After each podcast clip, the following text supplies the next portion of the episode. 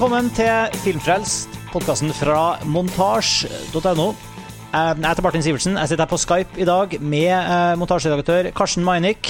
Hallo. Hei, Martin. Og eh, montasjeredaktør også, Lars Ole Kristiansen. eh, Jeg holdt på å si Lars Ole Antikristiansen. Eh, Lars Ole Kristiansen, hallo. Begge navn klinger like fint. Ja. Hei. Hallo, hallo. Eh, og eh, også fra montasje, Sveinung Vårdangen. Hallo. Og ikke minst Tor Joakim Haga. God dag, god dag. God dag, god dag. Ikke minst Tor Joakim. Da er, da er, da er vi samla her igjen. Eh, Etter eh, vi liksom benker oss for nok en maratonsession her. Vi eh, skal jo telle oss ned, som vi allerede har begynt på. I forrige episode så telte vi oss ned fra topp 100 til topp 76 på lista vår over 90-tallets 100 beste filmer. Hele denne lista kan dere jo da følge utviklinga av også i artikkelform på montasj.no. Men vi altså prøver å også ja, rett og slett snakke oss gjennom hele den lista her, også da i Filmfrelst. Så hvis noen bare kommer noe helt så tilfeldigvis, og det her er den første Filmfrelst-episoden dere hører, og sånn, så anbefaler vi selvfølgelig at dere spoler tilbake, om ikke til første Filmfrelst-episode, så i hvert fall til forrige episode der vi går gjennom eh, plass 100 til 76 på lista. For det vi skal begynne med nå i kveld, er å telle oss videre fra plass 75 og ned til i hvert fall ja, plass 50 er vel målet. Så det blir et par episoder til, med andre ord. Før vi altså når eh, helt toppen av lista. Dette er et maraton, rett og slett. Ja, det er et maraton. Og vi er godt i gang. Skal vi bare hoppe i folkens? Yes. Ja. Ja. På 75.-plass over 90-tallets 100 beste filmer har Montasj plassert en, faktisk to filmer på 75.-plass. Toy Story fra 1995 og Toy Story 2 fra 1999. Ja. John Lasseter og Pixar står bak det her.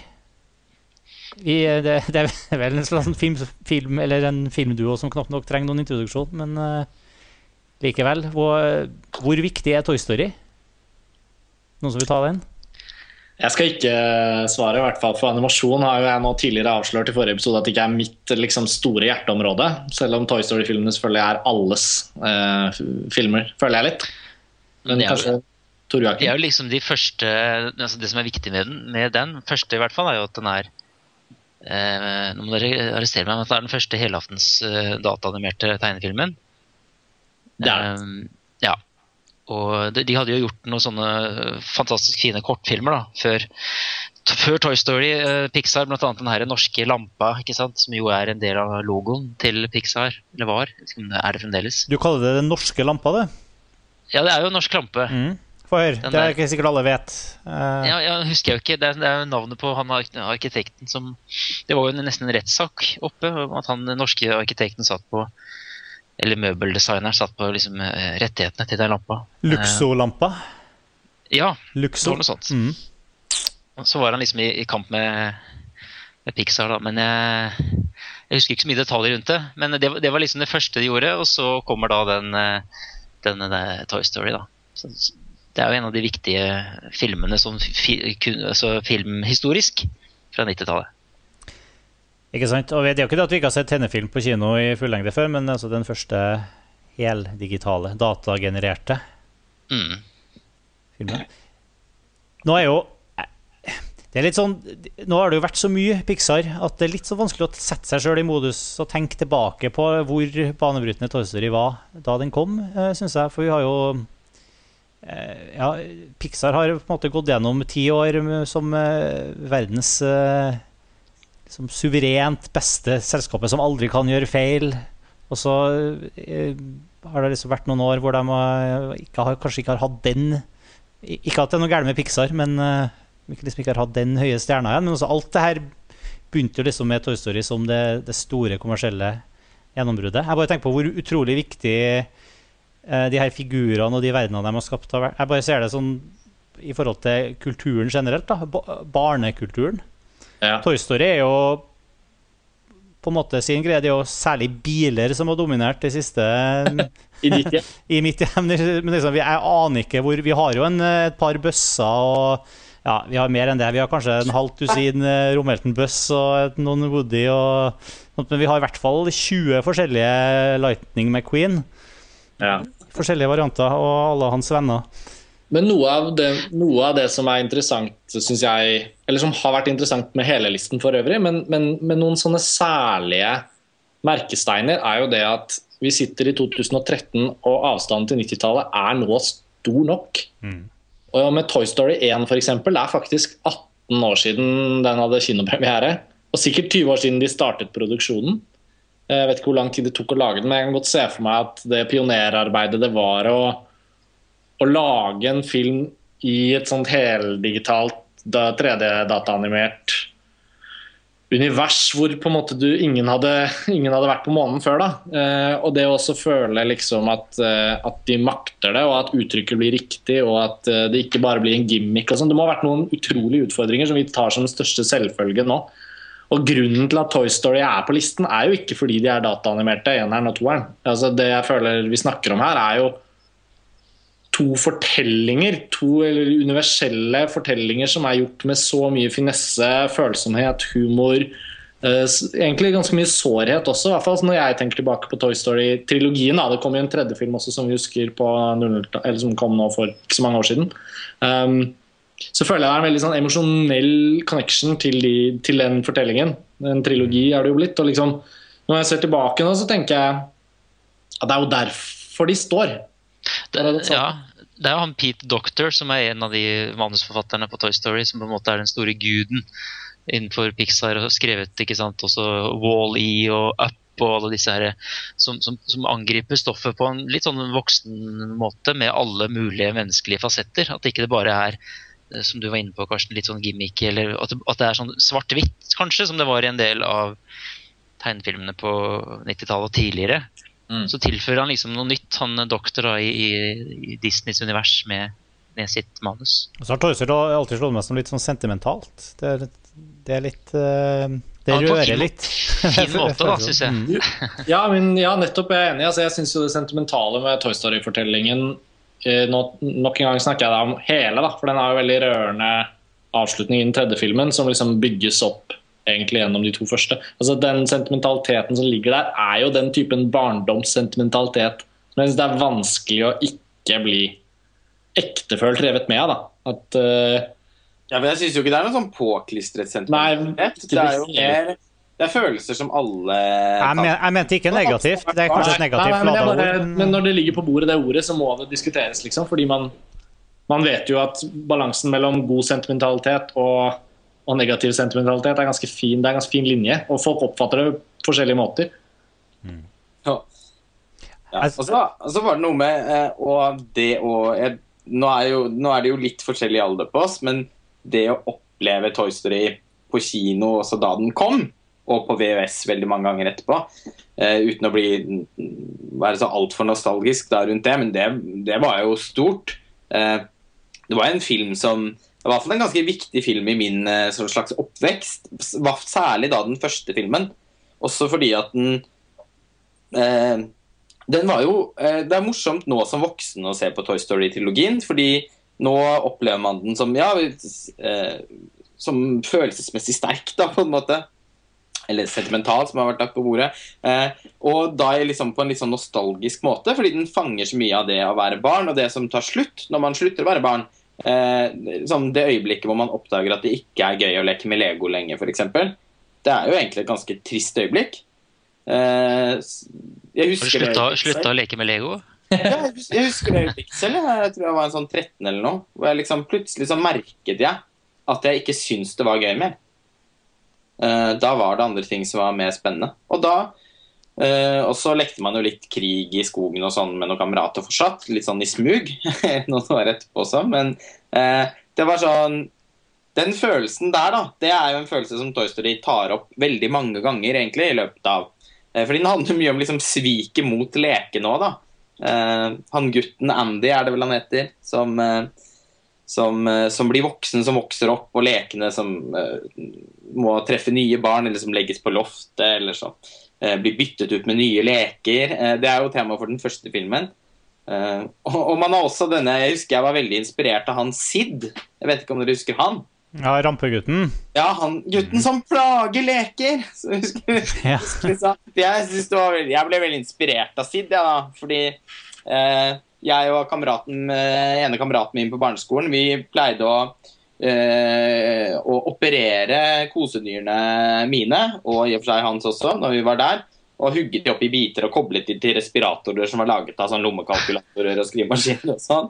Og, og hadde et, lagde liksom Ja, plaget lekene, da. Men det var jo For oss så var det jo ikke på en måte Selv om det føltes jo veldig levende der og da. Men jeg, føler, har jo ikke dårlig samvittighet for det nå. For de var jo laget Det er litt flott. Det er, det er vel den eneste gang jeg har hørt noen som, som leser Toy Story-filmene i lys av Sid. Uh,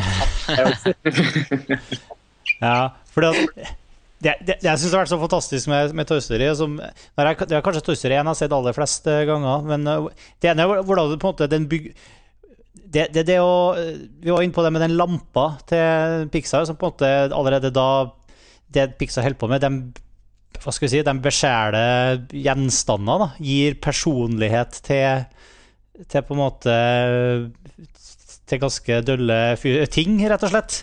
Og det er det som er så utrolig kult med Toy. Når du, når du møter alle, hver enkelt av de lekene eh, har sine egne personligheter. Sine egne, de er på en måte definert av det de er skapt som. altså De beveger seg innenfor sine fysiske begrensninger, og de har likevel så mye personlighet. Da. Sånn, alt fra liksom stavedatamaskiner og Etcha-sketsjen og Mr. Potato Hver enkelt av de figurene, gummisoldatene som beveger seg med, liksom, med føttene uh, limt sammen og, altså, det, det, det, er, det er liksom, Noe av det som alltid har fascinert meg med Pixar, hvor utrolig flink de er til å skape uh, personligheter ut ifra de her døde gjenstandene. Som de liksom har tatt videre og videre i det absurde med biler og etter hvert fly og, det, sånt. Men, det er det ikke Pixar, vel å merke. Fly.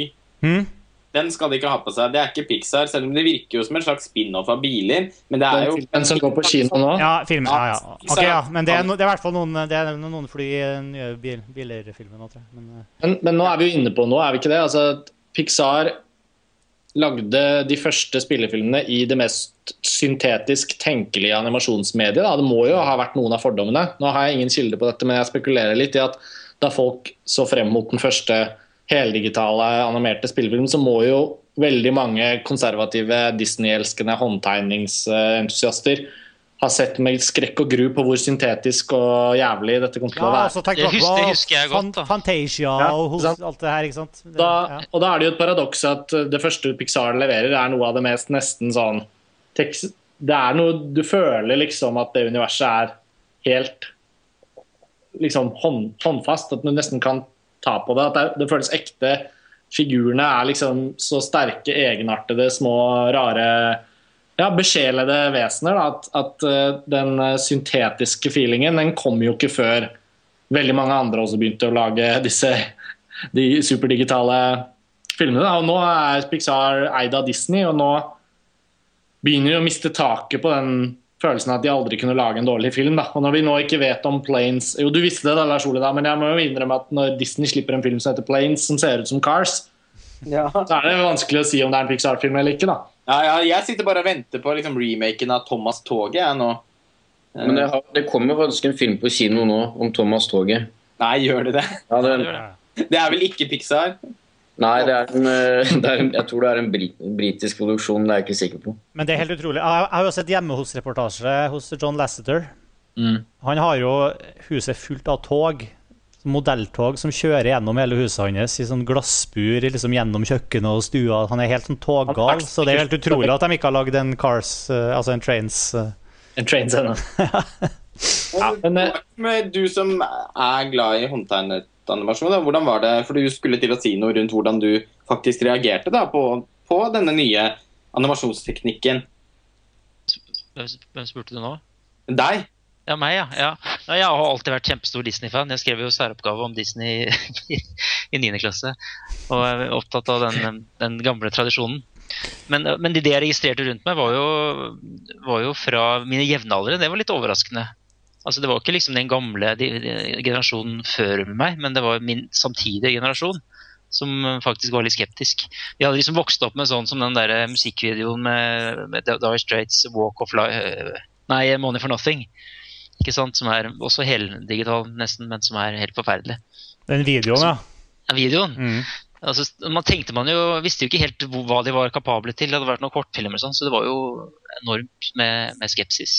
Det tok, jeg skal innrømme at det tok tid før jeg også ble grepet av det. altså. Eh, så begynte man jo i etterkant å blande håndtegning med dataanimert. ikke sant? Og så, så var det egentlig først på ja, Først egentlig med, med Wall-E nesten at jeg var helt frelst, for å si det sånn, faktisk. Selv om det har vært masse bra filmer før det, og Ratatouille og Finding Nemo og sånt. Men ja, Incredibles. Incredibles, ja. Å ja. Den er fantastisk. Jeg er jo i likhet med Karsten ikke så veldig opptatt av animasjonsfilm, jeg heller. Men det er jo de Toy Story-filmene som står igjen liksom fra 90-tallet for meg. Eh, enten det er snakk om tegnefilm eller animasjonsfilm. Uh, jeg jeg synes det hvis, ja, altså, Med den Planes nå på kino, de reklamerer jo for at det er en verden over biler. Og det har liksom blitt en så enorm produksjon av animasjonsfilm. Og de uh, Ja, i hvert fall de har sett, de, de når liksom ikke opp til Toy Story i det hele tatt. da.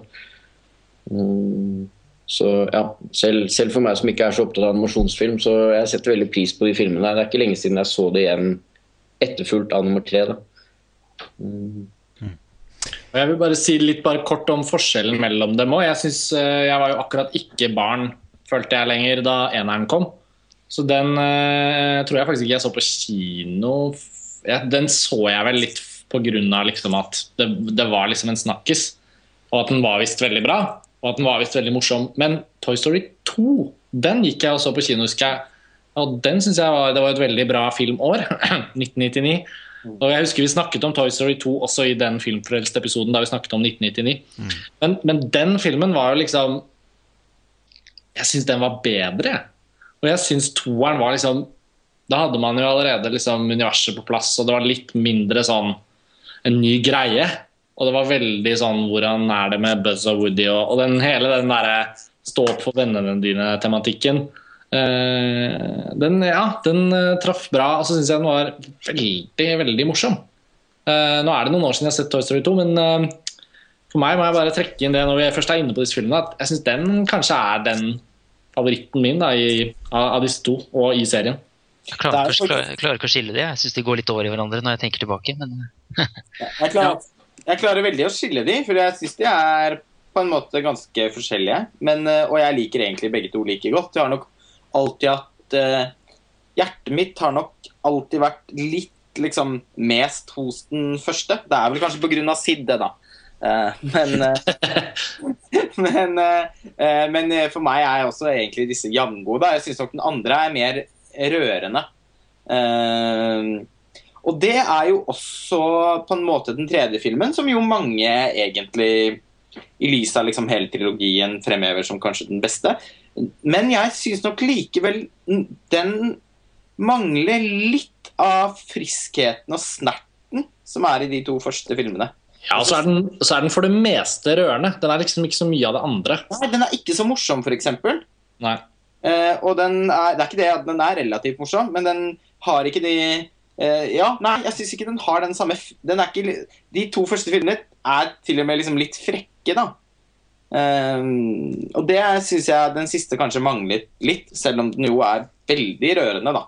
Også den første har jo også det litt den kjern... Altså, den, den introduserer på en måte det her um, eh, hele, hele ideen, og, og har, jeg føler at den har veldig fokus på akkurat det her med lekene som så snart de voksne er ute av huset, eller de lukker døra til rommet, eller sånt, så våkner lekene til liv. Akkurat den Ja. Det er en eller annen sånn uh, Magien der, liksom. ja, den magien føler jeg er aller best ivaretatt uh, i eneren. Når le le lekene er alene hjemme.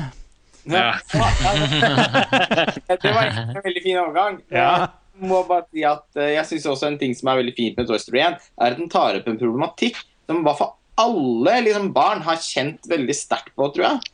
Eh, og som nesten ingen filmer handler, om.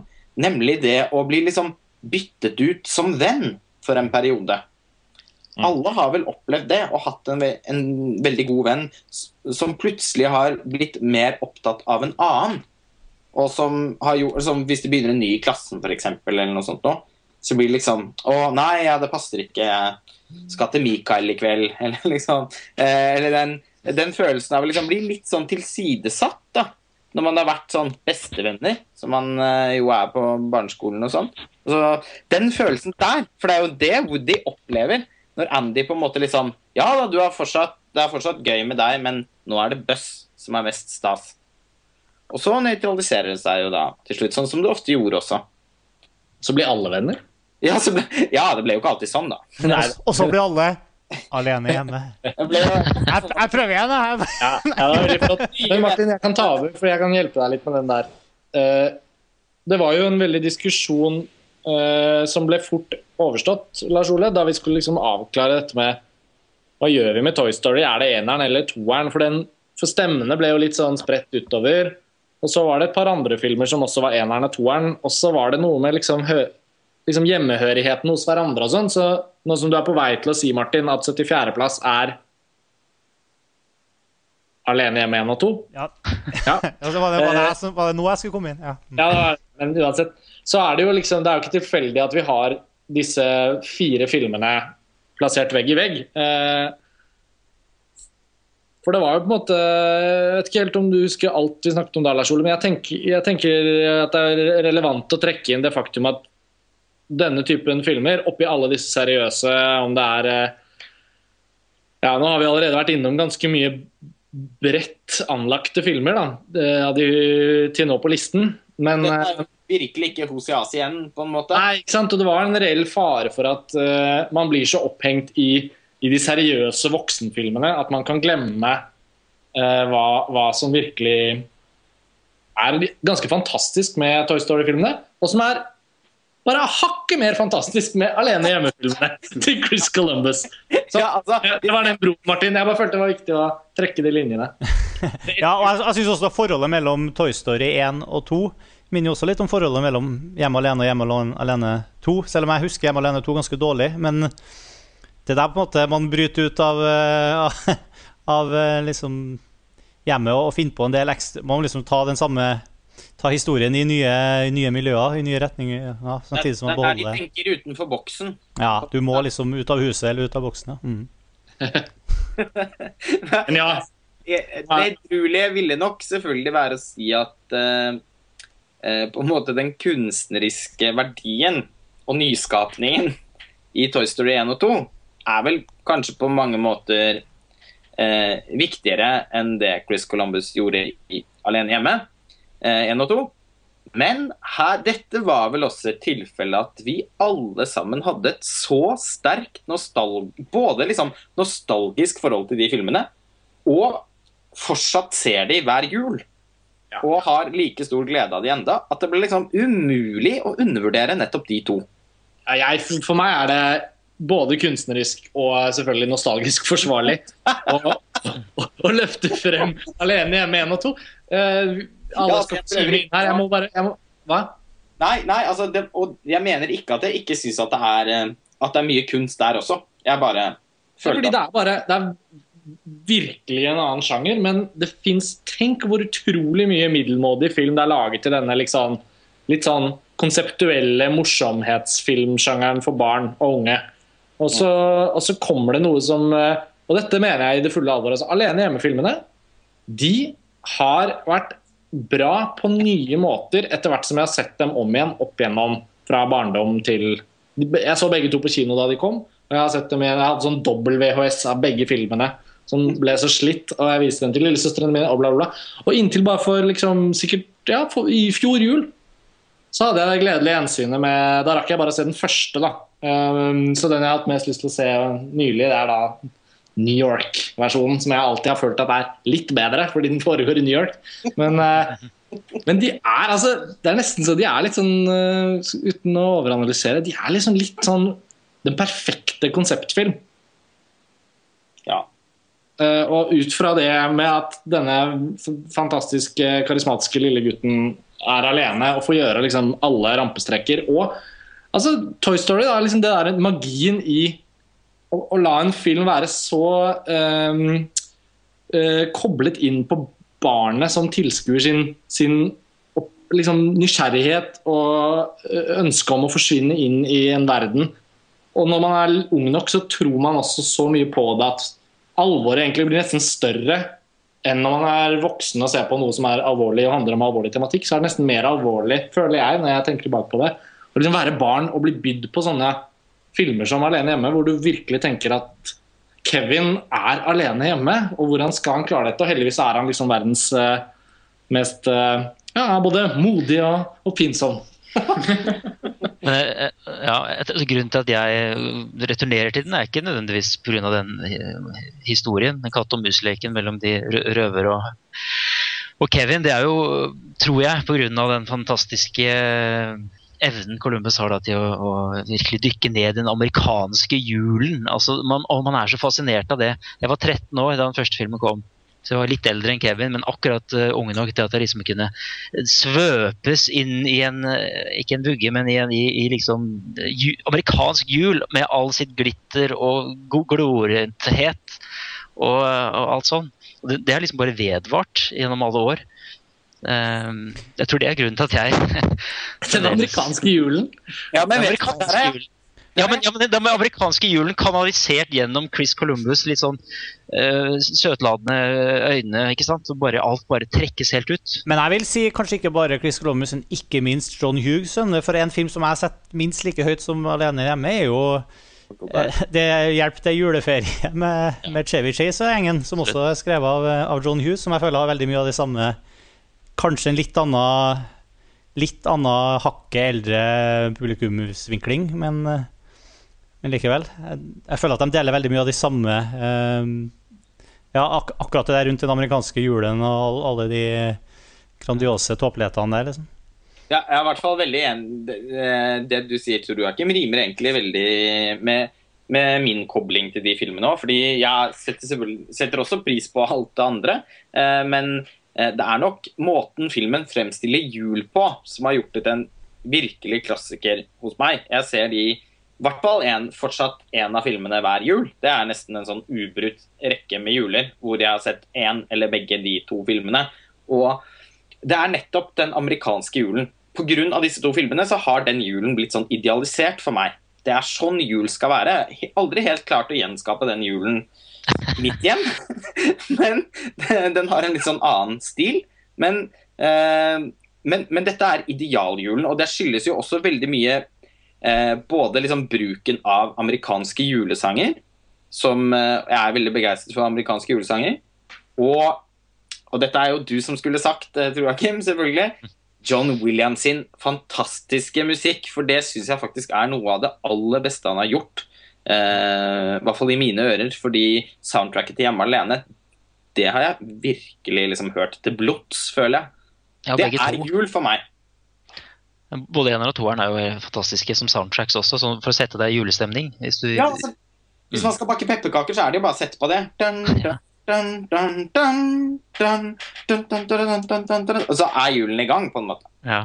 Jeg er helt enig i at musikken til John Williams er, må man på en måte trekke fram. Det er litt en selvfølgelighet for alle som vet det, men på en måte når man først trekker de fram, og for de lytterne som kanskje ikke tenker alene hjemme i det hele tatt ville vært relevant og at skulle dukke opp på den listen, så er det jo liksom bare å ta en reality check. Eh, F.eks.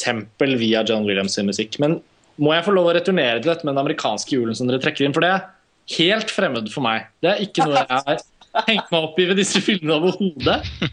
Tvert imot, egentlig, så har jeg jo i voksen alder begynt å tenke på at filmene også er litt flotte som sånne eh, barnevernshorrorhistorier. Hvor, hvor, hvor julen som skulle være så vakker, handler om at familiens hysteri rundt juleorganiseringen sørger for at de glemmer sønnen sin. To ganger på rad! Fem ganger på rad. Det er fem filmer. Den formen for jul har alltid hatt en slags dirrende spenning for meg ved filmen. at liksom det er et eller annet også, Jeg husker jo den scenen med den gamle svart-hvitt-filmen hvor han gangsteren skyter. Det syns jeg var veldig skummelt. Så jeg har alltid vært, opprettholdt den fascinasjonen for disse filmene. at liksom tenk at en så grusom unnskyld, fortelling er blitt satt så, så skjønne rammer, på en måte. Jo, og jeg syns ikke at den amerikanske julen noe, jeg synes ikke den amerikanske julen er noe flott i det hele tatt. Jeg, jeg må bare skyte inn det. Keep the change, you filthy animal. Ja, og jeg kunne Den tyrkiske julen var ikke sånn. Veldig fredelig med jul i Tyrkia, for da er det bare Alle går på jobb som vanlig. Og... Men dere, dere sitter bare og ser uh, Ingen som ser Chevy Chase i jula, altså? Jo, jeg ser den absolutt hver jul ennå. Mm. Selvfølgelig. Jeg har prøvd å se den et par ganger og syns ikke det er i nærheten av å være det samme. Men før vi forlater Alene hjemme, er, er Alene hjemme 2 virkelig like god? Ja. Ja, jeg synes det. Bedre. Jeg synes den er Bedre, faktisk. Mm. Ja, det, altså, ja. Skulle jeg måtte velge en, så eh, i hvert fall i dag så er de nok virkelig egentlig jevngode for meg, men eh, den gangen så var når jeg var barn, så var Hjemme alene 2 favoritten. Med tanke på det Karsten sier om at eh, de filmene egentlig er ganske fæle, eh, så er det jo også mer, det er mer vold i toeren. Eh, Jeg tror det det har, vært, det har vært avgjørende for at det kanskje er min favoritt. Jeg må nok Det innrømme jeg, det. det var mye sånn murstein i ansiktet, husker jeg var Ja, en ja. slager. Mm. Det er, mye, det er liksom akkurat den blandinga av For meg også er det veldig en idealisert jul der som jeg bare må innrømme at jeg alltid har likt. Men det er også, som Karsten sier, en ganske forferdelig eh, fortelling. Og spesielt denne volden som er så bestialsk, eh, spesielt i toeren. da. Det er en sånn blanding der av, av sentimentalitet og skikkelig sånn bekmørke greier synes jeg, de Ja. filmene, som er veldig fascinerende. Hvis man først begynner å fordype seg i det og tenke på det. Ja, og det er jo en grunn til at Det er jo ikke tilfeldig at Chris Columbus uh, alene hjemme uh, Hva skal man kalle det? En slags sånn filmsymfoni er høyere plassert enn Quentin Tarantinos Jackie Brown. For det er jo humor og vold hos Columbus som legger, legger føringer for utviklingen av Tarantinos karriere videre på 90-tallet. Er det noen som aksepterer den?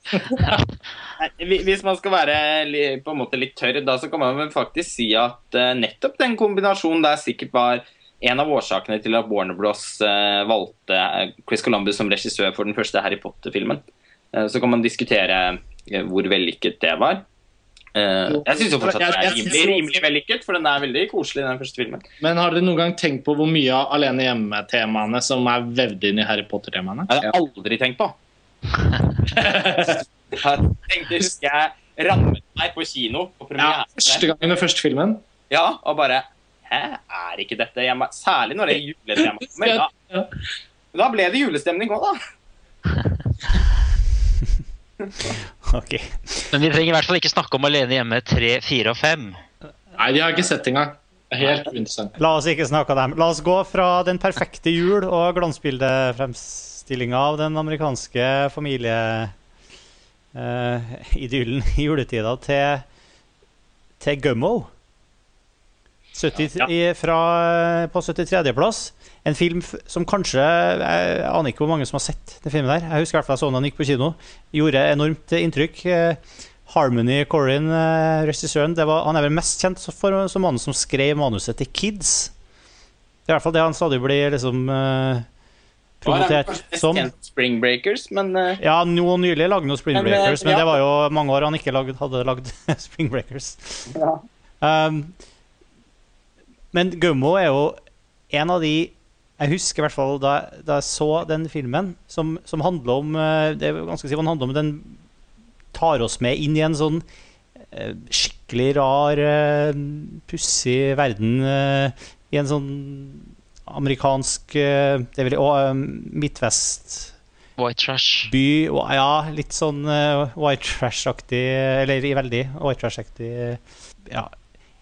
Jeg, jeg klarer egentlig ikke å sette ord på det. Jeg bare husker at den gjorde veldig sånn Jeg følte at jeg hadde sett noe både eh, merkelig, fascinerende og eh, helt eh, på en måte avskyelig, samtidig som den var helt hypnotisk. da Jeg likte den rett og slett bare på grunn av det. da Vet ikke om noen har noen, noen som helst gode beskrivende ord å, å fortelle om Gummo. Jeg sier jo at den blir, har blitt kalt verdens verste film av ganske mange anmeldere. Ja, det kan, jo i hvert fall, det kan man jo slå fast at uh, Tidens tann har jo i hvert fall reddet den fra den beskrivelsen. Ja. Uh, dette er jo en veldig bra og ekstremt interessant film fra amerikansk sånn super-indie uh, fra 90-tallet. Den føyer seg jo liksom ikke inn i den tradisjonelle Når man snakker om indiefilm på 90-tallet, så tar man jo til og med Tarantino og Kevin Smith og Richard Linklater og alle de folka der med i Men Harmony Koreans liksom, Gummo den, er jo, den er nesten, kan nesten ikke kategoriseres sammen med noe annet, i hvert fall fra amerikansk film på 90-tallet. Den lever liksom helt i sin egen lille snåle verden. Ja, er, ja, Martin, så, så, du filmen på ordinær kino i Norge? Ja, jeg så den på pressevisning, husker jeg, uten å ane hva jeg gikk til på Trondheim kino. Uten noen form for, uh, for introduksjon, egentlig. Ja. Det må ha vært helt uh, utrolig snålt å oppleve. Jeg husker jeg, jeg, så den mange år etter. Da jeg liksom begynte å bli sånn alvorlig filminteressert og begynte å grave litt. eh, så hadde jeg liksom ikke mulighet til å få tak i den. Så var, liksom en, så var den på VHS på den første filmskolen jeg gikk på oppe i Cardblock. Så så jeg den der. Eh, men det var kult å se den helt blankt på kino. Utenfor. Ja, og de her limsniffende, sexkjøpende barna, på en måte, som med de med de utseendene der og de lange, lange se... Selv de herre Den så jeg sjekk, Jeg kikka litt på YouTube her uh, nylig for å liksom friske opp litt Gaumo-minnene. Og det er noe snubla over den her badekarsekvensen hvor han gutten sitter og spiser uh, spagetti. spagetti mens mora vasker håret hans. Og det, det er bacon på veggen. Ja, ja. Det er noen helt fantastiske scener der, altså. Det er jo det er vel en portrettfilm mer enn det er altså Det har vel et narrativ der et eller annet sted, men det er vel en sånn slags portrettfilm. Jeg må bare si at jeg, jeg ble ikke Jeg ble ikke så begeistret for den som dere andre åpenbart er. Begeistra var ikke ordet, tror jeg. Nei, eller altså betatt eller uh, fjetret, da. Mm. Det var liksom ikke Jeg, vet ikke, jeg, jeg syns det er veldig interessant med sånne white trash, redneck-aktige portretter og, og med rare folk og sånn, men det var jeg vet ikke hva det var, om det var lengden på innstillingen Et eller annet som ikke helt uh, catcher meg med denne filmen. Det får deg til å se mennesker som veldig Og, og deg sjøl, selv, selvfølgelig, i samme slengen. Da, som, som mm. Vi virker veldig alien. Jo, men altså, det er mange, altså, den gutten ligner jo litt på han gutten fra Deliverance. Han uh, som spiller banjo, vet du. Ja, ja. Og, og, og han fra um, Mad Max. Fra Mad Max, ja. På en sett og vis. Mm. Så jeg, jeg syns sånne filmer er interessante. Den som Marsha May, hva heter den for noe? Merlin og, eh, og hva heter den? May Marlene.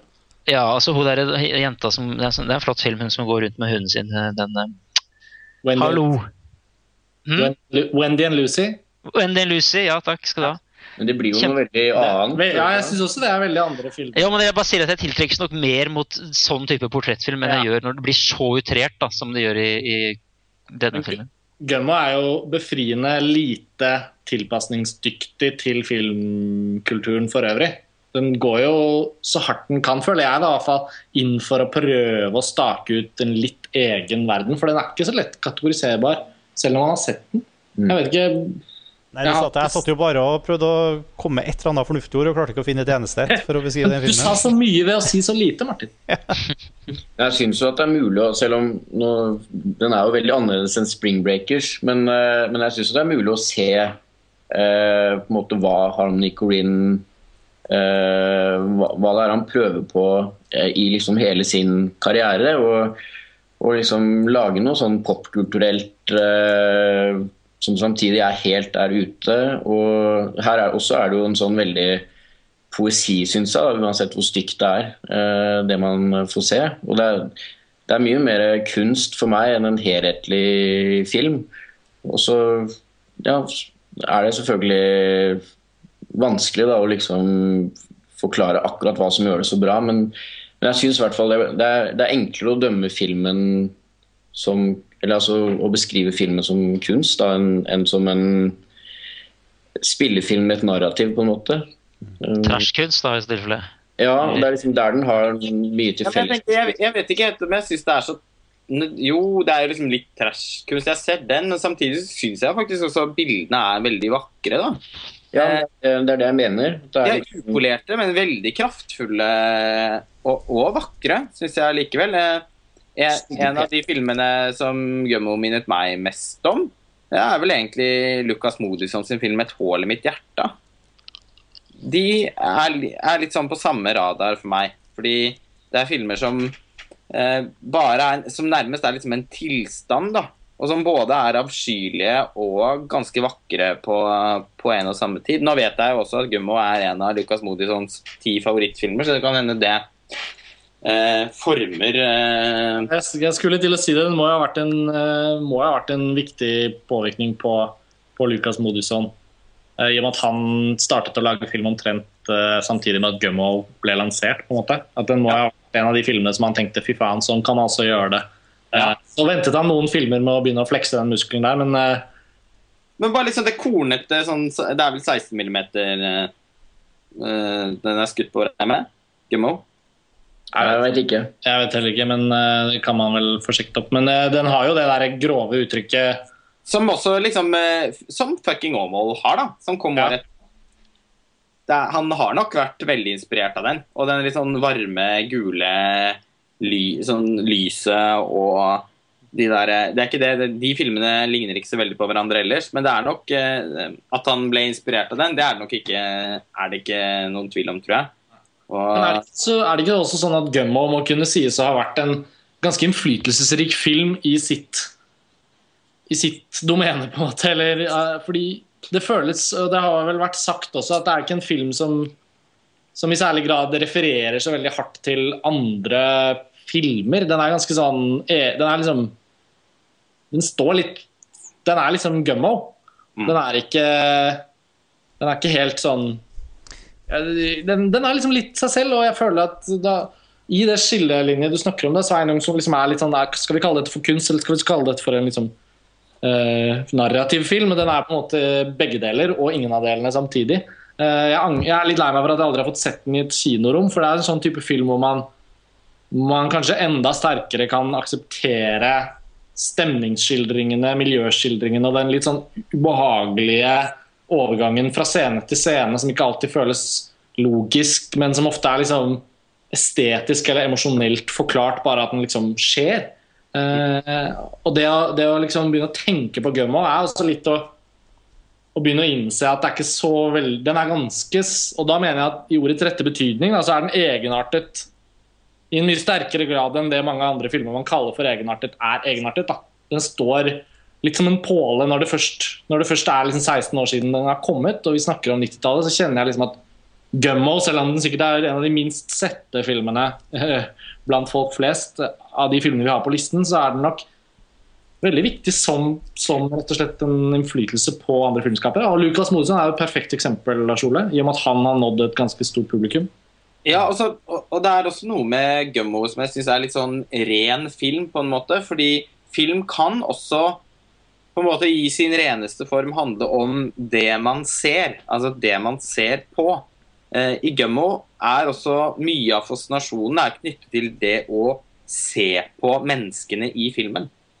Eh, en, liksom, den vesle handlingen som er der, er liksom helt underordnet det. Og han har jo også funnet mennesker som det er spennende å se på. Som ser veldig rare ut, men som, eh, blir, men som også på en måte fremstilles i et miljø hvor de er normalisert. Så det blir mer den Det er litt på samme måte som noen av filmene til Verden Herzog. Eh, som jo også vel er ganske Som vel også er veldig stor fan av Harmony Corrine. Eh, nå har ikke jeg sett en Julian Donkeyboy, men der er vel han en av skuespillerne. Ja, han gjør en veldig bra rolle, det. Ja. Så det er, sånn, det er noe der også, når han eh, finner sine dverger eller hypnotiserer skuespillerne i Heart of Glass til å bare vandre rundt, så, så er det Det har litt av den der samme eh, rene tilskueropplevelsen. Her skal dere få se på noen, liksom. Ja, men... Det kan i seg selv være litt flott, syns jeg. i hvert fall.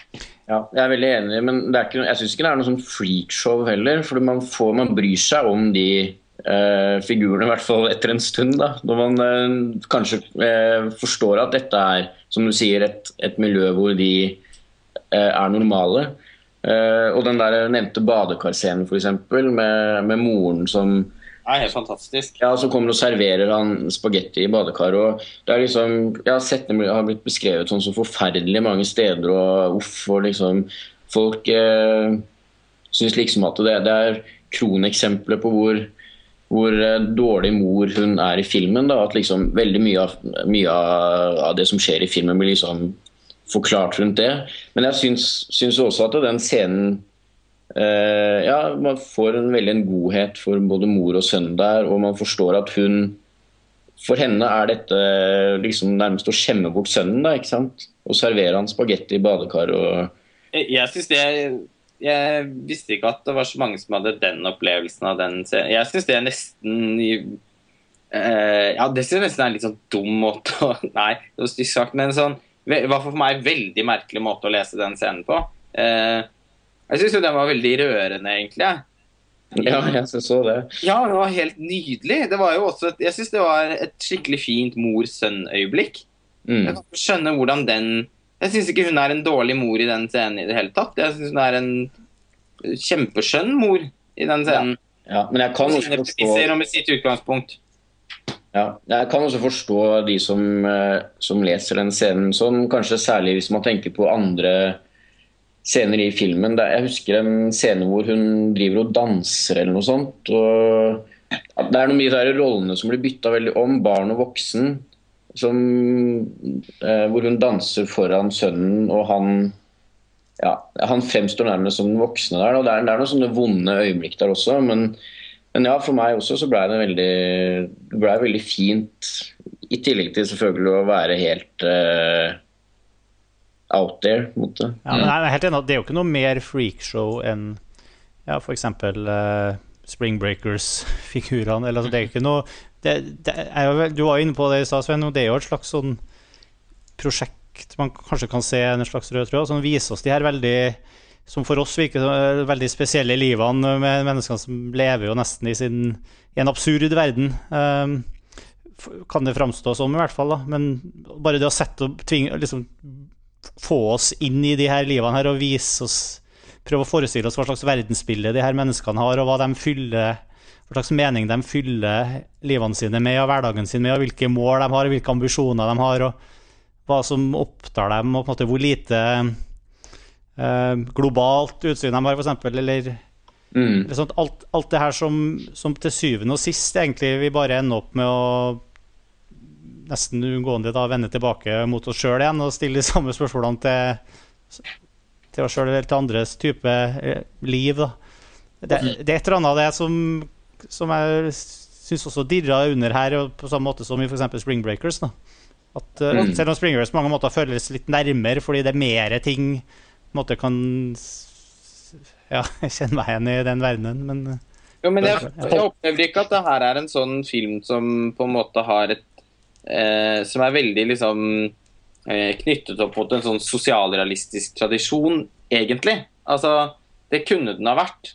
Eh, Nei, det kan man, man, man trenger ikke å tro på det. Nei, nei altså, jeg tenker at det trenger heller ikke å være sånn Mange sånne filmer er jo på en måte Ja, se så forferdelig de har det, og noen eh, eh, behandler barnet sitt på en helt forkvaklet måte. Jeg føler ikke at filmen har det toneleiet da, i det hele tatt. Jeg, jeg syns det er viktig å understreke at det handler, om, det handler, om, estetikk hele veien for eh, Harmony Queen. Enten det er snakk om Spring Breakers eller Gummo eller hva som helst.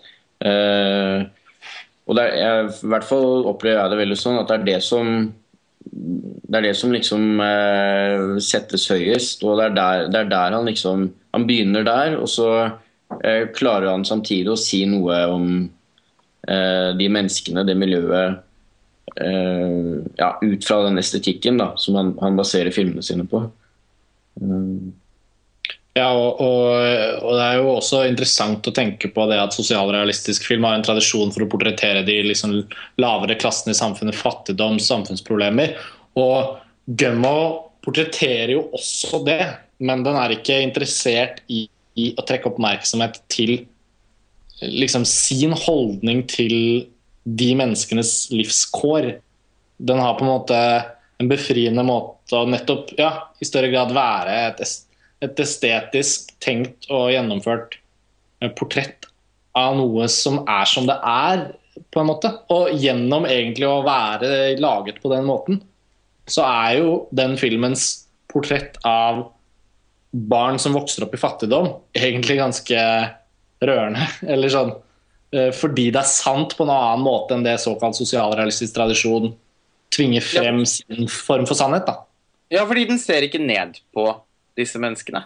Nei, Det er som om det er deres eget portrett. på en måte. Veldig mange sosialrealistiske Altså, filmer gjør jo det, høyst ufrivillig. Ja, men Påberoper seg en form for moralsk uh, Ja, og sånn Se så trist og fælt de har det. Det er vi nødt til å begynne å tenke litt på. Den har ikke det, den har ikke det blikket i det hele tatt. da. Men først vil jeg takke for denne prisen på denne filmfestivalen. Takk for meg. Ja. Ikke sant? Ja. Men, eh, men når det er snakk om mødre, så må vi også huske at, eh, at de foreldrene i Alene hjemme er langt verre enn de i Gummo. Ja. Det må vi Så alltid sant huske. som det er sagt. Det er en fin konklusjon. det er en fin konklusjon. Jo, jeg tenkte jeg måtte. En bakovertrekkende linje før vi, før vi går videre. før vi går videre. Vi skal til forlate Gummo, som lå på 73.-plass, og gå til nummer 72. Delikatessen fra Jean-Pierre Jeunet og Marc Cao. Er han fransk, han òg? Jeg laga en fransk standing sounding name. Okay. Flott uttale, Martin. ja. En sånn forsiktig ære der. Delikatessen fra 1991. Ja. ja. Det er jo et helt annet territorium enn Men Gummo igjen. fortsatt eh, sterk estetikk. Ja, det var det jeg skulle si. Estetikken er på en måte innfallsvinkelen her òg. Ja. Dette er jo også øh, Dette er Quirk, det her òg. Ja, det er, det er Quirk. Ja, men er det Men quirk? Dagens uh, første quirk. Men det, dette er gode quirks. Dette er gode quirks. God quirk, ja. Eh, det, virkelig, altså. Dette er sånn, eh, sånn som jeg liker. Det er jo litt sånn Tim Burton hvor, hvor eh, disse fiksjonsuniversene er så ekstremt stiliserte at de bare blir eh, nesten fantasi. Og det, det elsker jeg. Ja, det er ikke bare nesten fantasi her. Ja, det er bare nesten, skulle jeg også si. Ja. Nei, men det er jo ikke, det er jo ikke direkte Det er ikke så mye sånn paranormale elementer, men alt er liksom spissa så voldsomt. ikke sant? Det er Sånn, eh, jeg syns også den filmen er helt vidunderlig, for, for å bruke akkurat det ordet. Den er litt sånn Jeg vet ikke nødvendigvis om, jeg, om den gjorde så veldig inntrykk på meg nødvendigvis emosjonelt. Og jeg syns jo på en måte den er litt morsom, men også litt sånn humremorsom. Men jeg, den filmen, hver gang jeg tenker på delikatessen, så tenker jeg på at den, den har en sånn helt utrolig fint gjennomført rytme. Den, den er nesten som et musikkverk. Og det er jo bokstavelig talt mange av scenene som har denne Jeg husker særlig den sekvensen med denne eh, sengen som han sitter og liksom gynger på. Ja, åh, Så, er så er det lyd i liksom rørene og vegger og tak, og, og folk er i forskjellige etasjer. Spiller, så- spiller fiolin og ikke sant, alt bare ja. det er noen sånne helt fantastiske kombinasjoner. Tanken om musikk som noe som ikke bare skjer på lydsporet, men som rett og slett er gjengitt både gjennom lyder i bildet og også liksom tempoet, hvordan den er klippet bilde til bilde. Altså sånn, det er litt sånn symfonisk uh, satt sammen, egentlig. Mm. Ja, det er den. Og den er jo virkelig en av de filmene som, hvor dialogen er underordnet ikke bare bildene, men også lyden. Ja. Enda et pluss fra min side da. Ja. Drømmefilm, tror jeg egentlig. ja. Ja, men det er, Jeg syns jo det du sier, Karsten, at det rett og slett er en ganske vidunderlig film. Det er, det er litt ordet for denne filmen. Eh, Burlesk.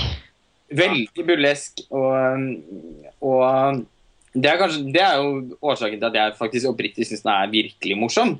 Jeg syns ikke denne er humremorsom engang. Jeg syns den er ordentlig, ordentlig morsom. Eh, og det er noe med det Altså sånn Dette er jo en, en ting og, som også må nevnes. Dette er jo en debutfilm eh, fra 1991. Det er umulig å se at den er fra 1991. Den kunne vært nesten fra hvilket som helst år. Ja. Den ser ikke et år eldre i dag. Mm? Ja, etter liksom fargefilmen kom. Ja, den er litt sånn helt tidløs. Eh, men det har jo også noe med å gjøre at den er så tvers igjennom stilisert. Men enorm eh, Gjennomføringen av stiliseringen er jo sjeldent god, vil jeg si. Eh, Den minner jo veldig mye om filmene til Ja, Tim Burton er jo nevnt. Terry Gilliam kan man jo også nevne. Men den Er det ikke, er det ikke noe litt sånn Herregud, hva heter han franske Åh, Han Roy Andersson-aktig. Nå fikk jeg jernteppe akkurat når jeg skulle si det. Tati Jo, jo, må jo ha vært en innflytelse på Geneo og Caro. høyst sannsynligvis. Eh, Og ikke minst vi snakker om ikke dialog, da. Ja, ja, nettopp. Og, og, og litt, og ganske også, selv om det er jo mye mer frenetisk, hvis man skal si, kalle det det, klipping her enn det er i Tati sine filmer, så har den noe av det derre komposisjonen, liksom. Mm. Hvor han setter opp sånne rom og lar, liksom, lar det liksom spille seg ut. Det er ganske tålmodig som film også, egentlig. Ja. Og den eh, er eh, og, og, og den er også veldig, veldig fransk. Det, det er kanskje noe av det som også gjør at den skiller seg litt ut fra mange av de litt lignende eh, filmene. Og i og for seg litt lignende filmskaper nå. Nå har jo Jean-Pierre Genet blitt litt vannet ut, men han er jo også en av de eh, nyere liksom, film, franske filmskaperne i nyere tid som er sånn umiskjennelig fransk. For merkeligvis bare det med at filmen går ut på at det kommer en vaktmester til et borettslag som blir det første liksom, tenk, tenkte offeret for slakteren som driver en slaktebutikk nederst i borettslaget, eh, og som på en måte er borettslagets leder. Eh, og, og, alle er nødt til å Det er et sånn postapokalyptisk univers, og alle er, alle er sultne og har lyst på kjøtt. Og, og, han har lyst til å selge. så han, han, må etter hvert da begynne å ta livet av mennesker for å få kjøtt i slaktebutikken sin. Og den forrige vaktmesteren da har da åpenbart blitt til koteletter der nede. Eh, så eh, nå begynner jeg liksom å tenke på Maja og Paja, den barne-TV-serien. Eh, De grønne slakterne. Er koteletter og ja. Herr koteletter, ja. Som alltid var så sur. Eh, men eh, eh, det ble en veldig fjern assosiasjon, egentlig. Men den, eh, det med at viktigheten av kjøttet og maten og slaktebutikken og bare denne grisen som er på filmen sin poster, det, det er noe ganske Jeg syns det er noe urfranskt over det alene, da. Det er jo den visuelle utformingen. Den er f.eks. han fyren som sitter i kjelleren blant frosker og snegler. ikke sant? Altså den Ja. Hva- Bare det bildet der er, også veldig fransk for meg. Den, den, fransk kunst opp, oppfatter jeg som sånn. ja. en boff. Ja. Eh, Og dette er vel også da gjennombruddet for eh, Darius Konji, som i dag er en av verdens største fotografer, og som fikk sitt store gjennombrudd i Hollywood med Seven, eh, som jo eh, er en av de flottest fotograferte filmene på 90-tallet. Og hans arbeid her også er helt bare i særklasse, syns jeg. Det er en utrolig vakker film. Men det vil sikkert være noe Tekstur i bildene og Ja, Tore Joakim? Nei, jeg skulle bare si det vil, det vil sikkert være noen som blir provoserte fordi vi har valgt den fremfor The City of Lost Children. Men det er jo en egen, egen diskusjon, da. Ja, det er en egen diskusjon. Min, etter min smak så kunne man også hatt kunne vi gjerne også hatt uh, De fortapte barns by på listen også. Mm. Men vi følte vel kanskje at Genet ikke var viktig nok for 90-tallet til at han kunne få to. Og da endte vi opp med denne, og jeg er veldig fornøyd med at det ble delikatessen. For jeg synes også En ting er at da- den er, litt, er nok litt mindre sett. Som Ja, det- Ja. Men det, det skal vel også sies at uh, ingen av disse filmene faktisk fikk sånn overveldende mye oppmerksomhet i vår demokratiske avstemning. Så man kan jo også stille seg spørsmål om om noe av den populariteten og liksom veldig oppmerksomheten Genet har hatt, har jo kanskje Jeg tror ikke nødvendigvis filmene folk syns noe mindre om filmene, men det er litt sånn når man har en sånn avstemning, så handler det jo mye om hva slags oppmerksomhet og hva slags liksom lune Hvor er folk når de tenker på 90-tallet nå?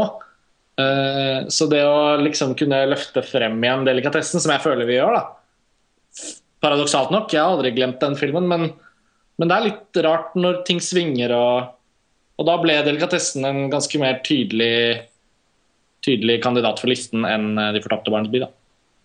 Og Alien Resurrection. Ja, Alien Resurrection, men det, nå avslører jo, jo topp fem, så da må vi jo vente. Jeg er eh, sikkert i likhet med Tor Joakim faktisk eh, overraskende småsvak for eh, Alien Resurrection, som bare er pga. Genet. da. Ja, men det, det er en egen eh, Det er en egen diskusjon, men Det er Alien-podkasten, har vi allerede laget den. mm. ja, den var ikke jeg med på i sin tid, så men jeg, Ikke heller. Martin, hvordan er det med remake av podkastepisoder? Remake av podkastepisoder, ja. Det er, de blir jo ofte sjelden bedre, da. Oppfølgere og sånn? Ja, Remakes er jo Men nå har vi jo en film til. Vi må få James Cameron til å lage oppfølgeren til Alien-podkasten. Det var Ridley Scott som gjorde det. Den heter Prometheus. Ja, Nei, men u- det var en katastrofe. Uh, Delikatessen er virkelig er, er også en, en slags kultfilm fra 90-tallet som det føles veldig morsomt å trekke fram, og som jeg alltid har for min egen del uh, hatt et veldig kjært uh, forhold til. Og Jean-Pierre Genet som, Og det, i forhold til hva du sier da, Karsten, så kan man jo virkelig si at hans ettermæle på en måte har jo blitt litt svekket etter Amelie. Fordi da har han ikke helt på en måte klart å, å levere. Og det påvirker jo selvfølgelig også måten vi tenker på han på når vi giver oss løs på 90-tallet. Da så tenker man liksom Jean-Pierre ja, hvor viktig var han egentlig? Og da, da ble det Litt sånn, vanskelig. litt sånn som Besson på mange måter. Ja, litt sånn. Og da ble det Faktisk. faktisk. faktisk eh, På litt og- forskjellige måter, men litt det samme syndromet. Ja, ja Jean-Pierre Genet har i hvert fall liksom tre ganske fantastiske filmer, syns jeg. Men det skal jo Sorry. Ja. Nei, altså, og et gjensyn med Amelie eh, er også sunt, vil jeg si. Eh, jeg så den filmen igjen for bare litt over et år siden og ble ganske overveldet over hvor god den var. Eh, det var en film man så som det var så mye snakk om, og som det var så mye liksom sånn subkultur rundt, at man ble liksom liksom kvalm av å tenke på den. I hvert fall opplevde jeg det sånn. Jeg tror du har det på samme måte, Karsten. Ja. Eh, og, og gjensynet med den filmen var på en måte egentlig rystende, fordi den var jo helt utrolig. Men er det ikke Det er jo interessant uh, sammenligningen her, bare for det, det er kanskje bra å få snakket bare kort litt om det. Fordi Besson, Genet altså, Det går jo veldig i bølger. Og det har vi har diskutert mye, Lars Ole, men som, som listen egentlig også er en utfordring en, en av utfordringene blant de utrolig mange utfordringene når man prøver å få en sånn liste som dette riktig, er jo balanseringen mellom på en måte en objektiv refleksjon rundt hva, hva som ligger til grunn for å ta med en film eller ikke ta med en film. Men så er det jo også disse subjektive tingene som ikke er subjektiv smaksting, men som er subjektivt i form av liksom, Hva er det som har skjedd med Besson og Genet? Hvorfor ble de plutselig glemt? Eller hvorfor er det ingen som Det er jo ikke noe galt med de filmene. Man må, liksom, man må redde enkelte filmer fra den liksom, kontemporære oppfattelsen av regissøren som kan ha gått opp eller ned. da.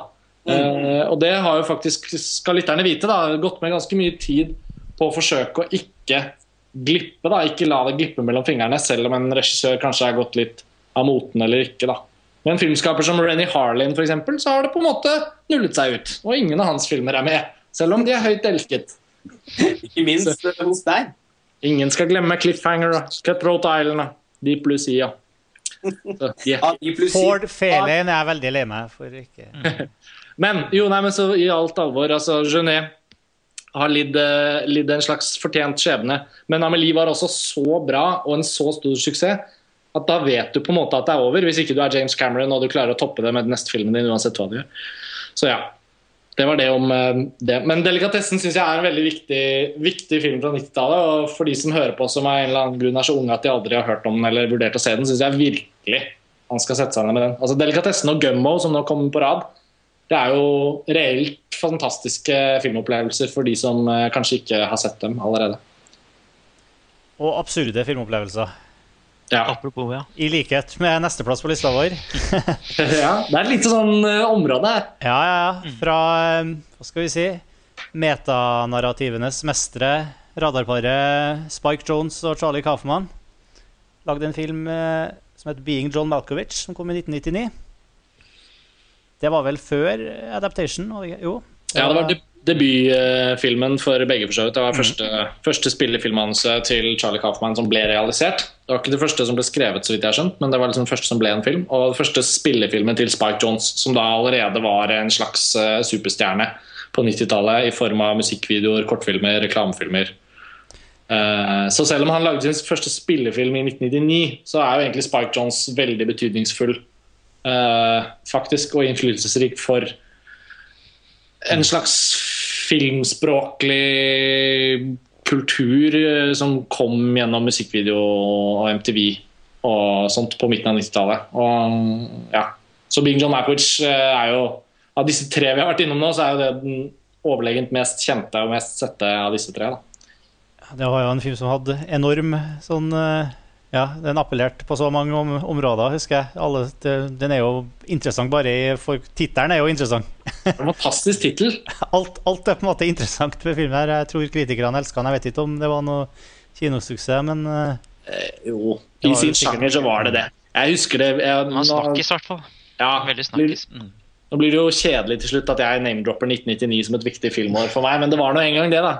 Uh, og, og, og, det kom altså film etter film, men, men Bing John Malkovich var på en måte en popkulturell sensasjon i seg selv. Nesten utelukkende uten å ha liksom blitt sett som film eller vurdert, så var den på en måte du, Folk snakket om Bing John Malkovich selv uten å ha sett den, bare fordi det var, så, det var liksom noe med tittelen og det var noe med Dette er også en veldig sånn high concept-film, egentlig. Da. Men pga. Charlie Kaufmans litt sånn enestående kreative oppfinnsomhet og litt sånn ja, for det så man jo særlig i 'Eternal Sunshine of Spotless Mind' noen år etterpå. da. Han hadde jo en usedvanlig god tilgang på det menneskelige, emosjonelle, sånn urfølelsesdimensjonen. Uh, kombinert med dette så idérike konseptlandskapet uh, at, uh, at, det ble en vinnende kombinasjon. da. Uh, men ja, nå bare, jeg bare forteller om ting jeg husker om of Apples. Vi kan godt ta en runde på Jeg, jeg, jeg synes jo faktisk den beste Jeg liker jo hele filmen. Og, men jeg har spesielt nært forhold til første del. av en grunn, Også før de oppdager denne portalen inn til John Malkovich sitt sinn. Og, og, dette kontorlandskapet som minner meg faktisk litt om Joe versus The Volcano. Som har sett den. Som jeg syns er en helt strålende film også. Um, jeg har ikke sett den, men jeg har hørt om tittelen. Ja. Du tenker på 7,5 etasje? Halvt etasje. Ja, 7,5 etasje. altså Beskrivelsen av det her, litt, sånn, litt sånn grelt fotografert med lave taket. Og, og, og, også litt før det, hvor da han presenteres sånn Hva heter han skuespilleren, da? John Cusack. Cusack. John Cusack, ja. ikke sant? Altså, jeg syns faktisk den sekvensen fram til Malkovich-portalen er uh, strålende. altså. For det, etter det så blir det jo det er mye spennende da, og fantastisk å se John Malkovich eh, gjøre sine ting og spille, og spesielt den der litt sånn Inner Space-aktige måten han reagerer på, sånn som Martin Short gjorde i Inner Space. Kjempemorsomt, men det er et eller annet med den første akten som jeg liker godt. Ja. Det var min uh... altså, Jeg har masse å si om denne filmen, men jeg vil liksom ikke være den eneste som snakker. Nå føler jeg bare må holde litt tilbake. Snakk, snakk dere som har noe å si. Jeg bare sitter og humrer litt over å tenke, tenke på den filmen. Dette har aldri vært noen film som har stått, uh, stått meg veldig nære, så jeg, jeg respekterer og beundrer filmen. Syns den er veldig spennende. Men uh, det er ikke en personlig favoritt. Eh, det var ikke en jeg stemte på, da. Sa han lakonisk. Vi ble enige om at vi ikke skulle si sånne ting. ja, ja, så det var, ja, det var jo det, det, var ikke meningen å si. Nei, men, men det, det, jeg hadde vel håpet litt at du skulle si det, Lars Ole. Bare fordi at jeg, en av de tingene jeg tenker er relevant å trekke inn her, er jo det at Bing John Malkovich var på en måte en superstjerne i 1999. Selv om det ikke var verdens ikke det var ikke det årets mest populære film, solgte mest billetter eller noe sånt. Men i et visst sjikt så var det på en måte den absolutt hippeste og kuleste og sannsynligvis også en film som inspirerte veldig mange til å tenke sånn åh, jeg kan også finne på en film i det, på en måte. Uh, og så var det sikkert mange som aldri fikk gjort noe mer med det. Men uh, fra å ha vært en sånn superstjerne i 1999 så syns jeg det var ganske interessant eh, Nok en gang i forbindelse med arbeidet med denne listen, så kom liksom Bing John Malkovich på bordet, og den fikk veldig mange stemmer. Så den trengte jo ikke din stemme, Lars Ole. Nei, det Men det å diskutere den filmen nå opplever jeg som veldig interessant. Det er liksom det motsatte av Genet. da. Hvor en film er så, er så hipp på en måte at den bare Den kunne endt opp med å liksom være type en av 90-tallets beste filmer. Og så må man jo stikke fingeren litt i jorda. Jeg kjenner den filmen ganske godt, og jeg tok enda et gjensyn med den. Prøvde virkelig liksom Men hva er egentlig Bing John Malkovich som en film? Hvis du glemmer at den var så populær den gangen, og glemmer liksom at Ja, det er Spike Jones, selvfølgelig viktig i seg selv, men hvordan er den som film? Eh, og da, og da følte jeg veldig sterkt at den er fremdeles en veldig god film, og virkelig velfortjent å være på denne listen. Men jeg syns den er en sånn skikkelig 71.-plass også oppi alt. Typisk 71.-plass. Nei, men skjønner du, men, altså, det er noe med at uh, Dette har vært en virkelig sterk avveiing uh, i diskusjonene. Å finne riktig plassering for Bean John Malkovich. For jeg syns ikke det er til filmens fordel å, å, å beopprope den til en av de viktigste, beste filmene fra 90-tallet. Fordi den er akkurat litt for lite sterk som liksom tematisk fortelling. Mm. Den er selvfølgelig konseptuelt uh, utrolig kult gjort. Den er veldig bra spilt. altså John Cusack, Cameron Diaz har jo ved siden av Any Given Sunday så har hun aldri vært bedre som skuespiller. Hun er jo veldig flott i The Mask, men, eh, men kanskje ikke helt på nivået med det hun gjør i Being John Malkovich. Og, og, og John Malkovich selv eh, Ingen kunne spilt John Malkovich sånn som John Malkovich gjør det. Eh, ikke like bra som i Con Air, selvfølgelig, men, men også utrolig bra her. Men så er det noe med at når filmen er over, og når man tenker over den, så, og liksom prøver å vanne vekk og filtrere bort alle de tingene som gjør den så kul, og det er jo bra ting, det òg, så er Being John Atwich' en film som ikke helt klarer å si nok og rike nok ting om hva det vil si å drømme om å være en annen og leve et annet liv for et øyeblikk. Altså, sånn, alle, jo, det ikke, mangler ikke på tematikk, men den er liksom ikke Det er som om konseptene akkurat er litt for viktige. Og Spike Jones har jo sagt, men sikkert skjønt det, og jeg syns jo Adaptation er hans foreløpig beste film. Men jeg syns jo også Til Huttetuenes land, eller Where the Wild Things Are, ble en lang, mer treffende fortelling om sin tematikk. Og det synes jeg pleier ofte å bety veldig mye for meg når jeg tenker på en film når den har blitt litt eldre. og liksom Hva er den filmen egentlig? Og, og, I lys av alt dette så følte jeg liksom at ja, Being John Malkwich det er en av 90-tallets 100 beste filmer, og den er på 71.-plass. Og og det er eh, nok riktig plass. Sånn, da, da fikk jeg sagt det. Da lar vi den stå der. Så reviderer vi ikke lista. Men herregud, eh, super film. Og nok en gang, hvis noen ikke har sett den, så er det jo bare å sette seg ned med den med en gang. Den er gitt ut av Criterion Collection nå, i en helt fantastisk utgave. Kan anbefales. Jeg er veldig enig. Jeg også liker Adaptation hakket bedre, altså. Selv om uh, det gjør jeg òg. Ikke et vondt ord om Bing John Akovic. Ikke et vondt ord om noen av filmene, sånn, eller ikke om den eh, fra meg. Så det er ikke det. Og jeg tenker at det er det skulle bare mangle at den var på listen. Mm. Uh, så er det vel kanskje ikke sikkert at Hut My Too havner på 2000, en revidert versjon av 2000-tallslisten, men det får vi jo se.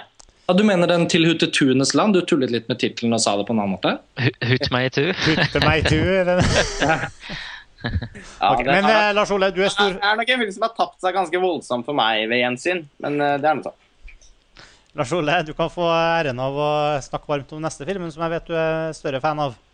Ja, 'Election' av Alexander Payne. Ja. Alexander Payne er jo en morsom figur fordi han han er litt en sånn medvindsregissør, på en måte. I den forstand at jeg får alltid inntrykk av at alle liker filmene hans. Altså Han får alltid veldig gode kritikker for det han gjør. Han vinner priser. Eh, folk på liksom, bare liksom ned til sånn sosiale medier uttrykker sånn 'Å, Alexander Payne kommer i ny film.' 'Å ja, den var også kjempebra'. Uh, og, og, på mange Jeg vet måter du skal nå. Ja, og på mange måter så er jo det også litt sant. Jeg syns jo stort sett filmene til Alexander Payne er veldig fine. Uh, men kanskje også i synkende grad uh, spesielt spennende å snakke om. Election er, selv om det bare er hans andre spillefilm, merkelig nok fortsatt hans mest virtuose og ambisiøse film syns i hvert fall jeg. Virtuos høres, er kanskje et merkelig ordvalg. Snakker om en, liksom en, en uh, Ja, hva er det for? En college high school-film? Satire. Eh, satire Det er high school, tror jeg. High school, ja. Eh, film. men men den er det fordi den er veldig ambisiøs i måten den er liksom fortalt på. Den har et, har et veldig spennende manus. Det er masse sånn parallelle fortellerstemmer som som løper gjennom filmen, og som gjør at man hele tiden tvinges til å se eh, alle rollefigurene fra forskjellige perspektiv da, hele tiden. Så, og det gjør på en eller annen måte at filmen er ganske spennende. sånn at Det er vanskelig å liksom bare sympatisere med noen.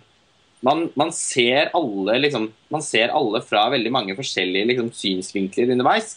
Som gjør det til en veldig sånn, både liksom, frustrerende og veldig kostelig opplevelse. Det er en utrolig morsom film. Smart, skrevet. Måten den liksom tar for seg sånn skolepolitikk på sånn, er, eh, er veldig, rett og slett fryktelig morsom. Utrolig godt spilt, eh, særlig av Reece Witherspoon. Det var hennes gjennombrudd, eh, denne ja. filmen, sammen med 'Cruel Intentions'. Ja, og der er den selvfølgelig også. Det var en film som vi på et tidspunkt diskuterte litt. I, i forbindelse med å lage denne listen. Rule Intentions er på en av mine 101. plasser. Ja, den er litt det for meg òg. Kanskje 100, 102. plass, kanskje. ja, men, eh, eh, men dette var jo da, som du sier, eh, Reece Witherspoon sitt gjennombrudd. og vel fortsatt kanskje hennes aller beste rolle, syns jeg. Det er en fantastisk underholdende film eh, som, eh, som er skarp, besk og, og, hjertelig og sår og rar på en og samme tid. Det er, liksom, det er en sånn film hvor man får lyst til å bare kaste masse adjektiver inn i en haug, og alle vil på en måte passe litt til Election. For en det høres ut som du liker den bedre enn Bing John Malkovich. Ja, og så er, det jo, så er det vel også en politisk parabel. Mm. Ja, jeg må jo si at jeg, jeg unngikk jo tittelen i, i, mange år. Jeg så den ganske nylig første gang, for jeg trodde det var en film om politiske intriger. Eh, og jeg, jeg, jeg, liker ikke det. Liker det er jo det også. Ja, det er jo, jo det er, men, det også. men det er det, det er på satirenivå. men så så jeg den, og så, og så likte jeg den. Men mest så syns jeg liksom det var så symptomatisk for uh, altså, ironien på, på 90-tallet. Spesielt voiceoverne som hele tiden er ironiske i forhold til det som faktisk skjer. Ja. Med både læreren og studentene og, sånn. Uh, så, så opplevde den som veldig sånn typisk for det, da. Ja, Ironifilm. Matthew Broderick som spiller læreren, er også fantastisk, skal sies. Han er en litt så ja. undervurdert skuespiller, for han er nesten alltid bra. Ja. ja men han spiller ofte litt sånn forfjamsede fyrer, da. Så, ja er flink på den rollen. Ja. Husker han i Roland Emmerichs Godzilla, blant annet? Det var ikke det første jeg tenkte på. Nå tenkte jeg mer på Project X og sånne ting. Og Ferris Bueller og disse her, men ok. Ja, men, ja, det var det jeg tenkte på òg. Jeg føler podkasten er min mulighet til å nevne fornøyelige, gigantiske actionfilmer fra 90-tallet som ikke er på listen. Jeg skal jevnlig benytte meg av muligheten. For ikke å snakke om Edward Swicks Glory. Ganske glemt, men veldig fin film. Ja, den er også fin. Ikke sett, tenk det. Ladyhawk og ja, mye hit. Like, ja. Ja. Men en annen morsom ting med leksen er at Alexander Payne selv erkjenner at det er sin beste film. Ja, det opplevde jo vi. Han oss, mm. Da vi traff ham på Kosmorama for noen år siden. Ja, det var veldig morsomt, fordi eh, vi fikk uh, sånn tilfeldigheter ledde til at vi endte opp med å ha en ganske lang lunsj med Alexander Payne, som var en utrolig herlig type, rett og slett. Uh, og som også var veldig åpen for å snakke kritisk om sine egne filmer, og som var oppriktig interessert i å høre hva folk hadde å si. da. Veldig selvkritisk, da. Veldig, ja, veldig. Jeg, jeg var jo redd for å si at jeg ikke syns alle er like bra, men han var jo mye strengere med de filmene selv. Ja, han, han, var samtidig veldig interessert i å høre hva man hadde å si. Hva, hva syns dere, da? Han var ikke en sånn som syntes det var sjenerende å snakke om sine egne filmer. og Det syns jeg var eh, på en eller annen måte veldig upretensiøst eh, og fint. Og det var ikke noe tvil om at vi var vel ganske samstemte om at Election vel kanskje fortsatt er den beste. Og han var ja, ja, ja, selvfølgelig. Kommer aldri til å lage en så bra film igjen. og jeg nevnte dette med at jeg, at jeg, hadde tenkt når jeg hadde sett filmen, at liksom ja, jeg har liksom alltid tenkt på, på kasino. Jeg vet ikke, kanskje det er liksom Og han bare Ja, ja, ja. Det var, det var den største inspirasjonskilden min når jeg lagde Election. Å ja. yes. Det var jo veldig morsomt. Men jeg synes vi, bare, vi har vært inne på dette med satire tidligere i forrige episode. Da vi snakket særlig da vi snakket om Wag the Dog og Starship Troopers, kanskje, men også da vi snakket om Clueless. Og, og Election er jo, i tillegg til å være en ganske sånn sår og etter hvert ganske tragisk fortelling, så er jo det at den handler jo faktisk om politikk. Gjennom å på en måte ikke handle om det, så handler den jo også om det i all sin natur. Og Alexander Paynes debutfilm, 'Citizen Ruth', den er også veldig bra. Eh, den er ikke en type film som, eh, som nødvendigvis trenger å være på en liste som dette. Men den er et veldig lovende debutverk. da. Og den er også en satire, og enda grovere. Den er sånn abortsatire. Eh, med Laura Dern i hovedrollen. Og den er liksom ganske gjørmete i kantene. Ja, den er gjørmete. Veldig fin, ja. Ja, men de to filmene der som duo, da uh, Føler jeg bare må trekke den inn litt når vi er på Pain. Uh, det er veldig fint å se en filmskaper som har en så lovende start. og Derfor er det jo også litt paradoksalt at han har gått over i å bli en litt sånn trygg leverandør av velgjorte, godt observerte, godt spilte dramaer som føyer seg inn i mengden av filmer som vises på TV. Ja, han har blitt veldig sånn mainstream eh, på en eller annen merkelig måte. Jeg, er også veldig begeistret for About Smith. da. Eh, men det handler mye om at jeg er så stor fan av Jack Nicholson. Det regner jeg med. Tror jeg ikke. Det, det, deler jeg. Mm. ja. eh, så eh, men, men, særlig disse to siste filmene eh, Nå fikk ikke jeg sett Nebraska i Cannes, det gjorde du, Karsten. Men, ja. Eh, men både liksom Sideways og The Descendants eh, som jeg i og for seg også liker, begge to, men, men der er det akkurat som han Det er det ikke nettopp det. Jo, han har blitt sånn- nesten en sånn leverandør av vinner for prisen av beste original, eller beste manus. Ja. Oscar-utdelingen. Det ikke Hvis ikke det er Woody Allen som vinner, så er det jo ikke alltid et godt tegn. Nei, altså det er litt sånn Det er litt på samme måte jeg skulle til å si i stad, når vi snakket om Gummo, hvor du sa at det som signaliserer eh, indie-filmene på 90-tallet, egentlig har veldig litt med den å gjøre. Det som signaliserer indie-filmene på 2000 på 2000-tallet, er som regel at de vinner Oscar for beste originalmanus. Og blir, blir liksom the little film that could. Og han har blitt en Selv om hans filmer på en måte er litt større Det er jo egentlig ikke indie-filmer, da. Men de er litt sånn i det samme sjiktet, føler jeg. Det er sånn Little Miss Sunshine-aktige filmer. Mitt håp for Alexander Payne er at han liksom skal rive seg selv litt opp med roten. eh, Og bruke den statusen han har bygd seg opp til. Og kanskje Jeg føler faktisk han har potensial til å finne på noe ordentlig snort. En En kan- stor science fiction blockbuster. Jo, men han Ja, har et sånt type prosjekt.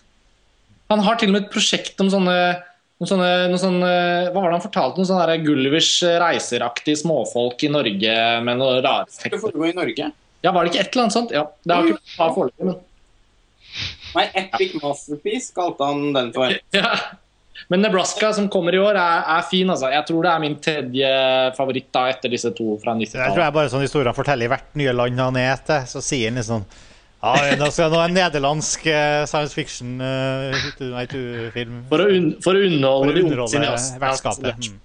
Men er Nebraska bedre enn About Smith, eller bare undervurderer du About Smith veldig? Jeg, jeg bare undervurderer About Smith. Ja, ok. så ikke bekymre deg. Nei, greit. Uh, Det er bare fordi det er så lenge siden jeg har sett About Schmidt, så nå husker jeg bare Nebraska som litt bedre. Det var sikkert også fordi den var i svart-hvitt og virket litt mer kunst, og fordi jeg sto to timer i kø. ja, det var akkurat det jeg ventet. Og fordi jeg sto to timer i kø i Cannes, så det Takk, virket takk. som en litt større opplevelse. Men ikke større enn Election, selvfølgelig. Nei.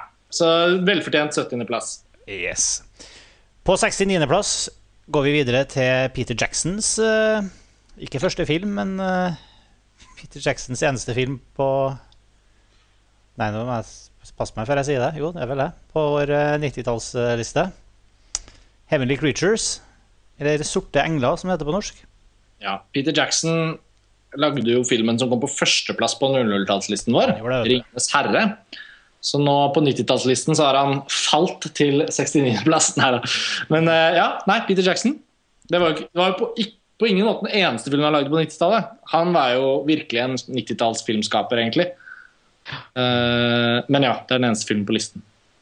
Tor Joakim, jeg er så hypp på å høre hva du syns om den filmen.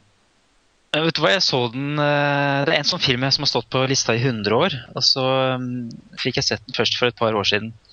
Eh, og spesielt, jeg tror, jeg tror vi snakket litt om den internt i montasjeredaksjonen. Veldig varmt om den. Og så tenkte jeg ok, nå må jeg bare få se den.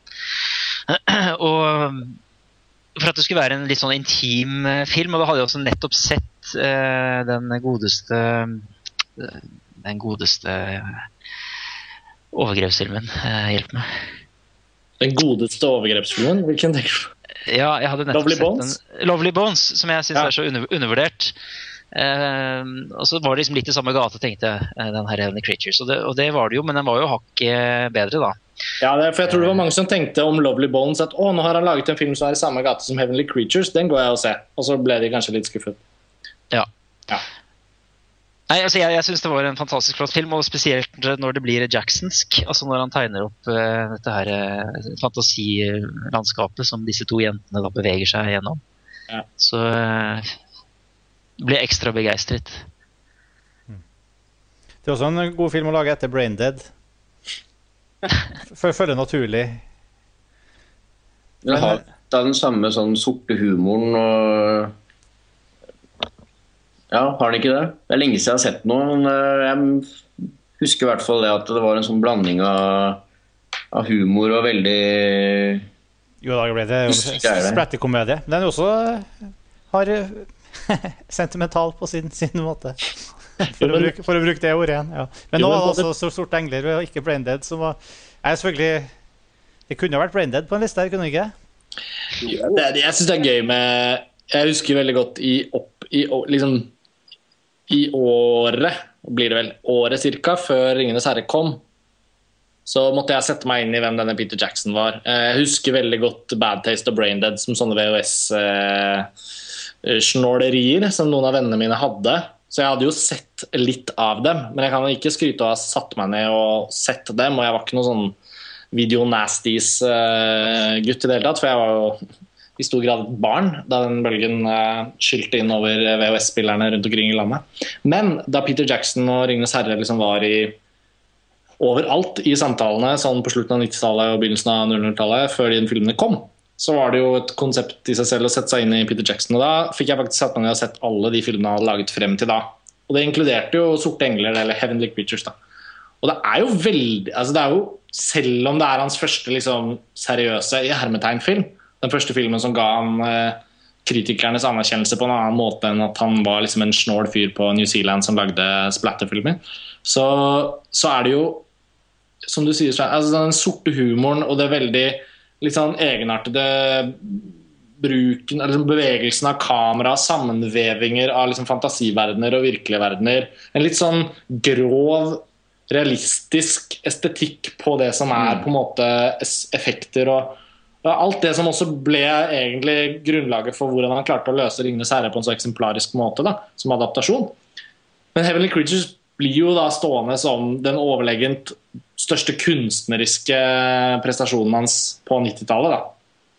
Eh, også fordi den er så veldig sterk som drama. Det var vel der den filmen hovedsakelig skilte seg ut fra de andre. At han tok utgangspunkt i en grusom, sann historie, og, og gjorde den filmen eh, fra å være en ganske grotesk fortelling Uten å utelate det groteske, så klarer han jo også å lage et veldig sårt og vakkert venninne- slash kjærlighetsportrett som og fam to familier som er ganske grusomme å vokse opp i, som også portretteres uten å tegne sånn endimensjonale, slemme figurer. Det er jo egentlig en film som handler om bad guysene i en, i en, i en reell historie, da, om et drap som begås, og liksom hvordan skjedde det. hva hva ledet frem til det. Så den er ganske rik på veldig mange områder. Og Jeg har også sett den igjen det siste året bare fordi jeg hadde lyst til å det var lenge siden, og jeg hadde lyst til å ta et gjensyn med den. Jeg hadde fått den på Blu-ray og det var bare helt glimrende gjensyn. Eh, fantastisk, fantastisk med eh, Kate Winslet den beste prestasjonen synes jeg, i filmen. da. Ja, begge, begge, jentene er bra, også, men jeg syns hun er virkelig jeg er enig, Tor Joakim. Kate Winslet, ja. Det er hennes debutseining. Og hun, hun er jo så bra det er jo Man trenger jo ikke se mange minutter av den filmen for å skjønne at hun her kommer til å, kommer til å gjøre bra ting. Også. og så ble det Titanic. men altså ja, men Både Melanie Linsky og hun er, begge to er veldig bra, men det er ikke noe tvil om at Kate Winslet er liksom Hun bærer mye av Eller hun trenger ikke Det er en film som er så god i seg selv at hun trenger ikke å bære den, men hun ender med å bære den litt likevel. Det er litt det samme som med hun Anna Paquin, hvordan uttaler Paquin, Paquin uh, i The Piano. Uten sammenligning for øvrig. da. Ja. To sånne rolleprestasjoner fra 90-tallet som er bare helt, sånn, helt utrolig uforglemmelige fra filmen. Men som også er helt sånn integrert i filmens kvalitet. Det er ja. ikke sånn, Den er separert fra filmen, men uh, ja. Og nå kan man jo si at Det er litt sånn, egentlig litt synd at Anna Paquin, som jo fikk sin Oscar da, for piano, uh, og som er en helt fantastisk skuespiller aldri helt da egentlig fått den anerkjennelsen hun fortjener etterpå. Altså Den rollen hun gjør i Margaret eksempel, er noe av det beste jeg har sett på de siste årene. tror jeg. Ja, det er fantastisk. Og jeg syns også til og med rolleprestasjonen hennes i 25th Hour av Spike Lee er undervurdert. Men vi, vi, kommer til å komme tilbake til Anna Paquin, tror jeg. da. Ja, kommer vi tilbake til. Og True Blood, eh, som jeg er veldig begeistret for. Eh, så hun har blitt en viktig figur. Og det ble jo Kate Blanchett, Kate Blanchett sier jeg, Kate Winslet også. Med alle sine Oscar-nominasjoner og til slutt denne Oscar for The Reader, av alle ting. Eh, jeg glemmer aldri den talen da, at hun også takket Peter Jackson. I, i, i, sin Oscar-tale. Og Det synes jeg var et ganske rørende øyeblikk. fordi det sier noe om at dette nok fortsatt også er en film som er som er veldig viktig for henne. Fordi den, eh, den, introduserte verden. Ikke så mange, kanskje, for det var ikke så mange som så den. Men de som så den, ble virkelig introdusert for Kate Winslet. Og uh, alle de tingene dere har snakket om, at filmen er liksom den, er, den forespeiler veldig egentlig hva Peter Jackson gjør i 'Ringenes herre', fordi at den, den skildrer jo dette fantasiuniverset som disse to venninnene dykker inn i. Og måten, den der litt sånn gritty måten å lage et fantasy-univers på, og den litt sånn, sånn groteske, eh, nesten morbide tonen som preger veldig mye av filmen, ser man faktisk også mange spor av i 'Ringenes herre'. Det er en av hovedårsakene til at 'Ringenes herre'-trilogien er så ekstraordinær. Det var jo virkelig det han ikke klarte å gjenskape i 'Hobbiten', syns jeg, uten å ta den debatten nå. Men eh, den er liksom eh, Heavenly Creatures er på en eller annen måte litt sånn eh, en sånn den, den er en sånn sammenkobling av veldig mange av de distinkte kvalitetene til Peter Jackson som filmskaper. Og man ser de kvalitetene til og med også i en hårete film som Brain Dead. Som jeg syns er kjempebra. Bad Taste syns jeg bare er tull, men litt morsom å se. Eh, mens, eh, mens Brain Dead syns jeg faktisk er, er virkelig er bra innenfor sin merkelige subsjanger. Men, ja, men det er jo Ja. Ja, det, ja, og, og, jeg bare Ja, vi, vi, vi, vi var liksom også litt inne på det, at liksom, den koblingen er jo Peter Jacksons når man, Nå som man begynner å få en filmografi som strekker seg over inn i sitt tredje tiår, og man eh, Apropos Genet og Besson, eh, det er vel en fare for at Hobbiten-trilogien kan markere litt fortsettelsen av en, en nedtur som noen følte på. Nå sier han, at, sier han at han skal tilbake til sånne Heavenly Creatures-filmer når han er ferdig med ja, det var det jeg skulle til å si, at, at, det kan være veldig spennende å følge med på om, om når man skal en eller annen gang langt inn i fremtiden, da, når man har hele Peter Jacksons filmografi å vurdere, så tror jeg faktisk Heavenly Creatures kommer til å være helt, helt der oppe på plassen under Ringenes herre-trilogien. Fordi ja. den skal bli vanskelig å overgå, på en måte når man vet hvor Peter Jackson kommer fra, så ser man at det er litt sorgfullt over det han gjør nå. Som jeg føler at han også implisitt uttrykker i intervjuer og sånn. Det er et, et fravær av begeistring. En sånn skjematisk promoteringsbasert begeistring som eh, jeg syns blir veldig gjennomskuelig. Og, og, Lovely Bones er på en måte også et veldig tydelig eksempel på det. Jeg, i likhet med Tor Joakim, syns faktisk at den filmen er ganske undervurdert. Eh, sånn, I og med at den ble totalslaktet. Eh, jeg syns den har veldig mye fint i seg, men den råheten som er i Heavenly Creatures og Ringenes herre-trilogien, og den her er litt sånn eh, sånn gjørmeaktige, illeluktende følelsen, den er jo helt borte, da. Og erstattet med noe som på sitt verste kan ligne sånn um, ja, sånn Jehovas vitneaktige framstillinger av himmelriket eller Windows-bakgrunner. Så ja. Martin? Ja. Var, ikke du, var ikke du Du spilte en del rollespill og sånn, gjorde du ikke det? Jeg gjør mye av det. Jeg gjør jo fortsatt det. Ja, ja, men jeg bare var ikke Er ikke Heavenly Creatures en film som Jeg hadde også mye Windows-bakgrunn. Kan, ja. Men kan ikke, var det ikke, var ikke Heavenly Creatures en type film som kan ha appellert ganske mye? Jo, men vet du hva? Jeg, jeg har vært litt For jeg har jo faktisk ikke sett den. For den, jeg, tror, jeg tror du kommer til å like den veldig godt. Ja. Det er den jeg, Det er litt sånn skamfullt. Jeg, så, jeg, jeg, har jo sett Jeg tror jeg har sett de, de andre filmene han lagde på 90-tallet, inkludert The, The Frighteners. Ja, den er ikke dum, den heller. Nei, den er ikke så dum. Nei, jeg merka at den ble jeg ikke noe, var jeg ikke noe stor fan av. kom, men uh, jeg har absolutt uh, Det står veldig høyt på lista over filmer jeg vet jeg må se. Ja, så den, så det har, jo endelig kommet ut på Blu-ray i fjor eller tidligere i år, uh, som jeg så den på. Det var helt fantastisk. Jeg forholder, jeg meg ikke til Blu-ray, vet du. Det må, det må, på Netflix eller noe sånt. For, ja, det er så moderne. Ja, ikke sant? Det er så moderne. Men snart så kommer den retrobølgen, vet du, Martin. Fysisk format for film. Har dere hørt om det, eller? Jeg har fått tak i noen gamle DVD-er. Det ser helt utrolig ut. Som vinyl. ja. Nei, men i hvert fall altså, uh, Heavenly Creatures uh, er heldigvis blitt gitt ut i HD, da, for å si det sånn. Mm. Så uh, det er jo, tiden er jo veldig inne for å se den hvis man ikke har sett den allerede.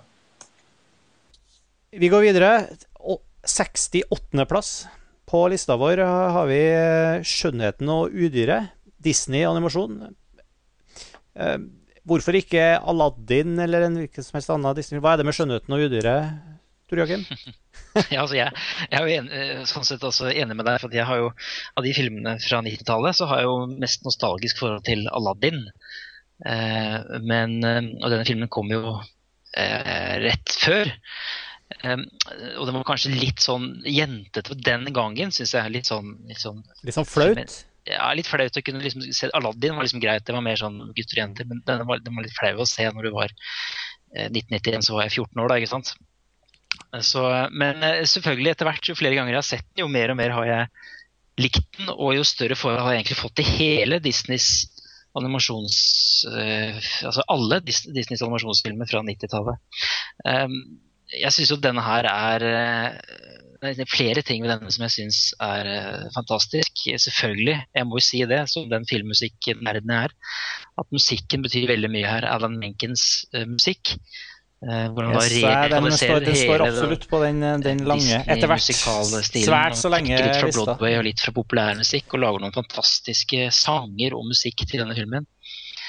Um, historien kjenner jo alle til, og jeg liker også, også hvordan den realiseres med ganske stort sånn sprang mellom det, liksom det solvarme landsbylandskapet på den ene siden, og så dette litt sånn halvveis eh, rokokkoaktige slottet på den andre siden, hvor da dette udyret befinner seg. Eh, veldig flott realisert, syns jeg. Og dette er jo også en av de filmene hvor man prøvde seg med eh, CGI. Det er vel denne, denne ballsekvensen mot slutten. Speilsalen. Som er, Speilsalen. Ja. Mm. Hvor det er, hvor, som er dataanimert, og så er det da uh, en kombinasjon der. Så Nei, altså ja, jeg syns det er en uh, fantastisk flott film som jeg egentlig har uh, fått sansen for mer i voksen alder, kanskje, enn jeg gjorde den gangen som, som fjortis. da. Jeg har det faktisk litt på samme måte, fordi jeg vokste jeg så jo filmen på kino da jeg var fem, tenker jeg. Og vokste opp med, med, Disney og elsket Walt Disney da jeg var barn. Og særlig da de filmene som kom i forbindelse med Disney sin sånn revival på, på, 90, på begynnelsen, første halvdelen av 90-tallet. Som begynte i 1989 med 'Den lille havfruen'. Hvor Disney revitaliserte, fikk ny, fikk ny konsernsjef. Eh, hyret inn masse nye animatører. Eh, bestemte seg for å gjøre mer rendyrket eh, rendyrke musikalsjangeren mer, som da fikk, fikk blomstre noe voldsomt med Alan Menken og Howard Ashman. Han døde jo da av aids, Howard Ashman, så 'Beauty and the Beast' var vel den siste filmen som han bidro til, tror jeg. ja, jeg tror det. Ja, jeg tror faktisk det. Jeg mener å huske at det er en sånn minnedokumentar om han på den DVD-en. Nei, Aladdin var, var ikke det året etter, da? Nei, det var, jo, det er året etter. Er det, det, var etter, det, det, var den siste. Ja, ja ok. Men, øh, men Alan Menken sin musikk har jo på en måte blitt det, Den har jo blitt ikonisk, rett og slett. Alle de sangene han skrev. Han vant jo to Oscar i året en periode. Uh, stort sett for beste sang og for beste originalmusikk. Og det gjorde han for Beauty and the Beast òg, eller Skjønnheten og udyret. Men i likhet med deg så uh, var nok ikke det min favoritt da jeg var uh, barn. Jeg hadde mye tettere forhold til uh, både Den lille havfruen og Aladdin og senere Løvenes konge enn til Skjønnheten og udyret. Men da den ble utgitt på DVD, hvor jeg gikk på videregående, og man også hadde kommet over den kneika hvor man liksom ikke så Disney-filmer i, i, de litt yngre ungdomsårene, hvor kanskje ikke det var så kult, så hadde jeg da et helt fantastisk gjensyn med den og har sett mange ganger i ettertid. Så jeg er enig med deg i det at den nesten på en måte appellerer eh, I hvert fall for oss som er gutter, så, så har den appellert mer i voksen alder. Det er en helt praktfull film. Fantastisk musikk, da, eh, selvfølgelig. Og, men også ustyrtelig vakkert animert. Det er vel kanskje Eh, ja, det er, flere Disney-filmer som er visuelt særlig spektakulære. 'Tornerose' f.eks. Men jeg tror kanskje jeg anser 'Skjønnheten og udelsen' den aller vakreste Disney-filmen. Den har veldig sånn klassisk animasjon. Og... Det er liksom noe med, noe med, foto, på en måte. altså Animerte foto i henholdsvis landsby og slott og sånn. Det slo meg i hvert fall. Ja, sånn bruken av lys og skygger og nesten ja, sånn ja, ja. og sånn, som er helt fantastisk. Uh, og, og, historien er også Det er liksom den reneste eventyrfortellingen man nesten kan tenke seg. Eh, det er liksom den, eh, den, den, har liksom all den type litt sånn sviskete Disney-moral og sånn, som man gjerne, gjerne, også kan ha et litt sånn hånlig forhold til hvis man hater Disney, er jo liksom nedfelt i denne filmen. Men den er så rendyrket og så stolt av det den gjør. Jeg føler at den er også befriende uironisk. Jeg elsker også Aladdin, bare så det er sagt. Det er også fortsatt. Eh, og hadde, vel, hadde, det vært for meg så, og meg alene, så hadde også den vært på listen. Eh, den postmoderne leken i Aladdin eh, setter jeg i utgangspunktet like høyt, men Beauty and the Beast føles på en måte som den siste virkelige sånn helt klassiske Disney-filmen. Og det gjør at Kunstverket, liksom, sånn klassisk forstand, ja. Mm. Ja, som like med liksom 'Snevete og de syv dvergene' og 'Askepott' og Tornose. Altså de, eh, 'Løvenes konge' er, har en mer sånn 90-tallsfeeling igjen. Eh, Aladdin baner veien for det Pixar rendyrker i senere filmer. Med en sånn, eh, med sånn postmoderne lek med referanser og, og, sånn. Mens Beauty and the Beast er liksom bare Ja, det er, det er eventyret om skjønnheten og udyret. Eh, fortalt på en veldig vakker måte, rett og slett. Ja. Eh, hva med Karsten og, og Sveinung? Jeg mener husk at du har en litt sånn morsom reguleringsbasert historie. Sveinung? Ja, det stemmer. Det er egentlig det jeg først og fremst husker filmen som. Jeg, jeg, så den på Da var vel jeg sikkert uh, sju, tenker jeg. Uh, bodde her i Oslo, hvor vi sitter nå. Og da hadde denne filmen kommet på VHS. Så jeg var uh, borte fra skolen en dag sammen med en annen jente fordi vi begge skulle få regulering. så vi var hos reguleringstannlegen samtidig. Og etter dette så dro vi hjem til eh, henne og eh, så filmen der da, på, på, video. Og da hadde jeg allerede et veldig etablert forhold til Disney. Men det, det, var et sterkt møte, jeg husker, med, med, filmen. Du ble med en jente hjem? Jeg ble med en jente hjem. Og så 'Skjønnheten og udyret'. Ja, stemmer. Ja. Sterkt. og så har jeg sett den igjen i ettertid. Jeg har det. Men uh, uh, da var du alene og ja. ja. Da var den en tristere film. Mm. Ja. Var ikke den samme romantikken i lufta da? Nei. Men det er vanskelig å argumentere i noen grad mot det som er blitt sagt om filmen til nå. Eh, jeg er jo da ikke den store animasjonsforkjemperen, som har blitt sagt. Så, så i diskusjonene knyttet til 90-tallslisten så har jo på en måte balansen mellom Eh, hvilke animasjonsfilmer som representerer hva som skal være med, i hvilken grad de er frittstående filmer som, som lar seg måle mot hvilken som helst annen film. Eller om jeg er litt skeptisk til argumentet om at en så og så bra animasjonsfilm automatisk blir så og så bra i forhold til hva som helst annet. da. Jeg hadde ikke sett 'Skjønnheten udyr', jeg. Så da disse diskusjonene tiltok, så var det jo bare å sette seg ned. Og jeg kan bare kort fortalt si at ja, 31 år gammel, setter seg ned med 'Skjønnheten og udyret' på lerret og blir dritimponert. Kjempebra film. Klokkerent eventyr. Søt og fin, selvfølgelig. Jeg, jeg, jeg har jo på da måte, ingen måte noe barndomsminne knyttet til filmen, så jeg blir på en måte tilbakelent og klør meg litt i skjegget og sånn. Men den er jo vidunderlig vakkert gjort, det er det ingen tvil om. Eh, senere, dvs. Si høyere opp på listen, så skal vi også komme inn på en animasjonsfilm som forteller et eventyr eh, som jeg heller ikke hadde sett, men som jeg også så for første gang, og som var kanskje fire ganger så fantastisk imponerende for min del. Men, men det betyr ikke at det er noe galt med skjønnheten og Det er fire ganger så høyt på listen òg, så ja, um, Men jeg vil bare si at uh, jeg har blitt, fått et litt varmere hjerte for animasjonsfilm ved å ha diskusjoner om det knyttet til arbeidet med denne listen, og kan med glede støtte eh, inkluderingen av skjønnheten og udyret. Kort fortalt. Det var en slags oppsummering. Det var sånn animasjonsfilm. Jeg husker, jeg, hørte jo veldig mye på elektronisk musikk på 80- og 90-tallet. Jeg gjør jo fortsatt det. Men jeg husker at uh, det var ofte sånn nå bare elektronisk musikk ble sånn avfeid. Jeg husker eh, min, min, store helt på den tida var Jean-Michel Jarre. Ja, det er vi to. Ja, og han sa, han sa i et intervju sånn som jeg alltid liksom la meg bak øret, som var litt sånn fint sagt. Da, sånn. Men eh, eh, det, er ikke, det er ikke musikken som er elektronisk, det er instrumentene. Mm.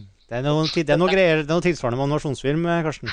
Ja, jeg, jeg tar det til meg. Jeg skal tenke litt på det. Spiller musikk, jeg kommer tilbake til det i en senere episode. Ja. OK, vi, vi, skal, vi, går, vi går videre. Uh, 7- og 60.-plass. Uh, da skal vi til, um, til, Japan, til Taiwan og Shanghai. Og uh, regissør Hu Zhaozen Kanskje, noe sånt. Han het, han skri, de skrives jo ofte med fornavnet først og etternavnet først, og litt om hverandre. Nå forventet jeg at du skulle ta en sånn And Now for something completely different. Ja. For det er et av de store hoppene. Det er et stort hopp. 'Flowers of Shanghai' er filmen vi skal til. Grunnen til at jeg stussa ved regissøren, at det er jo en sånn generell greie jeg ser ofte at uh, rekkefølgen på fornavn og etternavn er litt, virker litt sånn vilkårlig på uh, en del asiatiske uh, er koreansk og taiwansk film og sånn. Noen som har noe innsikt der? Ja, eller jeg, jeg, har i hvert fall innsikt rundt at når man omtaler han med på en måte etternavn, så er det ho. ho. Så på samme måte som man sier en Kubrick-film, så sier man en ho-film. Mm. Og Ho Xiaoxian er regnet som en av de absolutte mesterne innenfor det som regnes som en slags eh, taiwansk nybølge. Fra 80-tallet og inn på 90-tallet, og egentlig hovedsakelig isolert til de to tiårene. Eh, Edvard Young er en av de andre. Eh, han kom med sitt absolutte mesterverk etter mitt syn i 2001 med Yi Yi. Og så gikk han dessverre bort av kreft. Og Ho Xiaoxian lager jo film fremdeles. Men Ang Lee er vel også viktig å nevne som en Hvem? Ang Lee. Ja, selvfølgelig. selvfølgelig. Men han er på en måte mest kjent kanskje for filmene han da lagde i forbindelse med sin amerikanske connection. Ja, han er vel mer kjent for uh, Life of P enn for uh, Spis, drikk, mann, kvinne. Ja, ikke sant. Men, men, men det er i hvert fall en, en veldig veldig veldig viktig periode som, som, kanskje er enda mer relevant å snakke om når vi skal snakke om 1980-tallet. Men uansett viktig her. Og, og, i hvert fall jeg kan jo bare starte med da å si at eh, selv om jeg har veldig, eh, setter veldig stor pris på de Edvard Young-filmene jeg har sett, så har Ho Asien alltid vært en filmskaper det har vært vanskelig for meg å bli kjent med, rett og slett fordi filmene hans er veldig lite tilgjengelige. Og, og det har ikke lykkes for meg å se eh, noen av dem på eventuelle retrospektiver som kan ha vært tidligere. Da. Så at I forbindelse med arbeidet med 90-tallslisten så var det jo veldig oppløftende å se at uh, mange av bidragsyterne våre på montasje hadde god kjennskap til Ho Xiaoxiens eh, filmer fra 90-tallet.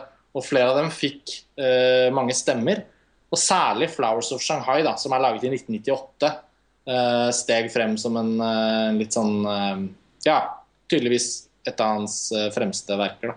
da. men jeg har sett filmen den og den 'Goodbye South Goodbye' som uh, kom høyest. Uh, 'Goodbye South Goodbye' har vel du også et forhold til, Sveinung? Ja, det, det, er den uh, Ho-filmen som jeg har sett. og den likte jeg kjempegodt. Og, ja, det er, og det er noe veldig sånn Siden dette er snakk om 90-tallets beste filmer, så er det, det er noe veldig 90-talls over i hvert fall den filmen. En sånn coolness som minner om uh, Tarantino og for så vidt Von Carvai, men som likevel er noe helt annet. Um, men uh, ja, jeg må da også medgi at jeg ikke har sett 'Flowers of Shanghai', som er filmen på listen. Ja, Nei, fordi denne jeg har, jeg har sett 'Flowers of Shanghai', og denne uh, Det er ikke så mye Tarantino å spore der. Nei, kan man vel si. Men den, eh, den, er basert på en ganske kjent kinesisk roman. Eh, og den handler om et luksusbordell i Shanghai.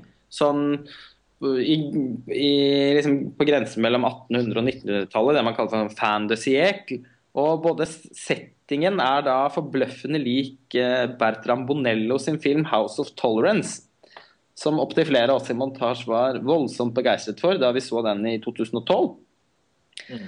Uh, I likhet med den så handler den om et luksusbordell hvor de, de, som, de, ansatte, holdt jeg på å si, er kvinner som, uh, som er skyldige i en stor gjeld. Og som på en måte jobber der for å kunne betale ned gjelden sin, men som eh, i kraft av å kunne skape relasjoner, og da tidvis også oppriktige kjærlighetsrelasjoner med noen av kundene, kan bli kjøpt fri så målet til de fleste er på en måte på et eller annet tidspunkt å bli kjøpt fri da fra tilværelsen som, som luksus, luksusprostituert der inne. Og filmen er eh, fortalt i et meget langsomt eh, tempo. utelukkende langere, lange kamerainnstillinger, eh, hvor kameraet nesten hele tiden er i bevegelse og sirkler rundt uh, disse bordene og, og si stuekrokene og ganske sånne vakre uh, miljøene på dette bordellet. da, sånn ja, fløyelstapeter og oljelamper som kaster et sånn, sånn sånn, eh, sånn gullaktig lys over rommene, som er veldig, veldig eh, vakkert. Den, har, den er faktisk også på en eller annen merkelig måte ganske dialogdrevet, men handlingen er veldig lite Eller dialogen er ikke så veldig narrativ. Den er mer Det er veldig sånne små samtaler hele tiden hvor de sitter og så man, Den krever veldig, både veldig mye tålmodighet og innlevelse da, fra, fra tilskueren. Man må på en måte sette seg ned rundt bordet på en måte, og bare uh, suge opp de inntrykkene man får. Og Det er en ganske fascinerende opplevelse, og det er en veldig vakker film. Eh, men den er dessverre veldig skjemmet av å ikke eksistere i en tilfredsstillende utgivelse. Den Fox Lorber, DVD-en, som, uh, som jeg har. Mm? Det er den du er i besittelse av? Det er den jeg er i besittelse av, og som jeg kjøpte for mange år siden. Eh, det har fortsatt ikke kommet noe bedre enn den, så vidt meg bekjent i alle fall. Og den er rett og slett som en ganske dårlig VHS. For det første så er den ikke i anamorf widescreen. Og det er ganske sånn kornete og dårlig fargegjengivelse. Og på en eller annen måte så er det faktisk litt sånn at man må sitte og gjette seg til hvilken stor opplevelse denne filmen kan være hvis man ser den på en 35, fersk 35 mm-kopi på et cinematek i Paris, som, eh, som, jeg kjenner noen som har gjort, og som har vært helt fra seg av begeistring.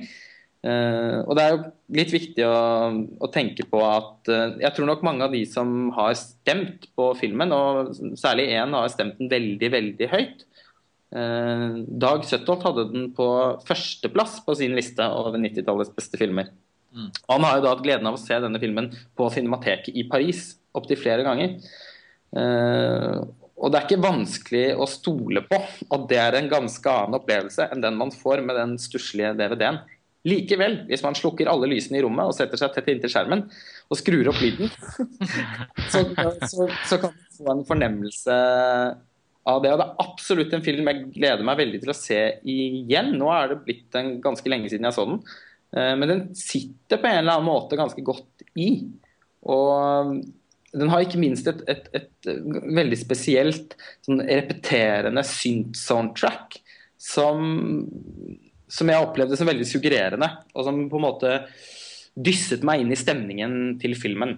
Søvndyssende også vil nok noen kunne oppleve filmen som, det må man jo bare si. for den, dette er virkelig en film som krever mye av tilskueren, og det har jeg ikke inntrykk av. altså sånn Sånn en Café Lumière til Hosias igjen, da, som er en sånn Osu, ren sånn Osup-pastisj, Den syns jeg kanskje ikke var så veldig interessant, men, men den er på en måte oppleves likevel som ganske mye mer tilgjengelig. Og det høres ut som denne 'Goodbye South Goodbye' er også. Det, mens dette her er virkelig en film som man må, må liksom bevege seg helt inn i da, for, å kunne, for å kunne få mye ut av.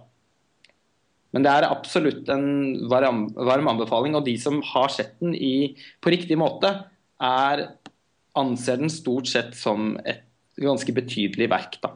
Mm. Ja, det, det, det, har jeg jo referert til noen ganger i løpet av podkasten, og det, det, føles riktig å gjøre det. Dette arbeidet med 90-tallslisten har vært langt mer detaljorientert og, og, og liksom kontroll altså sånn, vi, har, vi, har, gått mange flere runder denne gangen enn vi gjorde med 00-tallslisten. Og en av oppdagelsene f.eks. er at vi har kunnet lytte til avstemningen på en litt annen måte. Istedenfor å gjengi listen sånn som ting blir stemt fram, så har vi kunnet liksom måle førsteplasser, liksom femte, fjerde, tredje, andre førsteplasser fra bidragsyterne som stemmer, veier da tyngre enn et gjennomsnitt fra 18.-plasser, på en måte. Og, og, det har vært utrolig interessant å kunne bli liksom vekket litt opp selv da, av uh, filmer som kommer inn fra venstre eller høyre, som ikke vi selv kanskje hadde trodd at kom til å være en sentral del av diskusjonen.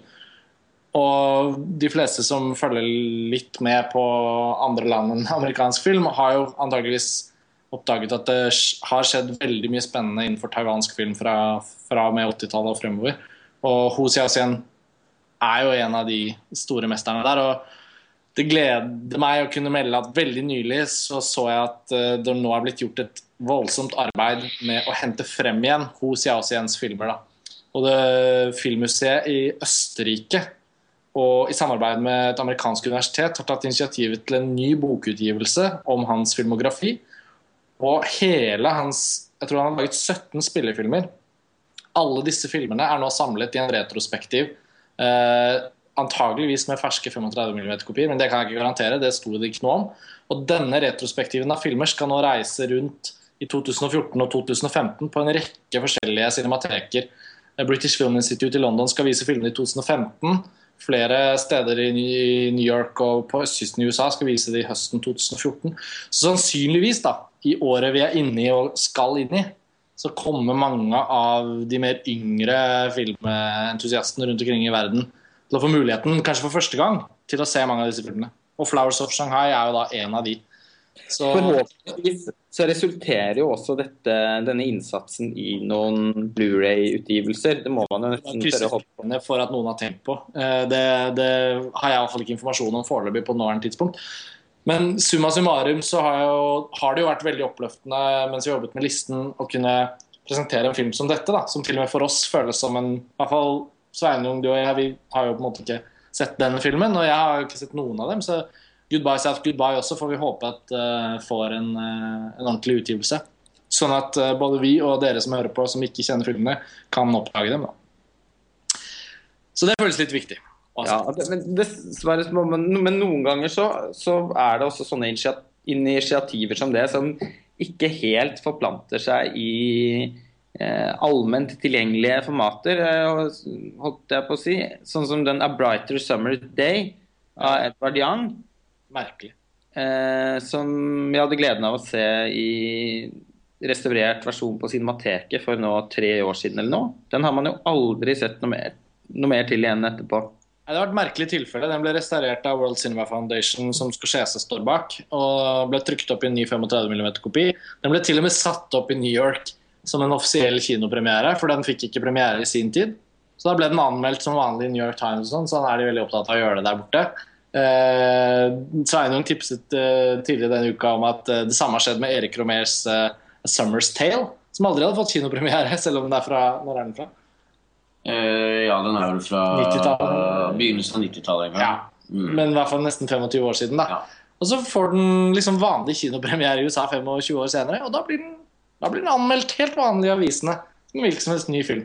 Og det skjedde også med 'Brighter Summer Day'. Uh, tror jeg det var et halvt år etter at vi hadde sett den, Lars Ole. Mm. Og, og, likevel så dukket den ikke opp på DVD engang. Det syns jeg er så besynderlig. Ja, det, den, det andre mesterverket til Edvard Young da, ved siden av Yi-Yi, men kanskje en enda mer sentral film for selve epoken i Taiwan. For den kom liksom midt i da det sto på som, som verst, holdt jeg på å si, som best.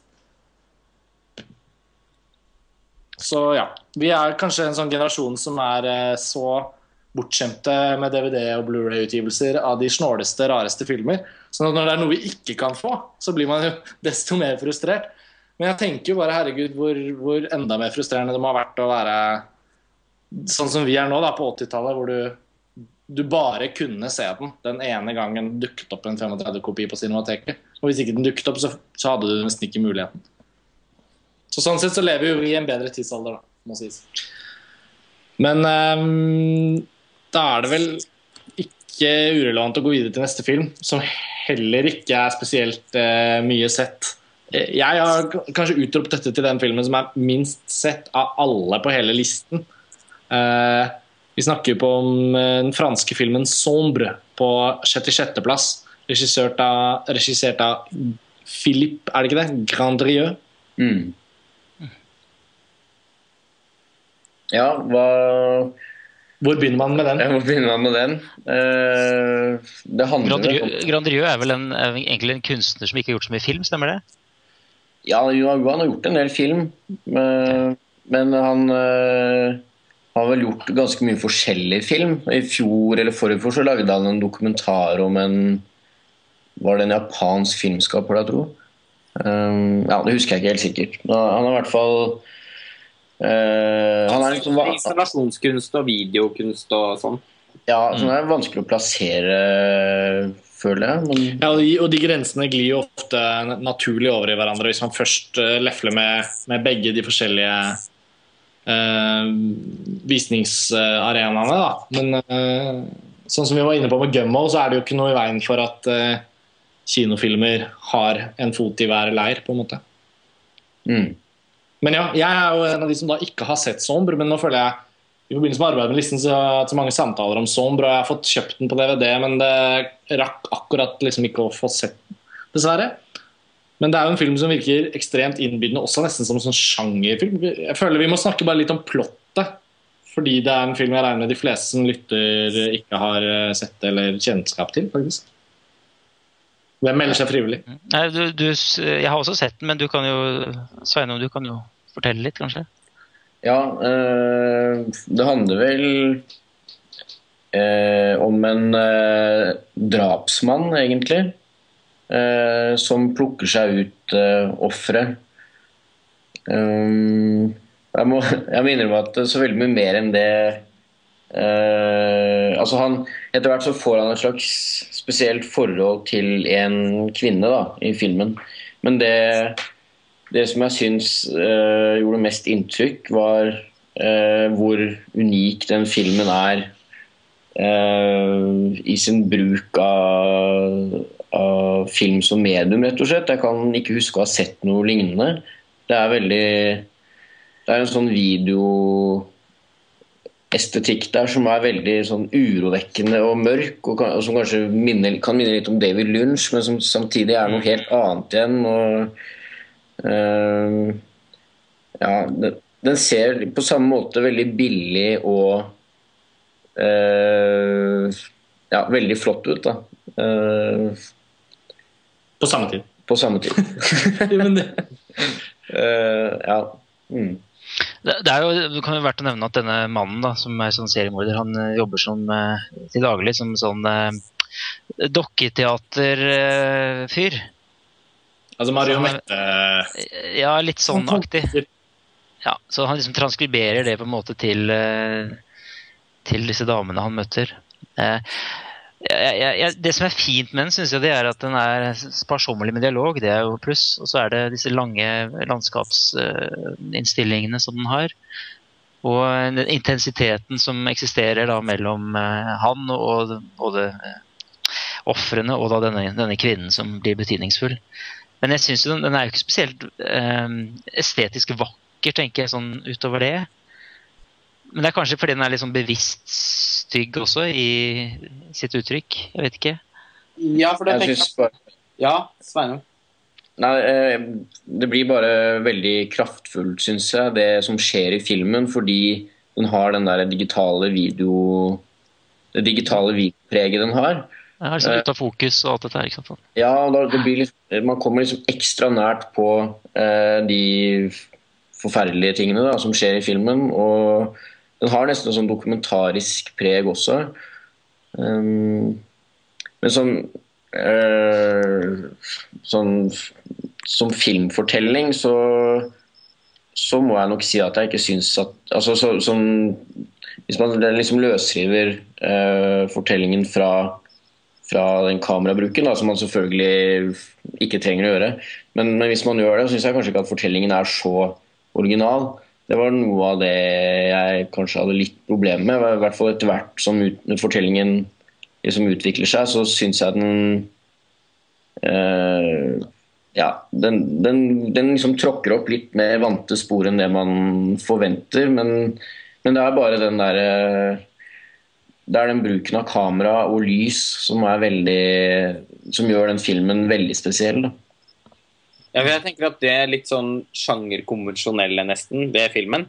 Hvis det er mulig å bruke ordet sjangerkonvensjonelt når man snakker om denne filmen i det hele tatt. Eh, det er, føler jeg på en måte bare er en ramme. da. Eh, det som gjør filmen ganske fantastisk, syns jeg, eh, det er at den på en måte Jeg føler virkelig at den trekker med tilskueren ned i et sånn sort hull som det er veldig vanskelig å komme seg ut av når man ser den, hvis man ser den på riktig måte. Eh, det er en film som på en måte krever noe av tilskueren, fordi den krever litt konsentrasjon. og og den krever at man er i en stemning hvor man kan leve seg inn i hva filmen forsøker å liksom være, på en måte. Men hvis man først er der, så syns jeg den på en helt eh, Det blir jo nesten Ja, det, det blir jo også et merkelig ordvalg her, men nesten på en fortryllende måte. da. Så føler jeg at man liksom blir omsluttet av hele denne filmen.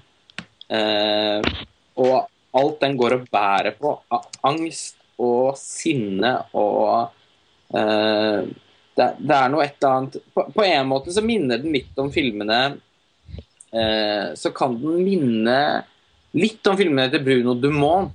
Fordi den har sånn, det samme litt sånn enkle utgangspunktet. Men så går den ned liksom en vei så man, hvis man er med på den veien, og ikke få en ganske sterk reaksjon på filmen, da.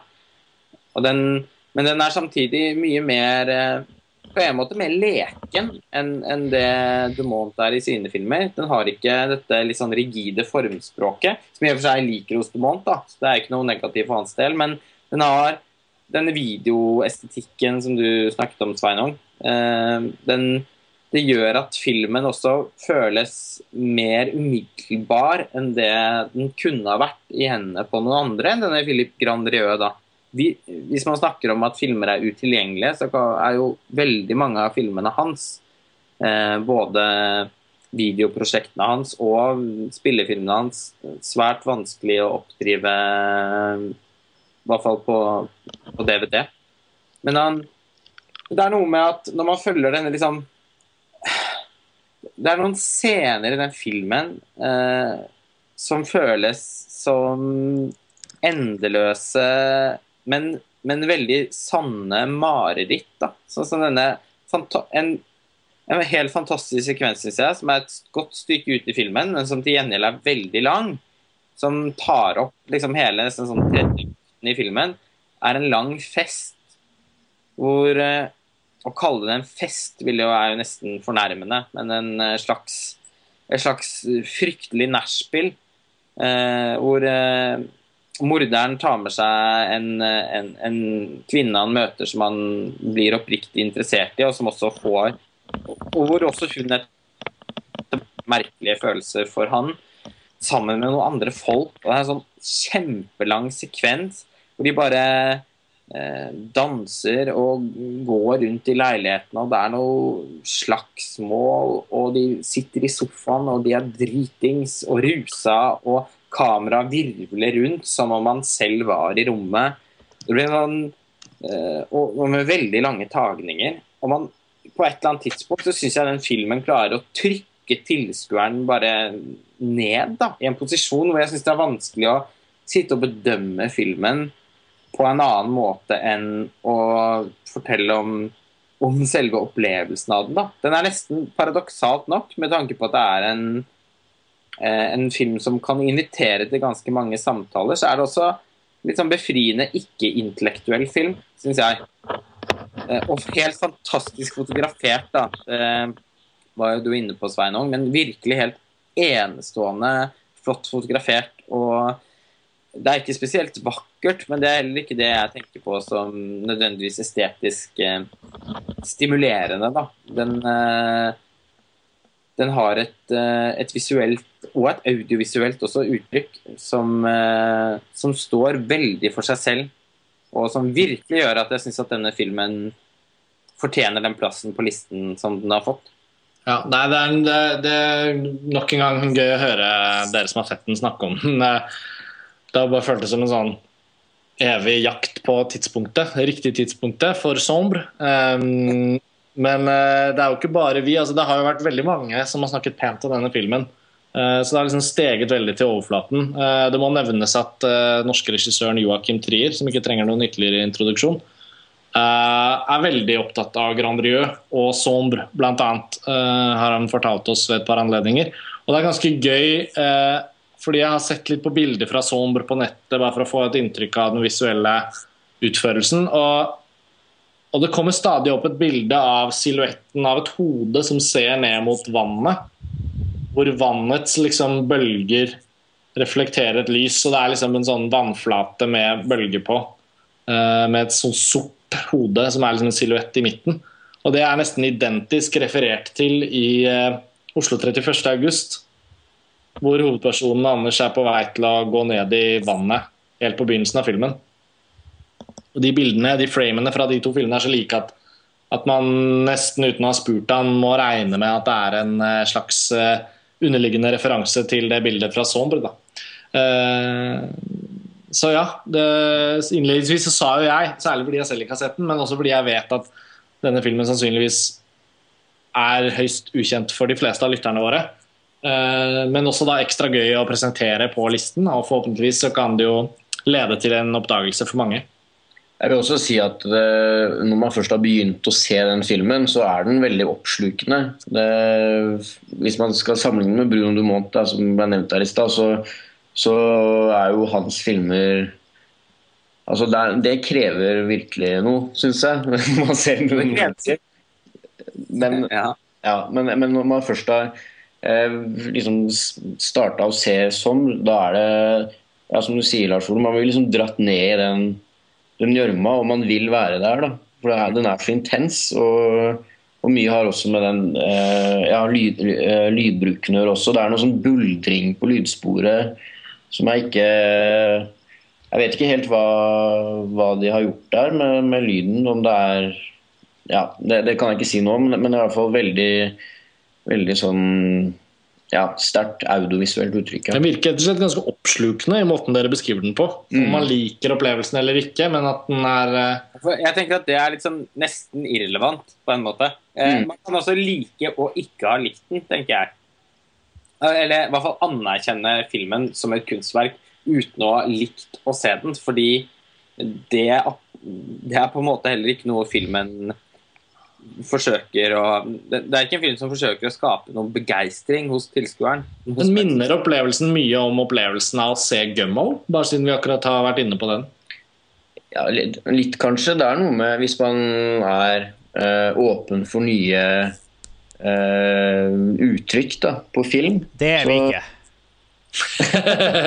så, så, set, så, setter man pris på det, men, men jeg syns jo øh, ja, som nevnt, det er, det er, det er ting ved, ved Sommer også som jeg ikke eh, syns er så bra. Eh, som handler om eh, Ja, det er, det er, noe med den derre eh, mytologiseringen rundt sånn hore og madonna.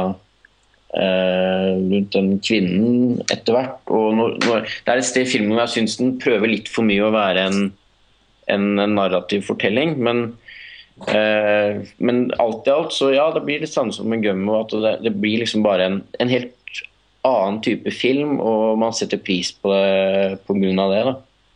Eh, og ikke fordi at man, man, føler at man må det, men bare fordi den er så oppslukende.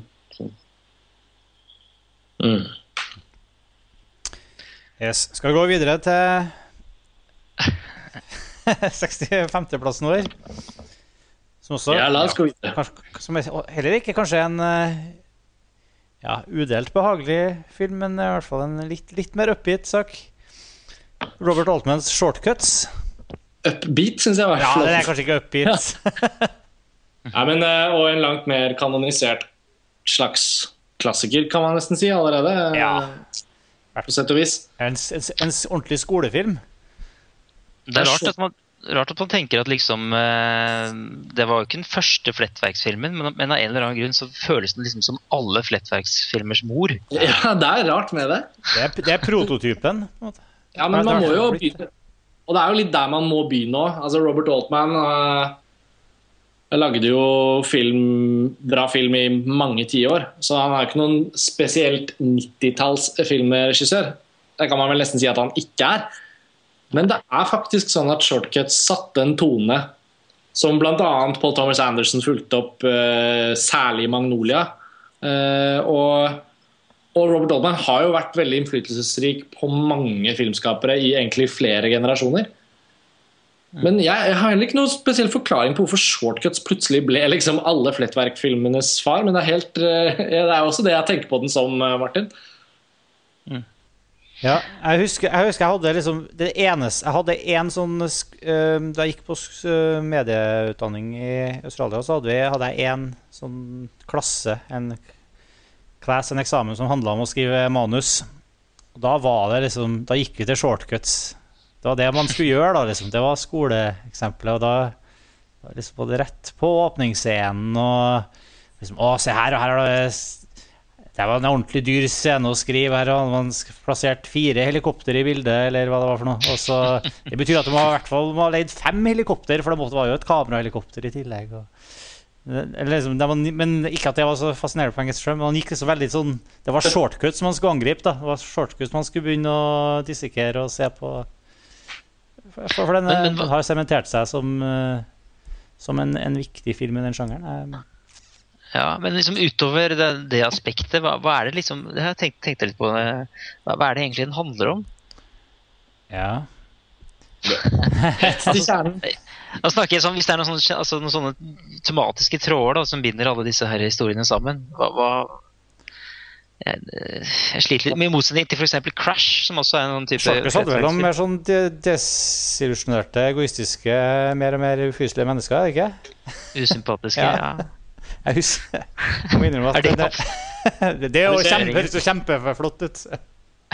Jo, men det er jo en film som, det er jo en film som ikke kan det, Man kan ikke besvare det spørsmålet i en kjapp vending, fordi den, den spenner jo opp ganske mange Selvfølgelig, bokstavelig talt, Flettverksfortellingen har jo mange forskjellige historier. Små historier som belyser hverandre, og som på et sett og vis skal og bør virke inn på hverandre i hvordan man opplever dem rent tematisk også. Men men, men den har jo den har jo først og fremst flere tråder, mer enn at den har én tråd, sånn som jeg opplever den, og, og sånn som jeg tenker på den når jeg prøver å, prøver å liksom altså, Jeg vet ikke, kanskje den ikke trenger å ha akkurat et svar på det spørsmålet. Rent sånn narrativt så er den jo både litt sånn Den glir litt ut, men også Mange flettverksfilmer i ettertid har jo ikke hatt overlappende hvor, hvor, karakterer fra forskjellige historier møter hverandre og sånn. Det er også blitt det er også blitt vanlig at mange flettverksfortellinger er mye mer separate fra hverandre, og, og hvor måten de, måten de, berører hverandre er mye mer løs eller tematisk. Jeg, jeg, jeg, ja, jeg vet ikke helt om jeg er helt enig med det. Jeg tenker som sånn som mange sånne type filmer som handler om liksom at det er mennesker med mye tomhet i livene sine, og så får de utløp for det på forskjellig vis. Og så, så er det liksom parallelliseringer da, mellom de forskjellige eh, lagene. Ellers har følt at det har vært sånn gjengs melodi. Eh, men akkurat i shortcuts så sliter jeg litt med å finne. Ja, men ikke sant, noen filmer ja, Shortcuts for meg er eh, like interessant historie for historie, og hvordan hver og en av de historiene egentlig starter nye tematiske tråder litt på mikroplan, men også at de i større sammenheng handler om en form for sånn desillusjonert uh, Og det er mye familie, familietematikk, uh, føler jeg, i flere av fortellingene. Men så går jo også sånne litt sånne Det gjør jo litt vondt i munnen å si det, men det er jo også noe med liksom skjebnen og, og ja, altså, Kanskje det handler om kausalitet? rett og slett? Ja, ikke sant, tilfeldighetene. Altså sånn, hvordan livet og, og, og, og små, tilsynelatende små, men etter hvert veldig store konflikter i livet hvordan de, altså Rett og slett bare fortellinger om hvordan de inntreffer, og hva de Hvilke øh, dominoeffekter som på en måte settes i gang av det. I Shortcuts så er dette langt mer subtilt løst på tross av jordskjelvet. Mens i filmer som Babel, som jeg respekterer og syns er veldig bra, men som jeg personlig syns ble altfor alt for opphøyd, uh, og for meg ble altfor bokstavelig i hvordan den løste det. Da. Altså at liksom, Den var sånn tematikk 110% tematikk, på en måte. Og, og, og istedenfor å være direkte involvert med hverandre, så var historien sånn usedvanlig kroket sammen, men av ganske sånne små og litt sånn, for meg i hvert fall, ikke for veldig mange andre, de fleste elsker den filmen veldig høyt, men for meg var det litt sånn det var sånne manusbokstaver som liksom ble skrevet sånn Og da var det våpenet til faren til der, og så derfor. Og det ble litt for tilfeldig, mens jeg syns det er mer sømløst i Shortcuts, men kanskje enda bedre løst i Magnolia, da. Men det kommer vi jo tilbake til.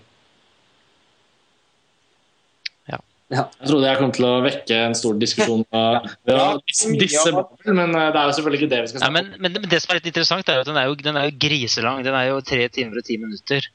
Eh, shortcuts. Men den føles jo aldri Jeg syns den føles kort.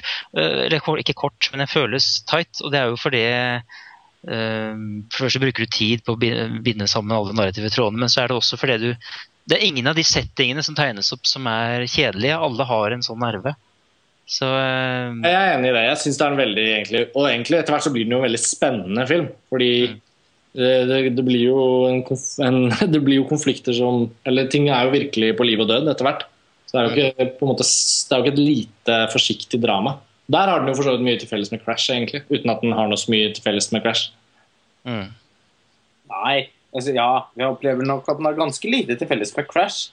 Ja, jeg syns jo ikke den egentlig har det, men så har den jo litt det òg, fordi at hvis du, først, Ja, hvis du først brekker begge filmene ned ja. ja, og det gjelder vel, vel da veldig mange flettverksfilmer, på en måte. Sånn, Det er- Helt nederst så har det vel noe til felles, alle sammen. Men uh, Crash, som, som jeg i og for seg også liker uh, ganske godt, den er det jo mange som hater. Eh, jeg syns den er eh, effektfull på sin måte. Men Det er en, en ting som binder de sammen. Da. Det er både shortcuts og Crash har musikk Mark- av Mark Eicher. Ja! ja! Og det er jo i hvert fall noe av det aller beste med Crash. Ja, musikken der er utrolig bra. Eh, det var det beste med filmen. Det soundtracket har jeg faktisk på CD. i Det det Shortcuts. Nei, i Crash. Oh, ja. Eh, det tror jeg ikke det er så mange som har. Eh, men Men det er nå så. Men, eh, men Shortcut Jeg har ikke noe spesielle minner om musikken der. Nå er det ganske lenge siden jeg har sett filmen, må jeg innrømme. Men eh, for meg er, liksom den filmen også forbundet med en sånn Bare liksom gleden ved å se den. Eh, jeg syns det er en utrolig engasjerende, underholdende eh, og ganske intens film som eh, den, liksom frag, altså den fragmenteringen man opplever med disse forskjellige historiene, også bidrar til noe av den eh, intensiteten på en eller annen merkelig måte. Jeg syns at eh, Robert Altman også på en måte viser litt sånn et Amerika da, i den filmen som, eh, som jeg syns er oppriktig interessant å, å både se på og ikke minst lytte til. Det er en ganske dialogdrevet film. Ja, men ikke for negativ, faktisk, for min del. Nei, I den, i denne, nei, ikke i dette tilfellet. For det er liksom sånn Det er så mye, det er så mye nerver i dialogen, og det er, det er liksom naturlig dialog. Det er ikke sånn øh, konstruert og intenst. Og den kompliserer ikke intrigen mer enn det intrigen gjør på egen hånd. Det liker jeg. Ja, nei, det er jeg enig i. Og, og så har den mange liksom, Den har jo noen liksom, enestående scener, og så bare den scenen hvor Julian Moore kler av seg og står der og har en vanlig samtale Ja. helt naken. Den må Så- jo også ha inspirert Lukas Modusson. Tenker du på? Hva jeg tenker på til sammen? Ja, altså jeg tenker på der hvor hun kler av seg fordi hun har sopp i underlivet. På Ja, det var det, det var det jeg også sa, at det må jo ha inspirert Lukas Modusson. Ja. ja, ja det var, jeg regnet med at du refererte til den Ja. Ja, på, en på et eller annet vis så har den vel eh, sikkert det. Og i så fall er vel til sammen eh, eksempler på det. Men det, dette er også liksom late Robert Altman. Da. Han har jo, Robert Altman hadde jo sin storhetsperiode på 70-tallet. Og han er på en eller annen måte i forhold til sin status, for han har veldig høy status, ikke minst blant liksom hardcore sinaster, så har jo Robert Altman en ganske brokete karriere. Eh, han har jo ikke utelukkende laget fantastiske filmer, han er ganske ujevn. Men han er veldig forsøkende. Han er jo alltid Han vil jo alltid prøve på noe. Gjerne også prøve, prøve på noe nytt, da. Som, Det gjør han ganske eklektisk, egentlig. Han har på en måte ja, han Han har bra filmer i mange sjangere, på en måte. Ja, på en eller annen måte. Altså, sånn, ta en fantastisk Robert Altman-film, som Three Women, for eksempel, som er psykologisk thriller med, som minner om det personer av Bergman, samtidig som den også har et eller annet, nesten noe sånn Polanski-aktig atmosfære Vet seg. Eh, som, man ikke Som er liksom egentlig Etter å Hvis man ser de derre veldig klassiske Altmann-verkene som Nashville og, og McCabe og Miss Miller og sånn, så, så, så, blir man jo nesten sånn Oi! Dette er også en uh, så, Og så lagde På, på 90-tallet så var det jo The Player og, og Shortcuts som vel er de mest uh, minneverdige, da, som også er ganske forskjellige filmer. Uh, men som, han, han, er en uh, Robert Altman er i det hele tatt en filmskaper som det er ganske fascinerende å følge sånn opp igjennom, føler jeg. og for min del, jeg må nok til syvende og sist erkjenne at jeg nok ikke er noen blodfan av Robert Altman. Til det er han nettopp for eklektisk og kanskje også litt for ujevn til at jeg virkelig kan få et sånn fanforhold til han. Men uh, i min bok så er virkelig 'Shortcuts' en av de beste filmene hans. Mm. Også mye fordi at jeg syns den, så, den, er sånn bra på noen sånne helt sånn basale ting. Altså, jeg syns den er helt vidunderlig spilt og herlig, smart, morsomt skrevet. Eh, intens eh, å oppleve og makeløst underholdende, som Tor Joakim sa. De tre timene og ti minuttene eller hva det er for noe, fyker jo av gårde når man ser den. Og det er jo en betydelig kvalitet ved en sånn type film. Og det er en sånn ensemblefilm også. Mm. Det er veldig bra cast. Uh, altså, rollebesetningen er jo liksom Og alle er bra. Og alle passer så godt til rollene sine. Den er jo virkelig sånn Den har jo det der litt sånn derre Jeg føler Shortcuts er en film som liksom veier litt. Skjønner du hva jeg mener? Ja. Du holder shortcuts i hendene, så er det sånn mm, Shortcuts. Så ordentlig bra. Uh, og det er kanskje litt fordi Nå har vi jo bare for å vi, vi, må jo etter hvert over på neste film, og da, det slår meg nå som vi er på Robert Altman, at, at i, i, løpet av listen så har det jo vært en god del unge filmskapere den gang, altså debutanter eller folk som lager en av sine første filmer uh, i filmen som vi har hatt med på listen. da. Uh, men så etter hvert, og ikke bare mestere, men, men, men med Robert Altman og nå etter hvert, så så kommer jo noen av disse store, virkelig store filmskaperne som, som har eh, vært høyst relevante i flere tiår, og, som, og som da også lagde en eller flere ekstremt bra filmer på 90-tallet. Det er litt sånn fascinerende når man er ved Altman og har, har snakket om ja, en filmskaper som Alexander Payne, som var bare en ungfole da han lagde 'Election', eller Spike Jones, som så vidt var i gang, ikke sant? og som fremdeles ikke har laget mer enn fire filmer. Og så kommer man liksom til Robert Altman, som på en måte har fem-seks enestående mesterverk før han lagde shortcuts. Mm. Det er bare sett, det er et interessant perspektiv ved å gå fra film til film. og også så er vi så forskjellige, liksom. Fra Sombre til A Grandrieux til Shortcuts av Altman, og nå videre til neste. Jeg vet ikke egentlig hva poenget mitt var, det var bare en slags refleksjon. Bare, nå har vi jo kommet et godt stykke inn på listen, og da merker man jo også uh, hvor stort spenn det egentlig er oppi det hele. For Shortcuts er litt uh, sånn som Delikatessen er litt sånn en film som ikke nødvendigvis er en 90-tallsfilm. Sånn som jeg tenker på den. At den er, litt, den er litt mer en sånn klassiker, på en måte. Uten at det gjør den bedre enn andre filmer. Men det er mer sånn mm, Selv om den er veldig innflytelsesrik, også da i lys av å komme da den kom. Ja, nettopp. nettopp. Ja, så føles den likevel veldig tidløs. Nettopp pga. de kvalitetene den har, da. Ja. Eh, en varm og varm ting å si om filmen. Så det. Så var det sagt. Når man snakker om de gamle mesterne, da, så er jo også Theo Angelopoulos, som representerer den neste plassen på listen, 64.-plass, 'Evigheten og en dag' av Theo Angelopoulos. Han er jo også en filmskaper som eh, Som er på en måte vanskelig å tenke på som en 90-talls filmskaper. Ja, det skal være litt derfor jeg også tenkte på det. Jeg følte at du drev og bygde en bro. ja. Og um og vi som vet rekkefølgen på listen, vet jo også at, uh, at vi går jo inn i, en, inn i en fase hvor det kommer en del regissørnavn som ikke nødvendigvis bare er i forbindelse med 90-tallet. Men Theo Angelopoulos, ja. Den greske Han her må jo være den greske mesterregissøren. Ja, det tror jeg nok. Jeg, jeg, er jo ikke ekspert på gresk film, men han og Costa Gavras, det er vel de to. Og så med den nye generasjonen nå med Jorgos Lantimos og Athena Rachel Zangari og sånn. Men det er vel Angelopoulos som er den store I hvert fall han som har flest storfilmer på, i filmografien sin. Og 'Evigheten dag', 'Evigheten en dag', selv om jeg ikke har sett alt av Angelopoulos, så føler jeg den står ganske solid som ett av, om ikke den beste Angelopoulos-filmen. Mm. En fantastisk film, altså. Den abonnerer jo på alt det som jeg elsker, vet du. ja. Langsomt altså Det er jo dialog, men det er altså, og masse sånne fantastiske innstillinger. Og så er, den, er det variert, overraskende variert eh, skulle, til å være eh, så, så langsom. Altså alt fra den her Jeg vet ikke om jeg skal fortelle noe så mye om historien.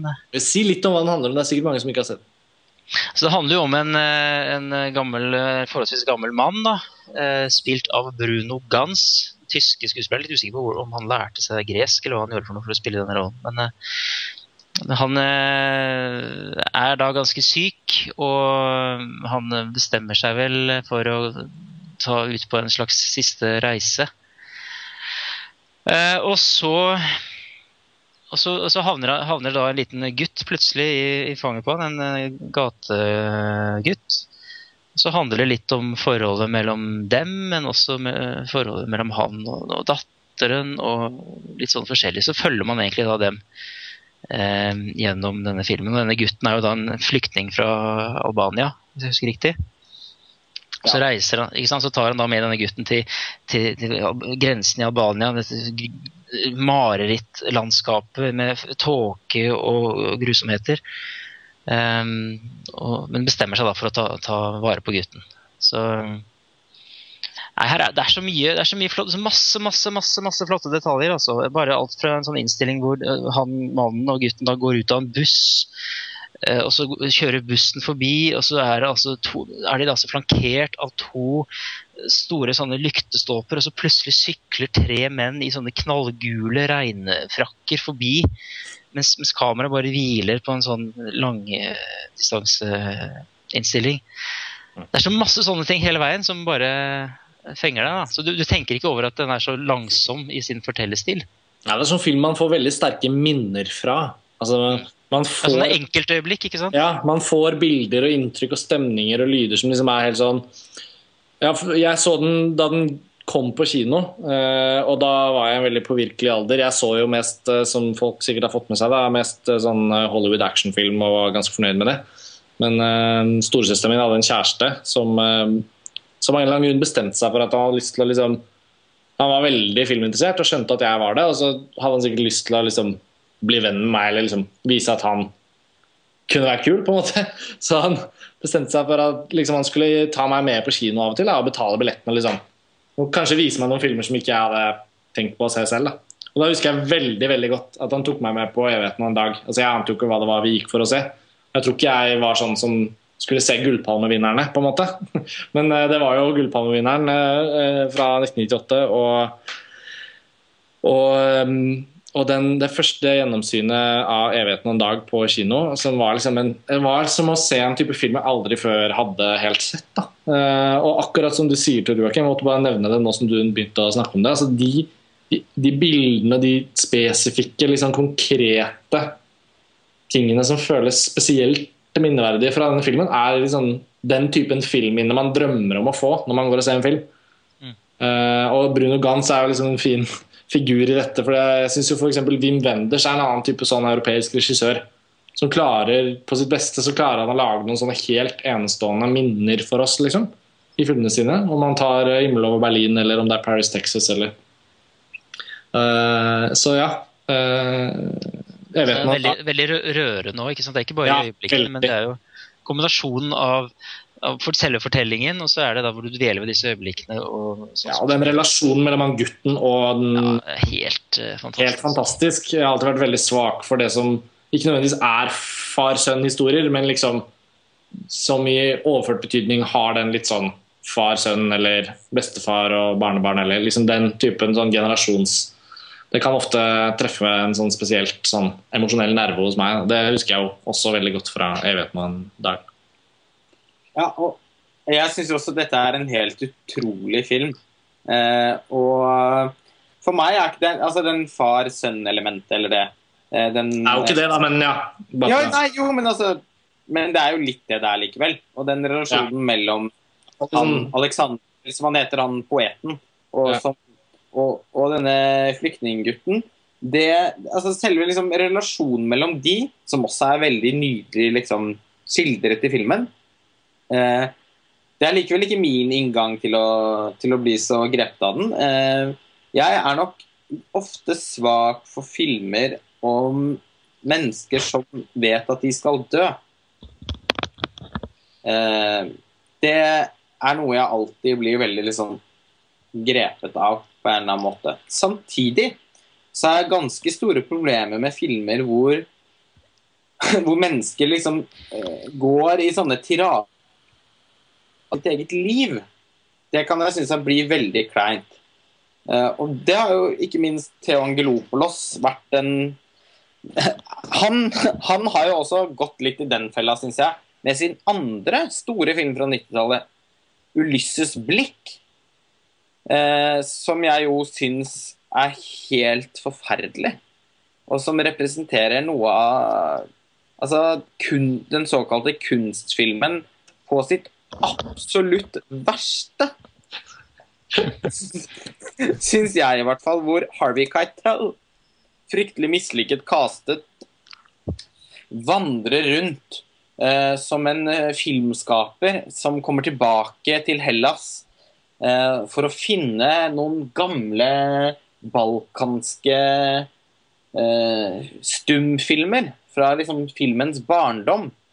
Eh, nesten liksom Forgotten Silver og Peter Jackson-aktig premiss.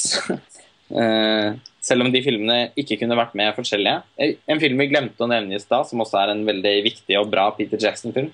Men han, hvor han liksom skal finne disse filmrullene eh, samtidig som han drar på en reise gjennom Balkans historie, som samtidig også blir en reise i hans eget liv, og med en kvinne som han alltid har elsket, og som opptrer i forskjellige figurer og fasonger.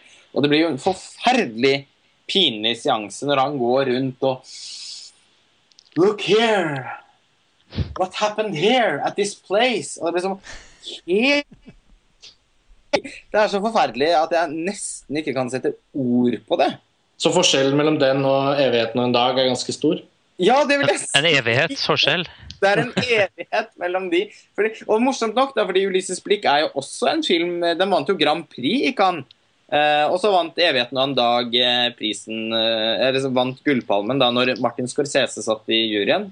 Og Det var visstnok også en avgjørelse som hele juryen var enige om, og som de kalte den uh, 'The only great film in competition this year'. Og Når man ser på konkurransen det året, så ser man at det var ganske mange andre flotte filmer der òg. Vi snakker om Gullpalmen til 'Evigheten en dag' i 1998, ikke sant?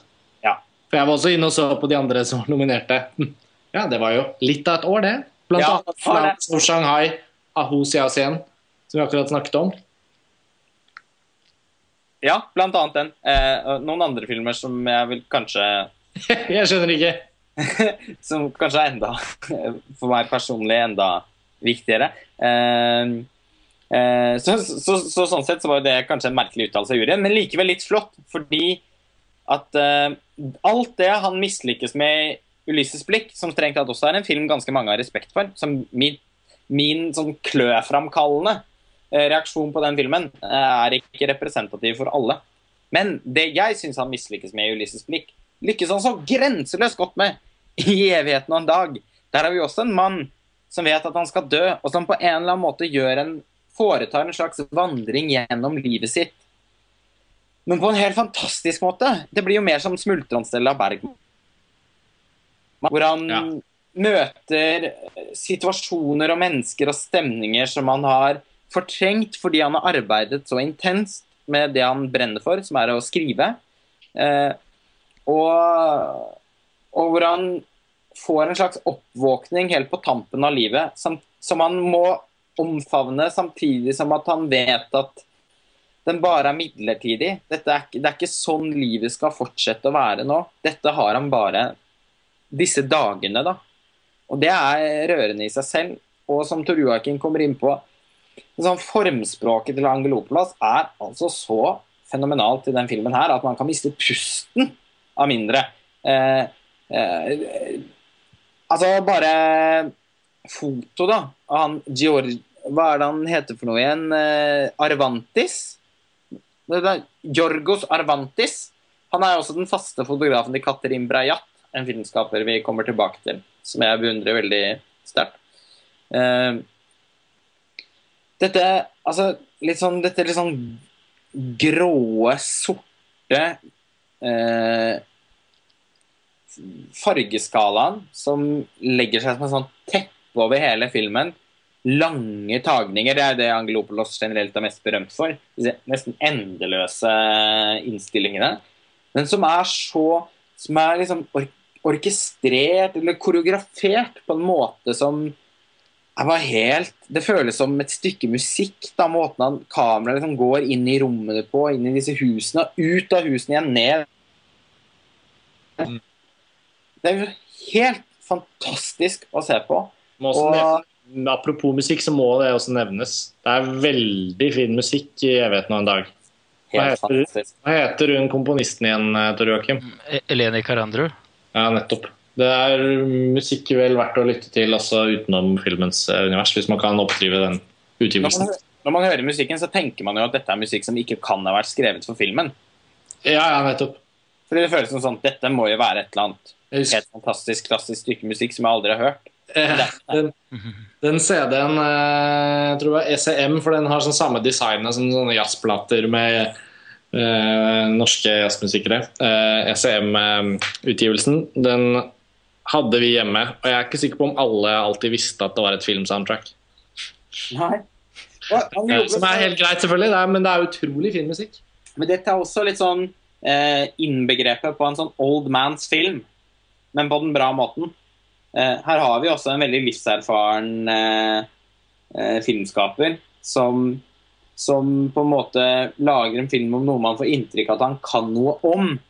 Og som Ja. gjør det med en veldig sånn Filmen har også mye potens i seg. Da, som Troakim sa i stad. Det er ganske stor variasjon innad i filmen også. Det er ikke en sånn monoton film som bare belager seg på at ja, her er vi kjempelange tagninger, og det i seg selv blir poetisk. Den, den tar seg ikke selv eh, Eller den tar seg selv høytidelig, for all del, men den, men den velger også liksom å flekse musklene litt. For gutten som man ender med å få en relasjon, sterk relasjon til, eh, han og noen andre gutter vasker sånne vindusruter på biler. Eh, som et slags sånn slavearbeid for noen bakmenn. En helt utrolig scene hvor kameraet liksom sveiper bortover veien mens politimennene kommer og jager disse guttene. Kameraet fortsetter bort. Det er, sånn helt, det er, det er en filmskaping her som, eh, som, som er veldig vanskelig å ikke bli imponert av. Og Manuset er også skrevet av Tonino Guerra, som jo har skrevet mange av de beste manusene i hele filmhistorien. Han er jo et unikum. Eh, han samarbeidet jo fast med Antonioni og Fellini. Eh, ikke så fast med Fellini, da, men, han, men det er jo også han som eh, samarbeidet eh, med Fellini om annet Amarcord, f.eks. Den, den sånn retrospektive fortellerteknikken er jo Tonino Gerras sånn spesialitet. Er også, han er i og for seg også involvert i Ulysses blikk, da. Går litt på trynet der. Men, den, men her føler jeg også at hans stemme er veldig til stede. Da. Den måten han klarer å liksom framkalle minner på. på en måte, minner hos hovedkarakteren som føles utrolig levende for oss som sitter og ser på. Eh, det er helt eh, enestående. Og også kanskje en litt glemt film. Ja, det var det jeg skulle til å trekke inn det nå på slutten. At nok en gang, jeg tenker, jeg tenker dette er en film som, som også liksom den litt yngre generasjonen enn oss kan risikere å rett og slett ikke helt ha på radaren. da. Uh, og nå Angelopoulos gikk jo tragisk bort i fjor. Han var på innspillingen av sin neste film, og så ble han påkjørt av en moped, og så døde han. Så det, det er jo litt tragisk. Men eh, det betyr jo liksom at vi får ikke noen nye filmer fra han. og og det er jo ikke filmer som på en måte verken blir moderne eller blir umoderne. Det er litt sånn at de, de står der, og så må de på en måte bare hentes frem. Så På snakk om tidløs, så er Ja. Det er noe av det mest tidløse jeg kan forestille meg. Det er en sånn film som eh, Det er jo Hadde man sett eller Jeg hadde hatt veldig problemer med å liksom tidfeste tiåret den var laget i. Hadde det ikke vært for noen innslag av noen, noen ja, noe datidens mote, holdt jeg på å si. Det er jo også en film som føles ut som en sånn et sånn klatt, typisk sånn mesterverk fra en av de gamle europeiske filmkunstnerne. Ja. Litt som film som ikke lages så ofte lenger. Som man var helt bortskjemt med på, på 60- og 70-tallet, for de som fikk oppleve det da. Det er, eh, er rett og slett uh, fantastisk. Eh, men nå er vi jo inne på, et, på en del av listen hvor ja, Om det har vært et par polariserende filmer på bunnen av listen, så jobber vi oss nå innover mot et felt hvor det, hvor, det, begynner å bli veldig mye bra, for å si det mildt. da. Det var 'Evigheten og en dag' av Theo Angelopoulos på 64.-plass. Og nå skal vi videre til 63.-plass. Um, Pga. at det tar lang tid å lage denne episoden, så har Martin nå måttet takke for seg. Men uh, vi fire er med videre. Tor Joakim, Lars Ole, Sveinung og jeg. Vi skal nå gå løs på 63.-plass. Det er 'Kjærlighetens smerte'. En dansk film regissert av Nils Malmros. Den er det vel heller ikke så veldig mange som har sett. I hvert fall ingen jeg kjenner. Og jeg hadde ikke sett den selv før vi begynte å diskutere og ha den med på denne listen. Nils Malmros er vel på en måte litt ute av tiden. Han, eh, filmene hans har jo stort sett hatt premiere på norske kinoer. Nesten alle, ikke alle sammen. Den 'Kjærestesorger', som kom i 2009, som jeg syns er en ganske undervurdert film, eh, fikk, eh, kom, kom, aldri på norske kinoer. Men det hadde nok litt å gjøre med at den ikke fikk så gode kritikker, så god mottakelse i Danmark heller, da. Men ellers så tror jeg nesten alle filmene hans har vært på kino i Norge. Og han hadde vel en viss following, på, særlig på 80-tallet, og litt ut på 90-tallet. Så man kan ofte treffe på folk som er litt godt voksne. Som kan ha et forhold til Nils Malmros og nikke litt sånn 'Å ja, har du begynt å se Nils Malmros-filmer? Så gøy. Hvor, hvor, gammel var du igjen?' litt sånn i den sjangeren. Ja. Eh, men jeg føler at i, i, i, vår generasjon så er på en måte ikke helt han Han har ikke helt vært et navn, da. Nei, altså jeg eh, Bare for å Siden vi startet eh, jeg, jeg, var jo ikke egentlig bevisst på hans filmer i det hele tatt før eh, han kom med sin siste film, 'Sorg og glede', som fikk norsk distribusjon. Og I forbindelse med det så var det også en retrospektiv på Cinemateket i Oslo. Og på montasje så fikk vi jo dekket filmen gjennom et langt intervju som du Lars Ole gjorde med Nils Malmros. Og gjennom det Sveinung, du har fått sett mange filmer av han. altså kom denne kjærlighetens smerte litt sånn sent inn i diskusjonen knyttet til 90-tallslisten. Eh, men, eh, men, eh, den imponerte meg voldsomt. Og jeg innså også at jeg hadde sett en Nils Malmros-film fra 1997 som heter 'Barbara'. Som på ingen måte er verdig en prat for denne listen, men da kunne du fylle inn Lars Ole si at det er kanskje den minst Nils Malmros-aktige filmen. Det er på en måte europuddingen hans? Ja, eller, med Annike von der Lippe i en sånn håpløs rolle. Hun ror ut i en sånn båt ja. og gråter. Da kan, jeg, da kan jeg erkjenne da, at det er den eneste Nils Malmros-filmen jeg jeg ikke har sett. Eh, og jeg har hatt et forhold til han i ganske mange år. Ja. Uh, så sånn sett utfyller hverandre? Ja, jeg vet ikke helt hvordan jeg snappet han opp, men jeg tror det var eh, Jeg har jo hatt litt familie i Danmark og alltid vært mye i Danmark. Og sånn Og jeg tror det var de som la det bordet på navnet en eller annen gang for noen år siden, og som gjorde at jeg kjøpte med meg et kunnskapens tre og skjønnheten og udyret hjem i i, i, i snippsekken, holdt jeg på å si og så de filmene og ble helt slått i bakken av hvor bra jeg synes de var. Og så har jeg liksom suksessivt forsøkt å se flere og flere Malmros-filmer. Noen av de har vært vanskelig å få tak i. Nå er alle tilgjengelige fordi det har kommet en sånn eh, boks. The Nils Malmros Collection? Typ, eh, typ det. Eh, som nå selges, i hvert fall i Danmark, også for en ganske rimelig penge. har Jeg sett Jeg tror den koster sånn 250 kroner eller noe. Kan bestilles over internett. Anbefales på det absolutt varmeste. Fordi at hvis man først liker én Nils Malmros-film så er sjansen veldig stor for at man liker alle. Eventuelt bortsett fra Barbara. Da.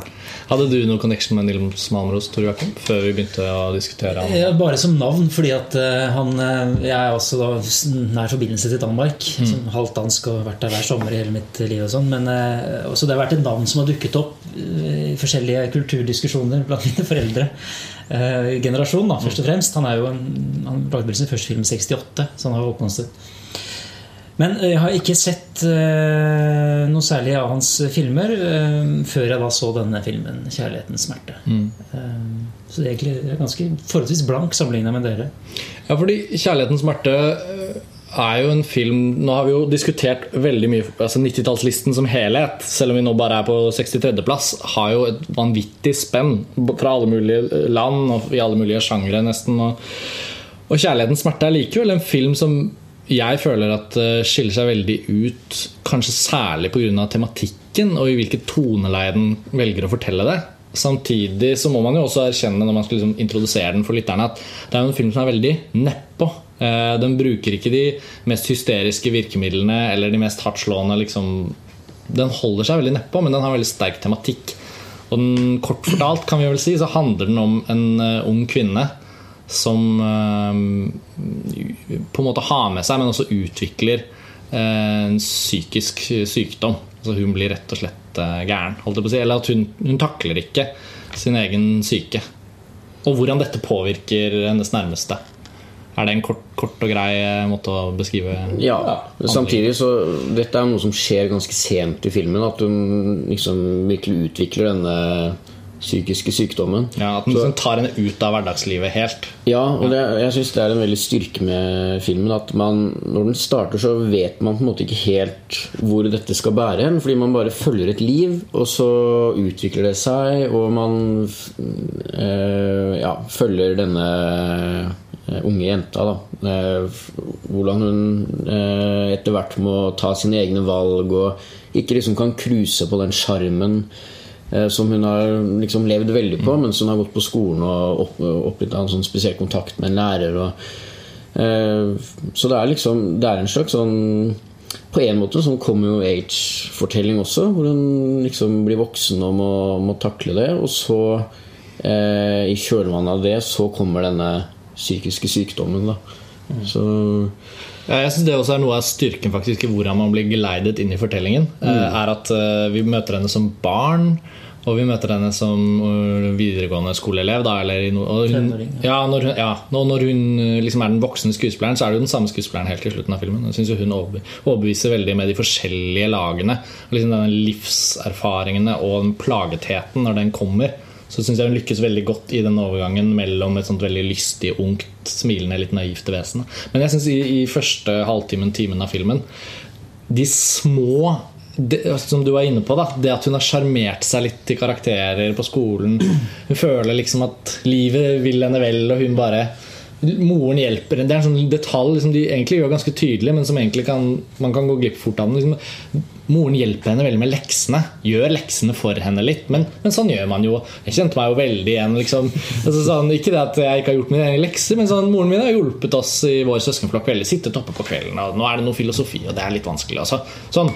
Hva med at du skriver det litt sånn? Og så ser man liksom, det var så mye gjenkjenneligheter i hvordan den den rollefiguren hennes ble etablert. En, sånn, en vanlig jente som er litt sånn. Og så kjenner man en som var lignende fra sin egen tid. Eller så føler man seg litt, kjenner seg litt igjen selv. Og når filmen da begynner på det virkelige alvoret sitt, som den har liksom ladet kanonene med, så syns jeg det traff så hardt. Fordi vi hadde fått lov å være med på hennes veldig sånn alminnelige, men litt spesielle vesen som liksom ble skapt. Du, Husker du rett etter at du hadde sett den, at Ja. du trakk en sammenligning til 'Blå er den varmeste Ja, fargen'? ja det, fordi det, og det syns jeg var ganske påtagelig. Ja, det Det er, det er, ja, hvis noen er i tvil altså Abdelatif Keshises gullpalmevinner 'Blå er den varmeste fargen', eh, som kom i 2013. Den filmen er jo veldig annerledes i sitt, sin tematikk. Den handler om andre ting. Men jeg syns Neil Malmros i 'Kjærlighetens smerte' forteller om en sånn gradvis utvikling av en rollefigur på veldig lik måte som Keshish. La Vida Del, Ja. sånn som er originaltittelen. Ja. Dette er jo på en måte La Vida Nå husker jeg ikke navnet. Kirsten, tror jeg. Kirsten, Ja. ja. Kirsten. Ja, nei, fordi det er noe med at hun bare liksom, Oi! For det er noen sånne ellipser der. Og vent litt, hvor mange år har gått nå? Ja. Og plutselig så har hun en, en jobb eh, og så, Oi, vent litt, nå er det sånn og, og, det er, og det er jo ikke fortalt med noe voiceover eller noe tekstplakat eller noen ting. Det er bare sånn klipp til, og så har det gått noe tid. Men jeg syns aldri det var forstyrrende. Jeg synes det var en veldig sånn sømløs ferd fremover. Og ved at han utelater veldig mye narrativt sett, da, som han kunne fortalt om hennes liv, så skjønner man at fokuset har ligget hele tiden på å vise oss denne ustabiliteten som kommer fra et eller annet sted, Og som bare, men som bare, og som ja, bare pipler frem. pipler fram sånn sakte, men sikkert. Og eh, fortellerstilen i filmen er veldig lik eh, den han har i mange filmer. Fordi filmene hans De utspiller seg ofte over et ganske langt tidsrom. Så han har denne litt sånn elliptiske fortellerstilen, som du sier, hvor, du, hvor helt umerkelig hopper fram i tid, og hvor man gjennom bare måten det er skrevet på, ofte forstår at det har gått tid. Sånn er det jo i, i 'Blå er den varmeste fargen' også. Ja, Særlig den parallellen. Også noe av det beste med den filmen. Måten, altså At man får en fornemmelse av tid og liksom sånn levd liv. Og det får man alltid i Malmro sine filmer. Og eh, jeg syns vel kanskje av, av alle hans styrker, så syns jeg vel nettopp det er at han skildrer menneskeliv på en veldig sånn nedtonet, vanlig måte. Altså sånn Han tar seg tid til, å, til det rent hverdagslige. Mm. og til å skildre mennesker på en sånn eh, Altså sånn som, som dere fortalte om, da. Eh, med liksom bare det at hun har liksom cruiset seg litt gjennom ungdomstiden og eh, kanskje fått litt høyere karakter enn hun fortjener, og liksom, som dere sa, liksom følt at livet var på hennes lag. Eh, det er noe man og Det er ikke noe jeg føler at filmen insisterer på. Eller at det, bare viser seg. Man, man kjenner igjen mennesketypen. Og på en øm måte. Man kan Å, ja, men er ikke det Og så tenker man men det har vært fint. Så bra at, at det har vært sånn for henne. Og så kommer det en scene med en muntlig eksamen. Som, På universitetet. ja, på universitetet som plutselig gjør at hele filmen tipper over i en annen retning. Og Det er en av de mest smertefulle scenene jeg nesten kan huske å ha sett på film. Er den muntlige eksamensscenen. Den syns jeg var så Ja. fæl. Begge, vil jeg si. Ja, begge. Det skjer liksom et brudd Ja. øh, Nei, unnskyld, bare fortsett. Nei, for akkurat den scenen Det, det skjer liksom et så utrolig klart brudd der med at hun kommer inn og eh, det er helt tydelig at hun blir veldig godt likt av eh, sensorene, og det er veldig god tone. Hun, hun er liksom den utadvendte typen som, som alle liker. Og så går hun ut og forventer at det har det jo selvfølgelig også gått veldig bra, men så får hun beskjed etterpå at eh, du, dette gikk jo ikke så veldig bra, egentlig. Du stryker, eller hva det er. Ja. Så skjønner hun at her er det liksom her er det eh, noe som Hun kan ikke bruke de der egenskapene sine i alt. da det Hun er egentlig den type som man tenker Å, hun er god på muntlig. Kanskje skriftlig litt sånn, men du nailer det på muntlig. Og så med sitt hele sitt sjarmerende vesen og med sin liksom måte å være ta det rommet på, så var fagkunnskapene ikke helt der. Jeg har vært oppe til en muntlig Unnskyld, Joakim, nå skal jeg gi deg ordet, men bare kort for det. Eh, Jeg har vært oppe til en muntlig i et fremmed språk, og da på universitetsnivå.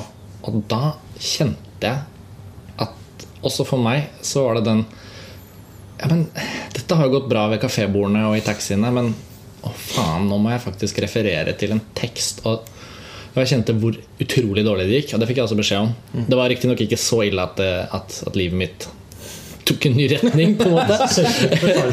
Nei, men, jeg, men, jeg, men, men det var nok en gang Det var så gjenkjennelig den følelsen av at man Liksom, Det som er litt gøy, skal jo også bare gli greit av gårde. Liksom, man, og det er sikkert litt sånn skandinavisk ting å se for meg. Liksom, sånn trygge, gode liv, og hvis du liksom sjarmerer deg av gårde. Så, og den, den utgrunneligheten i en depresjon som, som hos da noen, ikke de fleste, men hos noen, kan bare sprenge gjennom en sånn tynn overflate når den motstanden kommer. Og den kommer i alles liv en eller annen gang. Kanskje den hadde kommet fem år senere. Eller. Men så kom det i den muntlige eksamen for Kirsten. Og da, og da smeller jo filmen veldig til òg. Ikke med virkemidler. Det er like sånn Men da bare kjenner man Å nei, vent litt. Og da er identifikasjonen med liksom, følelsen av å sitte der i det rommet Ja. er så sterk at det er liksom for meg i hvert fall umulig ikke bli ganske kraftig sånn nervøs og Det er et referanseverk når det kommer til muntlige eksamener. Ja, men men det er der jeg er litt altså Hvis det er lov å komme med en bitte liten innsigelse også eh, mot denne filmen. Jeg, jeg kjøper alt av, av intrige, kjøper alt av disse vare rollefigurene som dere har tegnet opp, og situasjonen og sånne ting. Men det er et lite element som fungerer som en slags forfremdungseffekt for meg da, i denne filmen. Altså, som trekker meg litt ut av det som er formålet, nemlig å suge meg opp i dette. Og det er, det er, eh, det er dialogen, altså. Eh, Litt hvordan den er skrevet, litt oppstyltet og litterær og litt unaturlig, føler jeg. Og litt hvordan den leveres. Det syns jeg er veldig variabelt fra scene til scene, hvor troverdig og overbevisende eh, den, denne skrevne dialogen er. Eh, Og jeg har ikke noe imot fantastisk eh, dialog. Den, den kan godt være litterær også, men da krever det enda mer av skuespillerne leverer den på en, naturlig måte. Jeg skal komme tilbake til en film litt seinere på lista som, som jeg syns løser det helt glimrende. i 'Kjærlighetens smerte' syns jeg det blir litt eh, vanskelig å, å, å kjøpe det. da. Det er bare en bitte liten innsigelse. Absolutt, og jeg tror jo at filmen, filmen vil nok oppleves litt forskjellig av forskjellige. Og i forkant av opptaket så har vi jo snakket litt om det, og at du likte den ikke like godt som, som oss andre tre. Og i forhold til de tingene Det tror jeg også er litt interessant å ha med i en diskusjon om denne filmen. Da. Fordi For meg er den en veldig sånn Det er som en sånn øh, Opplevelsen er så, emosjonelt medrivende at, øh, at jeg på en måte verken lengtet etter mer sofistikert visuelt formspråk eller på en måte noen sånn utvidet eh, realisme eller troverdighet i gjengivelsen. Jeg vet ikke om det var akkurat det du savnet, da, men jeg følte i hvert fall ikke at eh, dialogen eller bildespråk eller noe sånt Det kom ikke i veien. Nei, nettopp. Jeg følte at den emosjonelle liksom sånn Jeg, var liksom opp, jeg var liksom ta, hadde tak i den taustigen, og helikopteret bare dro meg opp. ikke sant? Skjønner du? Men jeg så den med en person som syntes den var dørgende kjedelig, og som sov halve filmen og virkelig, virkelig følte at den var irriterende fordi hun jenta på en måte ikke var tilstrekkelig sympatisk. Men der, og det er jo en helt uh, grei mening å ha med den filmen. Jeg syns likevel at uh, At det gjør meg ekstra Det gjør at jeg får ekstra godt øye på de tingene jeg liker ved den. Fordi man blir liksom utfordret av det. Og det, og det jeg syns er spesielt, er hvordan den klarer å, å dra det derre tunge løftet det er å skulle skildre noe som er så vondt, og som er så ille. Og utover i den filmen så blir den jo en av de øh, verste egentlig filmene jeg har sett om, om hvor ille et menneske kan på en måte ikke skade seg selv med vilje, men liksom være sin egen destruktive kraft. Og det, og, og det tenker jeg også Det synes jeg nesten er rart at det ikke lages flere gode filmer om. Jeg tror de aller fleste har eh, kjent noen som har slitt med psykiske problemer, eller at man har gjort det selv. Eh, og eh, jeg har vel aldri, tror jeg, sett en fremstilling på film av det. Eh, som jeg har opplevd som så autentisk. Eh, nå har ikke jeg vært rammet av det selv, men jeg har vært pårørende for folk som har det. Og jeg opplever at den filmen på en veldig sjelden måte eh, klarer å ikke gjøre noe sånn spektakulært eller noe vulgært ut av det. Den, den, er, den er alltid en skildring av mennesket, ikke av sykdommen. Og det syns jeg er eh, Det syns jeg gjør filmen veldig spesiell. Og Nils Malmros sine filmer har liksom en, jeg synes de har en livsvisdom som, som også på en måte forplanter seg inn i formspråket hans. Jeg, altså han er jo på ingen måte noen virtuos. Men, men jeg vil jo si at han er, er desto mer sofistikert. Det finnes ikke en ikke, det er aldri en bortkastet innstilling i en Nils Malmros-film. Det er aldri et bilde som ikke betyr noe. Nei, Han har en veldig respekt for eh, både menneskene han skildrer i filmen, og ja, hvert bilde, nærmest, som du var inne på. Det er, det er en, han skaper en sånn opplevelse av at hvert bilde, hvert ord teller. Og det blir liksom understreket nettopp at eh, Ja, det er så nedpå jorda. da eh, Måten han gjør det på. Men jeg jeg har også forståelse for at det, hvis ikke man blir liksom dratt inn i det fra starten av, at det er vanskelig å kanskje la seg rive med av det. Men, men for meg så Eh, han, han har liksom så kontroll på det han driver med. Og har, det er så tydelig at han har valgt å gjøre filmene sine på akkurat den måten. Eh, og han har denne klokskapen som liksom skinner igjennom. da Så Og det, og det du snakker om der, eh, handler jo også litt om måten han skriver dialog på. For jeg kan også godt forstå at man kan ha litt ulike opplevelser av det. For det er veldig litterært. Eh, han skriver jo også hvordan det leveres. Da. Det er ikke bare hvordan det er skrevet. Nei, det er to, to sider som må være i balanse. Men han er jo også litt sånn eh, notorisk eh, kjent for sin måte å instruere skuespillere på. At han er jo veldig sånn Han vil at det skal være akkurat sånn. Han vil at en replikk skal leveres med akkurat det toneleiet, med akkurat den rytmen. Han er sånn som skulpturerer skuespillerne sine. Eh, noen takler jo heller ikke å jobbe med han. Altså Gita Nørby, eksempel. Oi! Der ble det åpnet en Farris-flaske. Beklager. Jeg prøvde å gjøre det på en elegant måte, men det lot seg ikke gjøre. Litt liv kan man tåle her i denne podkasten. Ja. ehm, men Gita Nørby for eksempel, jobbet med Nils Malmros på Årets by Night og sverget eh, at hun aldri skulle gjøre det igjen. Hun syntes det var helt forferdelig å ikke få lov til å liksom, by på seg selv som skuespiller mer. Da. Men han, alle filmene hans, bortsett fra 'Barbara', handler jo om hans eget liv. Eh, Altså på samme måte som Knausgård, så blar jo han seg tilbake til sine egne minner og gjenskaper dem. Det er på en måte det han kan. Eh, og, så, og så gjør han selvfølgelig Det er masse elementer av fiksjon der, men eh, 'Kjærlighetens smerte' handler jo om kona hans. De fleste av hendelsene i den filmen er basert på, på, på hennes liv. Og lærerskikkelsen er jo på en måte han. Eh, Nils Malmros selv. Men som sagt, masse, det er masse elementer av fiksjon inni her. Men uh, alle de erfaringene som filmen bygger på, er hans egne. Og når man, det, bare for å si det da, I det intervjuet vi har på montasje hvor du har snakket med Nils Malmros, så, jo, så får man jo en ytterligere forståelse av hvordan han har hvordan han har konfrontert det selvbiografiske underveis i filmografien sin. Eller underveis i de forskjellige typer filmene Det er også veldig interessant som supplement. Jeg hadde jo da lest intervjuet før jeg så denne filmen. Eller eh, ja, noen andre filmer enn Barbara. Og Barbara er jo ikke et sentralt tema i det intervjuet. Men, eh, men jeg synes jo det er en veldig Man blir jo voldsomt imponert over eh, både balanseringen av en fortelling som uavhengig av det selvbiografiske skal fungere for publikum, og, og portrettere en tematikk som er universell, eller som mange kan kjenne seg igjen i, samtidig som han selv i sitt indre eh, sikkert har hatt ting å streve med, og en annen type balansering som sikkert er vel så krevende som den publikum får se. Da. Så jeg syns det var ekstra eh, interessant når jeg da så min første ordentlige Nils Malmros-film i forbindelse med 'Kjærlighetens smerte'. Nå har vi jo fremhevet Malmros da vi har sett han på 63.-plass. Ja, absolutt. Men, jeg, men det var veldig gøy å, å, å ta den utfordringen eh, med å liksom vurdere denne filmen til listen. Eh, ikke som en av de man så på 90-tallet, i hvert fall for min del. Og liksom hadde et kjært forhold til. Og de har vi jo både snakket en del om, og vi kommer jo til flere. Og sånn sett syns jeg denne skiller seg ut på en fin måte. Også fordi at dansk film på 90-tallet har blitt så veldig kroket fast i dog dogmebølgen og Lars von Trier. Eh, men det at Nils Malmros har eh, operert parallelt i Skandinavia, det, er, det er et veldig viktig element å ha med på listen. Og det er umulig å ikke unngå en viss sånn Vi sitter jo i Skandinavia, vårt blikk er jo skandinavisk. Og hvis vi hvis vi ble blinde for det som faktisk er bra utenfor vår egen dørstokk, da, og bare hadde fokusert på Taiwan, liksom, så hadde jo også det blitt litt unaturlig. Da.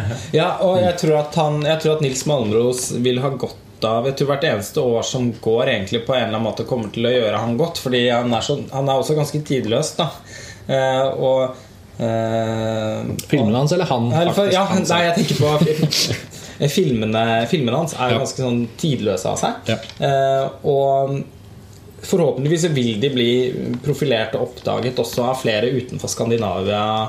Eh, De har jo til en viss grad blitt det, men der føler jeg liksom Dansk Filminstitutt eventuelt har liksom en jobb å gjøre. da Jeg så f.eks. at eh, Daniel Cassman, hovedkritiker i Mubi og Mubi sitt magasin Notebook, hadde vært på en festival i Europa, nå husker jeg ikke hvilken det var, hvor de hadde hatt en komplett Nils Malmros-retrospektiv. Han hadde først gått og sett én film. Og syntes den var så bra at han måtte gå og se en til. Og endte opp med å se alle. Han brukte liksom halvparten av festivalen på bare å se Nils Malmros-filmer. Og skrev en kjempelang artikkel, eh, artikkel som, og bare lurte på hvor kom denne fantastiske filmskaperen fra. Men det er jo, for å oppsummere litt knyttet til også det at vi har han på listen, da, så syns jeg det er en eh, sånn fin ting å føle på når man jobber med filmkritikk og jobber med formidling av film. og sånn, så, så er det noe med det at uansett hvor populær en filmskaper har vært i sin tid og i sitt land, eller hva som helst, så er det noe med at det, lukkes dører, og folk forsvinner ut av tiden, og mot, nye moter og ting forfølger andre ting.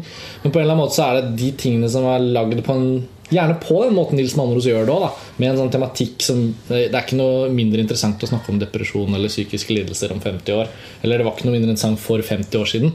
Andre ting er mer sånn der og da. Altså blir det liksom et, et, en artifact. Liksom, liksom, å, se på den snålingen fra 93. Det var rart. Mens, mens dette føles virkelig som en film som føles ekstra viktig å ha med på listen fordi den ikke er så 90-tallsk. Den har jo egentlig veldig lite spesifikt med 90-tallet å gjøre. Den har mye mer med det menneskelige og tematikken sin å gjøre.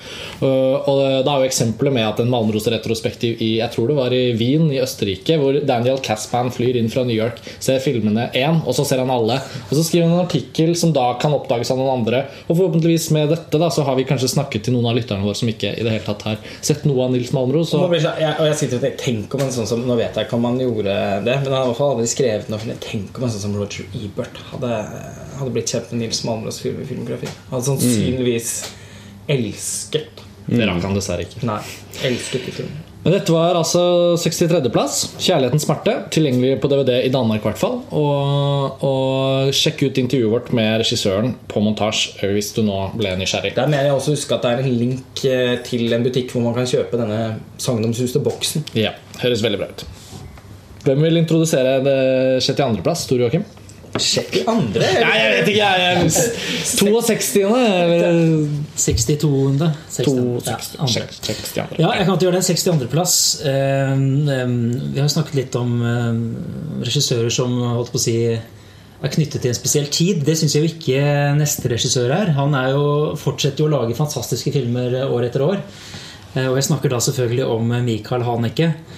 Som vi da måtte ha med med selvfølgelig kjerneverket, eller mesterverket, noen sier Funny Games, fra 1997. En film som vel har blitt eh, nesten ihjelsnakket og ihjelstudert, i hvert fall innen akademia. Med, med forhold til publikums identifikasjonsstrukturer og ikke sant, alt dette her greiene her. Ja. Eh, så spørsmålet er hvor mye mer vi kan si. Ja, jeg føler vi går, fra, vi, går fra en, vi går fra en film som kanskje veldig få vet om, til en film som nesten folk vet om selv uten å ha sett den. Eh, på et eller annet vis tror jeg Hvis man har snust litt på filmhistorie, eller er litt, sånn, litt over gjennomsnittet filminteressert, så har man et forhold til Funny Games. Og hvis man ikke har sett den, så er jeg sikker på at mange er så flaue over ikke å ha sett den at de bare spiller med. Ja, Funny Games, ja. ja Den, ja. Fy søren, for en film. Eh, men, eh, ja. Den var vond. Men, men Funny Games er jo også uh, gjelddiskutert eller ikke et ganske utrolig og spesielt originalt og fryktelig filmverk. Jeg husker veldig godt første gang jeg så den filmen. Og det var litt basert på at det var en sånn snakkis. Og så tror jeg sånn på en VHS. Eh, Jeg tror, vet ikke om det var en Arthouse VHS eller hva det var, men det var liksom i VHS-ens død overgang til DVD-fase. Et par år etter at den har gått på kino. Jeg synes den var eh, Apropos VHS og, og TV-skjermer og ting som skjer i filmen. Altså det, nei, jeg syns den var vanvittig sterk. Eh, Det skal sies at Jeg har ikke sett den igjen etterpå, men jeg har et klokkerent minne av den filmen. Og det var den første Hanek-filmen jeg så. og, og kanskje det er en film man ikke skal se så altfor mange ganger. Eh, Det Frykten er jo litt at eh, noe av verdien ved den kan bli begrenset av at man avslører ting hvis man ser den igjen. Ja, fordi jeg hadde også et helt fantastisk første Eller fantastisk er vel ikke ordet som dekker det. Et, et, et veldig Gruoppvekkende. Gruoppvekkende, rystende gjennomsyn med den filmen da jeg så den for første gang. Da gikk jeg på videregående, kjøpte den på DVD på platekompaniet. Det var nettopp i den sånn der sånn Denne vet jeg jo at jeg må se. Ho. Og så satt man der. Eh, og så har jeg sett den ganske mange ganger opp gjennom særlig studieårene. Den amerikanske nytolkningen. den må Jeg har også sett den amerikanske remaken. Den er jo helt lik. Helt lik. Altså, ja. Jeg har fa- Psycho Ja, morsomt. Da må vi bare bruke ett minutt på det. Jeg, jeg har liksom tenkt i mitt stille nå at mitt neste gjennomsyn med, med Hanekes første Funny Games skal pares med et, gjennomsyn også med hans andre Funny Games. Sett det opp samtidig på Ja. en split screen, og så har du han, han har jo, For de som ikke vet det, da så lagde han altså en remake eh, på 00-tallet av Funny Games som heter Funny Games US. Og som da ja, du som har sett den. Den er helt identisk. den, Ja, ja. Engelskspråklig. Men, Men, ja. og Tim Roth, er det ikke det? Ja, og og Michael Michael Pitt og Brady Corbett. Yes. Så der har vi dem. Og jeg har kjøpt den. Og jeg har også tenkt For jeg har ikke sett Gus Van Sands remake av Hitchcocks Psycho. Og den er jo i farger, så det er det jo en påtagelig forskjell. har jeg skjønt da.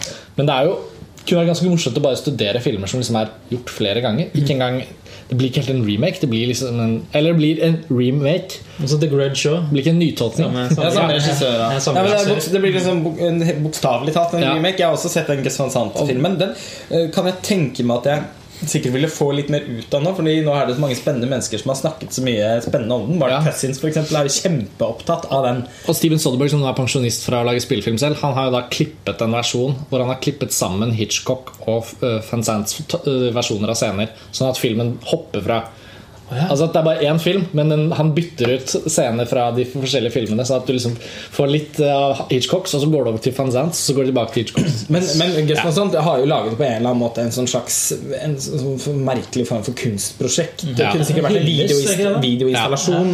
På en måte den Men det er jo ikke det Michael Haneke gjør med sin remake av Funny Games. Hans poeng med å lage den helt lik Ja, for det var det jeg skulle spørre var jo om. at han, eh, han For det første så var han jo så fornøyd med originalen eh, allerede. Og de fleste filmene til Michael Haneke er såpass møysommelig gjennomtenkt at jeg tror det er sagt, på en ja, måte. Jeg tror ikke det er så mye rom for justeringer. Alt det der Det kan vi komme tilbake til. Det kan også være et problem med noen av filmene hans.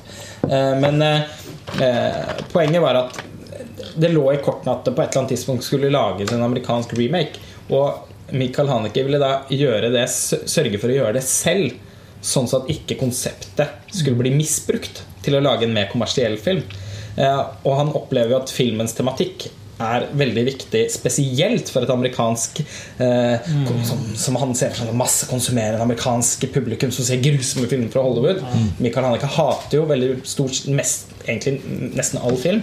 Bortsett fra de han lager Jeg er, sikker på at hvis, Besson og- at hvis man har telt opp, så liker han 47 filmer. ja, jeg tror det liksom er noen ja, Jeg leste en intervjubok med Haneke i fjor eh, sommer som både var veldig spennende og morsom å lese, og som og til tider også irriterte meg noe helt grenseløst. Nå har vi også et, en Q&A med Michael Haneke på montasje. Altså Denne podkasten er egentlig bare ment som en reklame for artikler vi allerede har. Så, vi bare kommer til å fortsette å referere til. Kaster over den. Men, eh, men han sørget jo da for å få laget den selv. For, ikke, for at den ikke skulle liksom skjemmes om som kompromisser. Og han valgte å lage den helt lik fordi at han allerede var så fornøyd med originalen. Så derfor er filmen innstilling for innstilling så å si da eh, nesten helt identisk. Nå, I tilfelle noen da ikke har sett Funny Games og trenger å vite hva den handler om til en fest, sånn at de kan referere til den som om de har sett den, eh, hva er, det hva er liksom kort sagt ideen plottet? Bare for å ha sagt det. Plottet er at det er en familie som skal tilbringe en langhelg eller hva det er, på sommerhuset sitt. Eh, to voksne og et barn. En sønn. Og så ringer det på eh, en eh, gutt, en relativt ung gutt, sånn 18-19-20 år gammel kanskje. Kanskje yngre òg, det har jeg ikke helt noen idé om. Men som er kledd i hvitt. Har på seg en sånn hvite hansker. Golfhansker, Golf hvite golfhansker. Eh, og sånn hvit trøye, hvite shorts, hvite sokker. Har en veldig spesielt oppsyn. Og så kommer inn og spør om han kan låne to egg. Og så klarer han gang på gang å miste disse eggene som han får låne da, eh, av hun i utgangspunktet hyggelige dama. Eh, og, klarer, og, etter hvert så blir hun irritert på han. Nei, men nå, nå har jeg på en måte gitt deg åtte egg, eller noe sånt. Nå må du nesten Og så klarer han å komme bort i telefonen, den bærbare telefonen deres og plumper den oppi vaskekummen. Hvorpå hun blir litt sånn ordentlig irritert. Sier, «Nei, du vet hva, nå, nå må du nesten komme deg ut her. Ikke for å ødelegge noen naboskaperne, men nå Og så står det en til der. En jevnalder, altså hans gutten sin kamerat, kledd i akkurat samme type kostyme. Og som Hei, er det noe problem? Hva er det som har skjedd? Nei, det er ikke noe problem. Det er bare Nå vil vi være for oss selv. Hva er det som har skjedd? Hva, dette må vi jo Og treng, presser seg inn. Og da begynner Da er det jo allerede ubehagelig, Ja. men det blir jo ikke noe mindre. Psykologisk spill, og det er, eh, det er Da- altså, psyk, ja, psykopatdialog altså, Ja, da begynner funny games, da. Ja. kaller det, altså. Mm. games have begun. The Hunger Games. In a funny version. Ja. Eh, hvor de da sperrer denne familien inne i sitt eget hjem og torturerer dem eh, både fysisk og psykisk i et døgns tid. Uten å, så kan man ikke helt røpe hvordan det går. da Nei. Men det er jo Ekstremt Det er en av de mest intense filmene jeg har sett. Sånn, også på, det er jo laget masse spennende psykologiske thrillere og sånne ting, og hvor mind games og sånne ting er en del av det. Jeg tror nesten aldri har sett en så intens Nei, den er, f- jeg, det- jeg syns den var foruroligende fordi den ikke føles Den føles ikke som en skummel horrorfilm hvor du kan avskrive det som en film. Nei. Dette er bare på film. Det føles veldig ikke sånn. Selv om den mer enn noen Ja, annen vet film. Jeg- også er bare på film. Jeg vet det, men det er jo det som, ja, det er jo det som er så er fantastisk. sånn At han ikke, intellektuell han ikke gjør noen ting. Ja, han gjør noen ting som gjør at filmen både føles som en film, men også er den så jævlig uhyggelig. Det er, liksom, det er en så god idé til, til jævlige folk. Skjønner du? Altså, han, sånn, han undergraver jo hele tiden publikums behov for katars, altså for, Ja, for eh, forløsning, ikke sant? Ja, og sabotere Både på en sånn sadistisk måte. Altså, uten å røpe for mye. Men dette blir så abstrakt for de som ikke har sett den uansett. Så jeg tror ikke det er farlig, farlig å si Men i båten på slutten med kniven som har blitt plantet i den båten, altså man tenker at nå skal den bli Og så nei. nei. Altså sånn, så blup, rett ut i Det er jo et veldig spill med i det hele tatt, det å se på film. Ja, Ja, og liksom og, jeg, og som vi sa innledningsvis, så har jo denne filmen blitt uh, ihjelanalysert. Da sier man vel at den aldri kan analyseres igjen eh, litt. Og det mener jeg ikke, for den kan nok hentes opp og brukes, og den er jo ikke ferdig, for å si det sånn. Men den er blitt snakket om så mye at jeg tror vi kunne jo på en måte helt sikkert tilbrakt en lang lang, lang podkast med Hanekes filmer og snakket inn og ut om Funny Games hit og dit. Men i forhold til 90-tallet og sånn, så syns jeg jo også at filmen fungerer som et veldig interessant korrektiv til andre filmer som kom på 90-tallet. Som vi også er glad i, og som vi også har på listen, men som på ingen måte har den distansen til sitt eget. Altså, Så jeg- så den, jeg- så den er jo et spennende som du sier, et korrektiv til de an, an post, filmene som leker seg med postmoderniteten. da Ja. 'Natural Born Killers' Ja. eh, eller eh, Tarantino sine filmer, for den Ja. saks skyld. Eller David Lynch sine filmer. Eh, Michael Haneke sin film, egentlig litt i motsetning til det du sa i stad, så er jo akkurat Funny Games veldig 90-talls, egentlig. For den er veldig en sånn en film av sin tid, Ja. men som likevel distanserer seg veldig eh, bevisst fra nesten alle andre filmer som kom i samme periode. Paradokset er jo at den, den snakker om noe som ble ut av tiden den uh, lever Ja. Ja, men den, den- den, ble jo en veldig, veldig Den ble en veldig tydelig del av ting som foregikk på 90-tallet. Men samtidig så er jeg enig med Tor Joakim i at den, når vi snakker om den nå, så føles jo ikke de tingene, de temaene, Funny Games altså sånn, Alt det Funny Games handler om, handler den jo like relevant om nå. Og jeg tror på sett og vis at den kommer til å Apropos tidløshet, da. Og det gjelder jo veldig mange av filmene på listen vår. Det er jo derfor de også er på listen. Jeg tror det er et sånt fellestrekk. Veldig mange av filmene som har kvalifisert til de topp 100 vi har valgt ut, har hatt det ved seg. Jeg tror vi har brukt det ordet ganske ofte når vi har diskutert.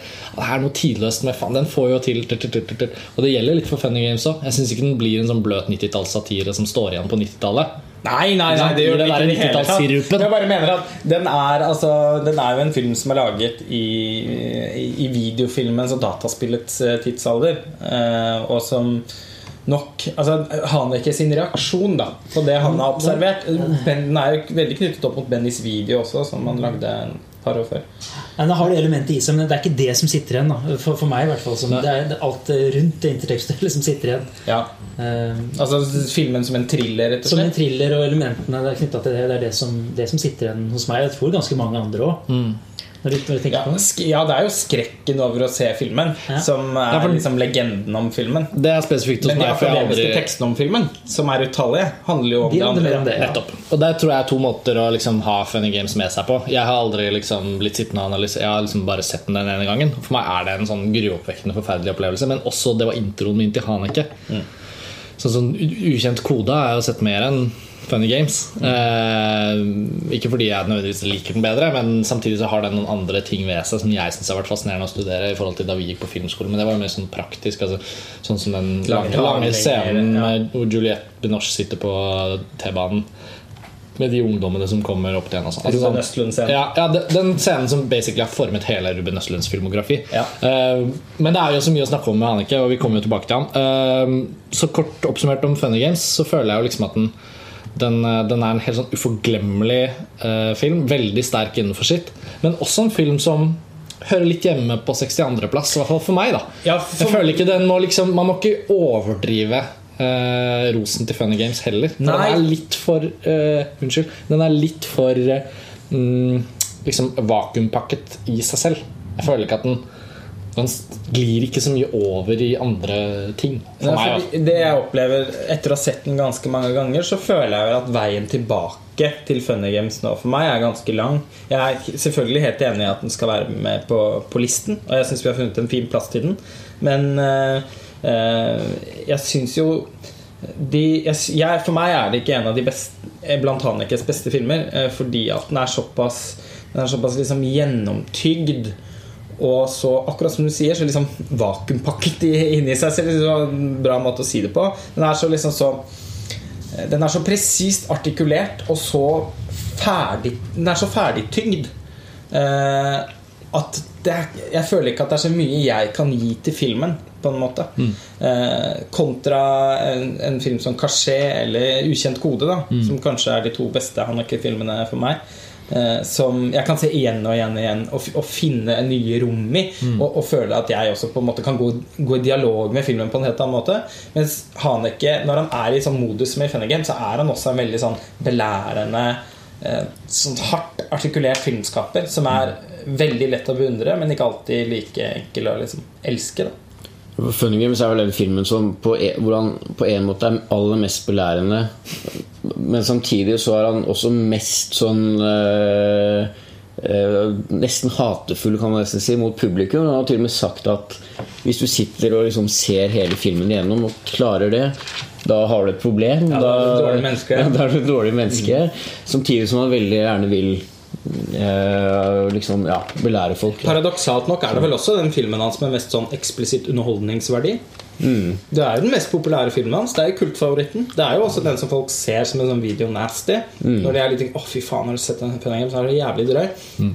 Så på en måte så, så Han lykkes jo uansett med prosjektet sitt, men den har jo skapt noen Det er ikke alle reaksjonene på den filmen som er i tråd med det han håper på. Nei. Selv om vi er ferdig med å snakke om Funny Games nå, på denne podkasten, så kommer jo ikke samtalen om Funny Games og Hanek til å ta slutt uansett. Det kan vi vel slå, vi slå fast. slå fast med. Vi skal videre til 61. plass.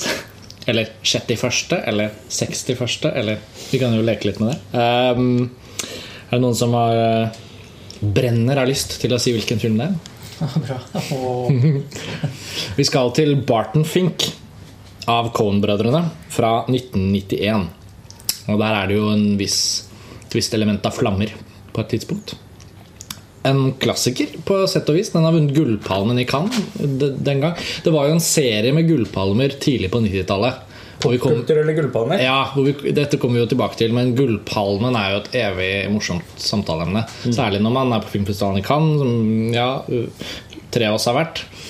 Du kommer dit, du, du også, en tur, Joakim. så mye filmmusikkfestival. Eh, ja. men, eh, nei, men altså, Gullpalmen er jo en veldig morsom pris å diskutere opp og ned og mente, fordi den er, en, den er gitt av en jury som endrer seg hvert år, og Cannes-festivalen med alt sitt bryskete merkelige. Men jeg husker da jeg hadde sett uh, Barton Fink, og la merke til den vant Gullpalmen. Ja. Og så senere, så liksom jeg har fått satt meg bedre inn i Gullpalmens historikk, og ditt så er det jo egentlig det er jo veldig kul film å gi Gullpalmen til. Og nå husker jeg ikke alle de andre som var i hovedkonkurransen det året. Men, men når man ser sånn, det, sånn, En sånn film ville aldri fått Gullpannen nå. Nei, men ikke sant For Det er et eller annet merkelig med- sånn Sex Lies and Videotape, Wild at Heart, Barton Fink, Pole Fiction Oi! Ja. Hva var det Cannes-festivalen på en måte prøvde på Ja.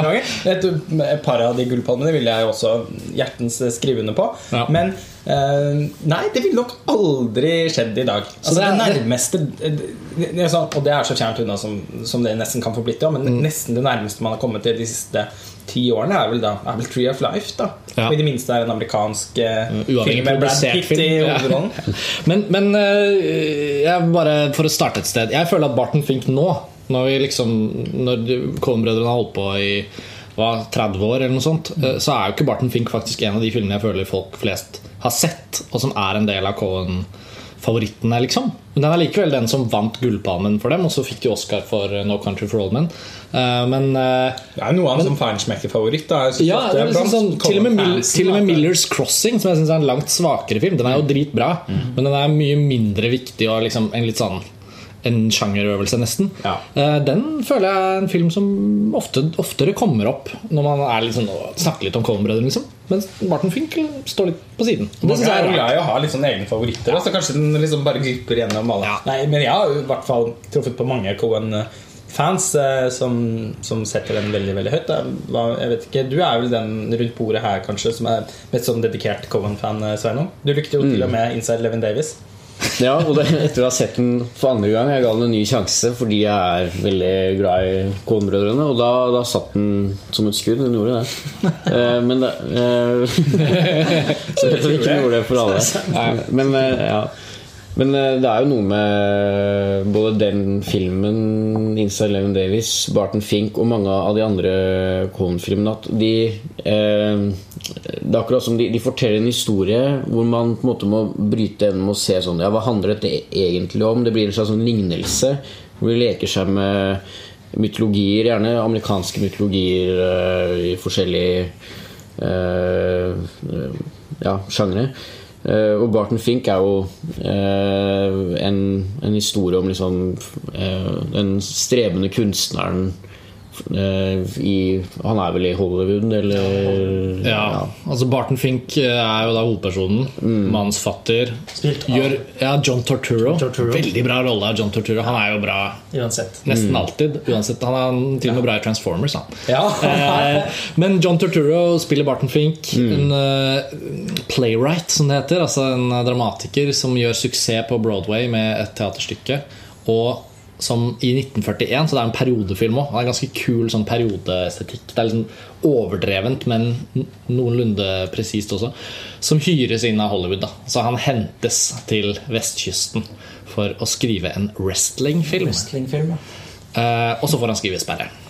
Så sitter han på et hotell som er rart allerede når han går inn, men det blir jo ikke noe mindre rart når han begynner å lytte til naboen. Han prøver å unngå å skrive dette manuset. Han prøver å liksom fokusere alle andre steder. Eh, Denne naboen har spilt av John Goodman i en Ja. av hans eh, kanskje beste roller òg, muligens. Ja, altså, og det er litt sånn jeg tenker på, for jeg var jo ikke der i 1991 til å liksom måle den. Men var John Goodman veldig liksom profilert og berømt før denne filmen? Det føles liksom sånn. Han sånn spilte jo spilte en del store sånn eh, Steven Spielbergs 'Always' og så en del litt sånn store Den- ja, ikke noen stor film, kanskje. Ikke noen stor film, men eh, Han Men spilte ja. vel i den Flintstones-filmen. Det var mitt første det var, ikke, med- det var ikke i 1991. Det var, den så jeg på kino.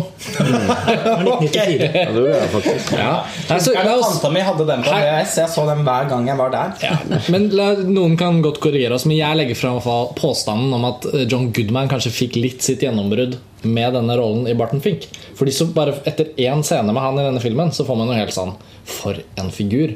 Og han spiller jo nesten samme typen, syns jeg, i alle andre Det, altså, han, får, får sitt gjennombrudd som en viss type Ja, det, ja, det er det jeg tenker. John Goodman-typen, liksom. Spiller ikke han den figuren i alle filmer? da? Omtrent sånn som Woody Harroldson er den samme i hver film. Men på en måte så er det vel det er, Ja, kanskje. Sammenligning for øvrig.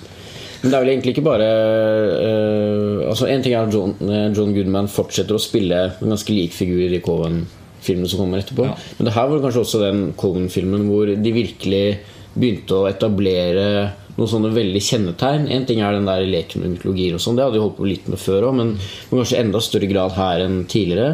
Også liksom disse andre typene. En sånn tjukk mann med mye makt som sitter bak et bord og er sinna. Og, Han, studio, han studiobossen. Ja. Ja, fantastisk veldig- figur, han òg. ja, liksom, Han kommer jo også tilbake senere, han skuespilleren. Ja, ja, ja. Kanskje Mm. det også er en ting? Eller nå skulle du kanskje til å si det? Nei, men tenkte jeg først og fremst på liksom den typen karakter, men sikkert også skuespilleren. Ja, fordi det skuespillergalleriet i Barton Fink Hvis vi begynner å oppsummere det, så er det jo alle er jo skuespillere som nesten, nesten alle blir jo med videre i Cohens filmer. Coen-brødrenes filmer Men jeg vet ikke om de var med i Arizona Junior og sånn. Right, yeah. Og en, eh, altså hvilke, Unnskyld, men hvilke filmer var det de hadde laget før Barton Fink? Blood Simple, Ja. Headsucker Proxy Nei, den kom Arizona. etterpå. Ja, Hudsucker Proxy kom ok. etterpå. Ja. Uh, Miller's Crossing, vel? Ja, før? eller er den etterpå? Nei, den er før. Den er 90, tror jeg. Okay. okay. Så det året Ja. Nå er det ingen Altså- som sitter med internett her, ellers hadde vi sjekket de stille før. vi Ja, men det er tre, og tre filmer før her. Uansett, da, fordi i hvert fall I Barton Fink så har vi jo Steve Buscemi som han hotellresepsjonisten. Vi har John Goodman som han eh, naboen, for å kalle han det. Og han, nå husker jeg ikke navnet på han skuespilleren, men han som spiller han studiobossen. Den mm, tynne barten. Ja. Eh, han er også med i flere filmer senere. Eh, og selvfølgelig John Torturo. Da. Mm. Men det, det, som, det, det som sitter igjen med den filmen, eh, for meg som ikke, har, eh, som ikke husker så mye av handlingen lenger, eh, lenge siden jeg har sett den, det er jo noen sånne enkeltinnstillinger, enkeltbilder. Vi snakket i stad om dette liksom, flammer og brann, og uh, bildene av dette hotellet, liksom forfalne, rare hotellet. Eh, det er jo det som sitter igjen for meg. Da. Det, og det er for meg veldig sånn Cohenske bilder òg. Jeg har heller ikke sett filmen på ganske mange år, eh, så den er ikke noe nært i liksom min eh, Jeg har også problemer med å kunne snakke kon om konkrete scener og sånn i filmen. Men jeg var veldig, veldig begeistret for den. Og den følelsen av liksom at, at veggene på det hotellet mm. sånn, flytter seg innover mot hverandre hele tiden. Den følelsen de klarer å skape en sånn klaustrofobi på. Ikke så ulikt det man kan se i Roman Polanski sine leilighetsbundne filmer, Ja, sånn som The Tenant og Repulsion. Eh, Det er noe med temperatur i Barton Fink, faktisk. da Eh, på knytt- tale om flammene. Ja, jo, men det, blir det, det, det glir over eh, Jeg føler jeg har den ganske ferskt i minnet. liksom Den er ganske sånn svett. Den er sånn svett, ja. Ja. Den har en sånn, og det er noe med vestkysten og for han Barton eh, som kommer liksom til solen, California. Syns ikke noe om det i det hele tatt fra ankomsten av. Og så er det en sånn tapet på vegger og tak inne på det hotellrommet som flakker av. Ja, sånn, som om veggene svetter. Ja. Så prøver han liksom å skyve det tilbake, og så hører han lyd, lener øret inntil. Og så er det liksom noen som kommer og banker på, litt redd, åpner. Så er det John Goodman som forteller i vei om livet sitt, og så liksom blir han fascinert av det. Så er det dette postkortet som henger litt sånn elegant over skrivebordet, som får en betydning etter hvert. Det er veldig mye sånn Det sitter liksom i veggene i Ja, den i- filmen. Egentlig mye høyere grad enn de foregående filmene til Coen-brødrene. Så føler jeg at den er sånn, det er veldig definerende også i forhold til det. Ja. Det, det, det Ja. uttrykket. Det vil dyrke. Og det er jo nok av filmer Coen-brødrene har laget i etterkant som, som følger den som du snakket om i stad, Sveinung, den uh, malen da, i hermetegn, hvor det på en måte er en lesning av selve fortellingen vi følger, og en annen er liksom hva det egentlig faktisk betyr. da Og jeg føler Med Barton Fink så kan man jo helt bokstavelig talt snakke om at det er noe sånt eh, det er noe helvete Det er noe helvetes eh, foregår over det hotellet. Eh, og, og jeg føler at Barton Fink kan stå side om side med en annen altså, Ta David Lynch's Mulholland Drive. da De separerer seg selvfølgelig helt fra hverandre fordi de har så mange forskjellige ting de holder på med som filmer. Men dette med ankomsten av en forholdsvis ung, håpefull filmkunstner, liksom, skuespiller eller mannsfatter som kommer til Hollywood, og som blir møtt av et, et umulig univers som både er attraktivt og fryktelig på samme tid. Det har de filmene Det veldig er felles. masse, masse Og, og, og det er noe gøy med å se gode skildringer av, av Hollywood, på en måte. Fordi filmhistorisk sett så er det jo det mytiske land. Det er det Som liksom, vi senest eh, så i Maps to the Stars til Cronenberg. nettopp i år. Ja. Men det er, eh, det er kanskje disse absurditetene eh, hos Cohen, og liksom denne litt eh, svarte, skrudde humoren, og også denne symbolikken, som er, er veldig tydelig i Barton Fink, syns jeg. da At det er veldig mye sånne symbolske ledetråder og sånne ting. Det, det gjør kanskje at man i starten av filminteressen syns at Cohen-brødrene holdt på med er veldig kult, men så kanskje det liksom svinner litt hen etter hvert. Sånn har jeg også hatt det, selv om jeg fortsatt er veldig fan av dem. Men, men det, er, det er en veldig glede av å gjenoppdage deres eh, tidligere filmer. Altså. Jeg syns det er jo den her også, å, å se at det er ikke liksom bare noe sånn konseptuelt, en idé hvor de liksom eh, ja, inviterer til en bestemt lesning, og det er denne litt sånn absurde 90-tallshumoren eh, som litt sånn beslekta med Tarantino eller eller Gud forby Guy Ritchie eller alle disse ja, men det er jo forskjellige, det er jo samtidig som forskjellige kan være litt kult. Det er sånn Ja. tenåringskult. Ja. Liksom, Ja. jeg, jeg, jeg vil ikke at det skal reduseres til det, på en måte. Nei, men jeg, men jeg tror de det ikke viktige heller, også fordi at den er så filmografien deres er såpass rikholdig. Det er, ganske, det er ganske stor variasjon mellom de forskjellige filmene som Coen-brødrene har lagd.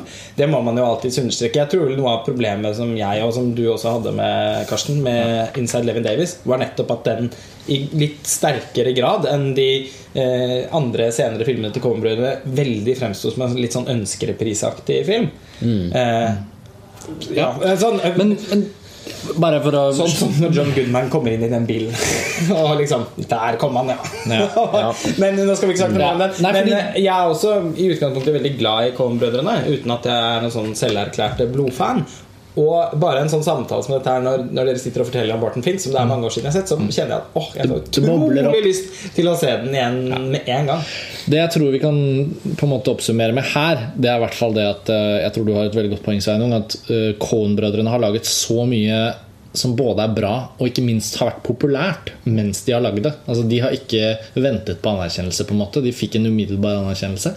De fikk jo Gullpalmen ekstremt tidlig i karrieren. hvis man Ja, eh, Ikke like tidlig som Soderberg og Tarantino, men tidlig de òg. Ja. Uh, og og jeg syns Barton Fink er en av de filmene som hjelper oss nå med å respektere de populære, gode filmene de lagde tidlig i karrieren, på en litt mer eh, tidløs måte. Eh, andre filmer faller litt fra. Selve liksom, den store samtalen om Coen-brødrene på 90-tallet Den kommer vi til å spare til litt høyere opp på listen, for det kommer en film til. Eh, men, eh, men jeg tror vi kommer til å plukke opp den samme tråden som vi er inne på nå. At hva, hva er det som holder, og hva er det som ikke holder? Og det er bare én film til som kommer, så da kan dere begynne å spekulere i hvem det er. Eh, Det var Barton Fink, i hvert fall. En film som eh, selvfølgelig kommer varmt anbefalt herfra. Eh, Vi skal over på nesteplass. Sjettiende, sjettiende Herregud, jeg klarer ikke å si dette i dag. jeg. Sekstiendeplass. Det er eh, Lars Oles tur til å si hvilken film. Ja, det er American Beauty av Sam Mendes. Sam Mendes Fra er Fra 1999. Fra 1999. Det legendariske filmåret 1999. Ja, å. Ja. Og eh, i mine øyne en av de beste fra det årene. Og faktisk en av de filmene som har holdt seg best. Der vet jeg at det både er litt uenigheter innad her, og egentlig ofte jeg oppdager i økende grad at når jeg snakker med folk om American Beauty, at den er liksom at den er langt mer polariserende i dag enn når den kom. Når den kom, så var det jo det årets desidert mest kritikerroste film. Ja. Vant eh, fem Oscar. Beste Ja. film, beste regi, beste manus, beste foto, beste mann i hovedrolle. Eh, og levde liksom bare på en sånn sinnssyk bølge av suksess. Og Sam Mendes, teaterregissør, veldig ung. Eh, Debutfilm. Debutfilm er jo på en måte en av de mest imponerende lag, altså gjennomførte debutfilmene i filmhistorien, tror jeg På. Cannes-festivalen i år, da vi hadde et ledig øyeblikk og skulle bare ta en drink og selvfølgelig begynte å snakke om film, så begynte vi å snakke om hva er tidenes beste debutfilmer. Eh, og det, vi skal ikke ta den podkasten nå, men American Beauty er jo som en debut. Bare for å kort si det, så er det jo enestående godt lagd, gjennomført, tenkt, balansert. Den har jo noe sånn mesterlig over seg som er så forbløffende å se i en debutfilm. Faren er selvfølgelig at du aldri helt kommer deg opp på det nivået igjen eh, som filmskaper. Eh, skal ikke ta hele Sam Mendes-analysen nå. Men en annen ting jeg bare synes er interessant å si før vi går veldig inn på American Beauty, er jo det, noe av det vi har vært inne på helt nå er det, føles det veldig lenge siden for dere som lytter, men på 96.-plass så snakket vi om Den sjette sansen. eh, En film som også kom i 1999. Og som begge de to filmene har det til felles Eller hele 1999 har det til felles at nå er det liksom akkurat gått Nå er det gått 15 år. Det er liksom såpass lang tid siden American Beauty nå. Det er liksom det første fase av en film. Den liksom gikk hardt ut, var en kjempesuksess, og alt det, og så kommer det alltid popkulturelle etterpå, og så blir den parodiert litt her, det er noen roser som faller fra taket, og det er noe sånn scary movie, og jeg vet da faen. Ikke sant? Alt det der. Og så går den gjennom den fasen, og så er det musikken alle hører på, og så er det skuespillerne som blir med i masse Musikken er vel Og så er det fortsatt Mena liksom, til reklamer og ja, sånn. men så er det sånn Mena Suvari og West Bentley som får masse roller. Og så hvor ble de av? Så Thora Birch, hvor ble hun av? Og så, skjønner du hva jeg mener? Og Og Kevin ble Sam Mendes av? Ja, jo, nei, men- dæven, han lagde James Bond. men. Men, men, skjønner du hva jeg mener? At det går noen sånne år hvor en så populær og bra film fra det året den kommer, har liksom noen år med en sånn hale hvor den fremdeles er der. Og så liksom et eller annet tidspunkt, akkurat som med Sjette sansen, da, så liksom så dupper den under overflaten. Ja. Så blir den litt borte, på en måte Bortsett fra at den går på TV. Alt det der. Ja, og jeg nå føler at er den tilbake igjen litt, da. I hvert fall her. Er. Hvertfall- ja, men det er litt det, i hvert fall for Ja. min del. Det er ikke lenge Også, nei, nei, det er ikke ja, det er, Jeg mente det er lenge siden på en måte jeg har hatt sånn American Beauty på bordet. Sånn Nå, dere. American Beauty. Og det begynte jo da vi begynte med denne listen. Ja. Men den var jo stemt frem så høyt uansett, så det var ikke noen tvil om at American Beauty skulle med på listen. Det var faktisk min... en av de filmene som virkelig fikk mange stemmer. Ja. Eh, og som redaksjonelt sett ble plassert nedover mot min eh, vilje. Ja, jeg føler at eh, American Beauty eh, kanskje hvert som vi, er, som vi alltid må si, så føler jeg liksom at hvis vi spoler fem år, ti år fremover, så er det sannsynlig at man re, Det er noen ting som endrer seg, vi endrer oss, allting endrer seg, men sånn som det står nå, så føler jeg på en måte at samtalen om American Beauty handler litt om å finne den riktige hyllesten, da. Ja. Riktig form for hyllest for en veldig bra film. Litt der vi sagt. Men nå har jeg sagt mye. Jeg tenker at Det er interessant hvordan den filmen har liksom, egentlig har litt sånn samme historie som Sam Mendes selv. Fordi eh, det gikk jo på en måte nedover med han, bortsett fra at han, han Fordi at den er så Uansett hva man syns om filmen, så går det ikke an å si at den ikke er fantastisk imponerende laget til å være en debutfilm. Det er, altså, det er et filmspråk der og et, et håndverk som er så forfina at det er helt utenkelig at denne mannen aldri har laget film før. Han kom rett fra teater eh, til film. Og han ble jo selvfølgelig en sånn Hollywood-darling med en gang. Så, herregud, hva skal vi bruke han til? Så lagde han en, ja, et mesterverk til, 'Road to Perdition'. Det er min favorittfilm av Sam Mendes. Og jeg tror han aldri kommer til å lage noe så bra igjen. Den er bare helt fantastisk. Vet, du og jeg dyrker en veldig sånn felles kjærlighet til den filmen. Også en film som mange syns er bare helt ok. Ja, Men den fikk, fikk jo faktisk også ganske sånn overstrømmende mottakelse når den kom, og vant også Oscar for postumt. Conrad L. Hall, han fantastiske fotografen som Sam Mendes hadde gleden av å kunne jobbe med på sine to første filmer. Dessverre ble det Roger Deakins etterpå, som jo ikke er på samme nivå. Nei da, jeg bare tuller. Men, eh, ja, Han har bare blitt nominert til 47 Oscar, eller hva det er. ja, men, han Anyway. men han har aldri klart å levere et sånn superinspirert arbeid for Sam Mendes, faktisk. Eh, Nærmest han har kommet, er vel faktisk Skyfall. Men så, Sam Mendes, Road to Prediction, og så blir det bare stille. Så kommer Jarhead. Helt ok. Helt ok. Eh, veldig få som ser den, enda færre som liker den. Eh, og så lager han The Revolutionary Road, nesten som en slags comeback. Veldig, veldig bra film. Away From Her Kom etter Revolutionary Eller Away We Go. Unnskyld, jeg blander med den Sarah Polly-filmen. Away, Away, We, Go, Go. som er helt jævlig. Det er en av de dårligste filmene jeg har sett i mitt liv. Ja, Eh, Men Away We Go, eller jævligste Det er ikke at den er så dårlig, den er bare så fryktelig. Ja, Men uansett, er den laget før Revolutionary Road? Eller? Nei, tror etter. Etter, okay. Så Revolutionary Road var, er en kjempebra film, syns jeg. Men, den, men det er likevel ingen stor film. Og den fikk ikke helt liksom Det ble ikke helt sus rundt den heller. Away We Go, den må bare eh, Glemmes. go. den, må bare, den må bare glemmes. Et sånt fryktelig stusslig forsøk på å lage en indiefilm. Det ligger ikke Han er en sånn superklassisk filmskaper. Man kan jo også si at han ikke er noe særlig til som Mendes. Han har bare veldig sånn klassisk uttrykk. Så får han lage James Bond. og nå skal han holde på med det. Og da føler jeg liksom virkelig at han har liksom forsvunnet ut i noe et eller annet som Selv om jeg er veldig glad i James Bond, så syns jeg ikke Skyfall var en spesielt imponerende film. Sam eh, Mendes. Sam Mendes har jo nå Eh, gått over til å bli liksom teknisk leverandør av regi i Bond-systemet. Nettopp. Og der er han Og er jeg per i dag. Ja, og, Og det er det interesserer meg ikke så mye. Jeg er interessert i bra Bond-filmer. pluss Samme hvem som lager dem. American Beauty. Nei, nå går vi nå går vi liksom ut ifra at alle vet eh, hva filmen handler om. Alle har sett den. Nei, nå, nei det var nå, men nå har vi tatt en runde. Også. Kan ikke du fortelle hva den Ja, handler nei, om? det, måtte, jeg, jeg måtte gå i meg selv og- for å tenke meg faktisk husker liksom historien som sådan.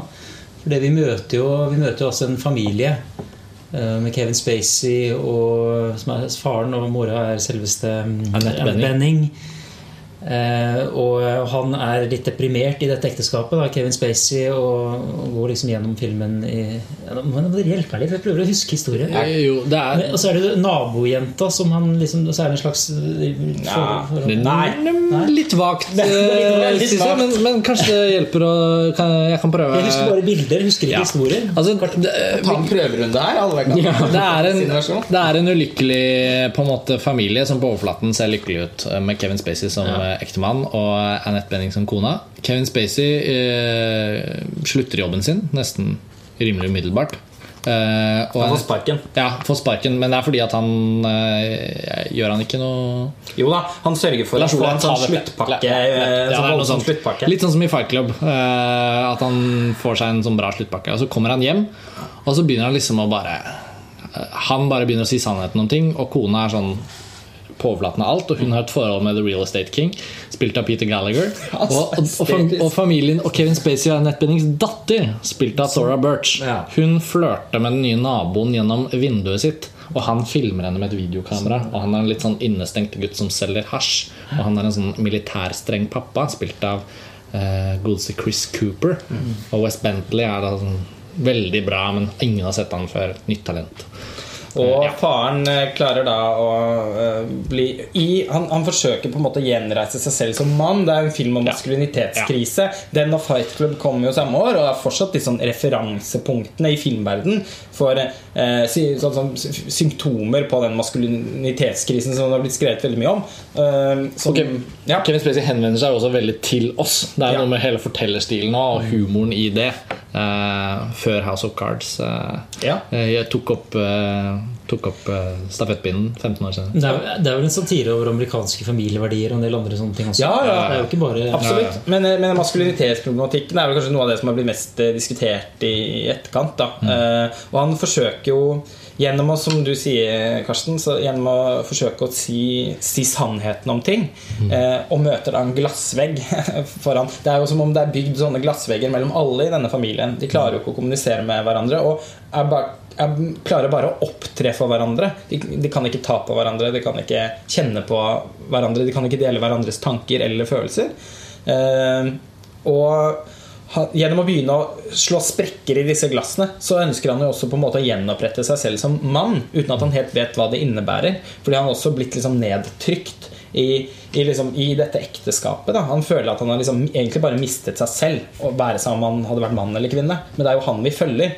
Eh, selv om filmen har Jeg synes kanskje den mest gripende rollefiguren i hele filmen faktisk er Anette Benning. Som gjør en hjerteskjærende god god rolleprestasjon. Moren som prøver å holde familien samlet gjennom å holde på løgnene. Ja, og når hun de gangene hun knekker sammen i den filmen, eh, så er det veldig, veldig rørende, syns jeg. Men, eh, men iallfall så er det på en måte det er han vi følger. Og gjennom at han skal forsøke å finne tilbake til seg selv, så må han Han, han beslutter f.eks. at penger og overflate og ting Det skal ikke bety noe for han lenger. Men det å være mann betyr noe. Han har lyst til å gjenopprette liksom sin egen seksualitet. Så han begynner å trene på et sånt patetisk eh, treningsprosjekt med vekter ute i garasjen. Han begynner å røyke hasj for å komme tilbake til ungdomstiden. Da kobles han jo sammen med denne nabogutten. Ja, Ikke sant? Fordi han, han kan projisere på en veldig sånn nostalg, veldig patetisk måte. Men også veldig morsom. Ja, også veldig Her morsom. ligger jo mye av filmens underholdningsverdi. Ja, På en nostalgisk måte så kan han liksom projisere sin egen ungdomstid inn i han gutten og på en måte liksom bli inspirert til å finne tilbake til den. Og så blir han stormforelsket i eh, datteren til venninnen sin. Eh, Venninnen til datteren. venninnen til Ja, datter ja. Venninnen til datteren, Ja. eh, spilt av Mena Suvari, Ja. eh, som er leder i den der cheerleader-gruppen. Mm. Som er veldig blond og sånn, sånn prototypen på en sånn som sånn en Lolita-aktig. Lolita-aktig figur. Eh, og begynner da å drømme om henne og søker nærkontakt med henne på de kleineste måter hver gang hun er på besøk i huset. Eh, og som igjen Og den, den kommunikasjonen som de får seg imellom, gjør også at datteren hans får noen erkjennelser om at hun heller ikke har klart å finne seg selv i det på en måte, miljøet som hun er fanget i. Og så blir hun kjent med nabogutten.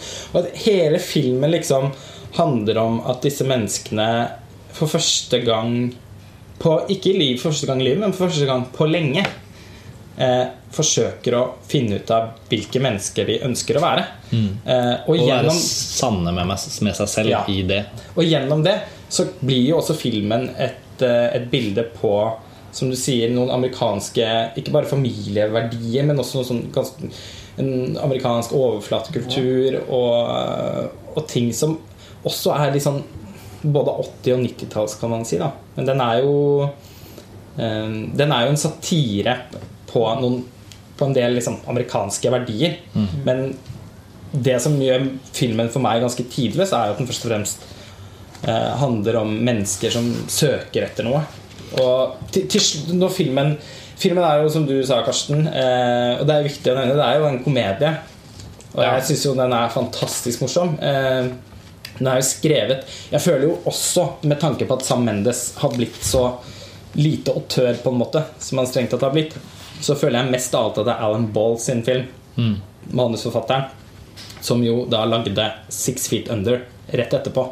Og for folk som er veldig fans av Six Feet Under, meg selv inkludert, så har jo American Beauty fortsatt en veldig veldig høy status.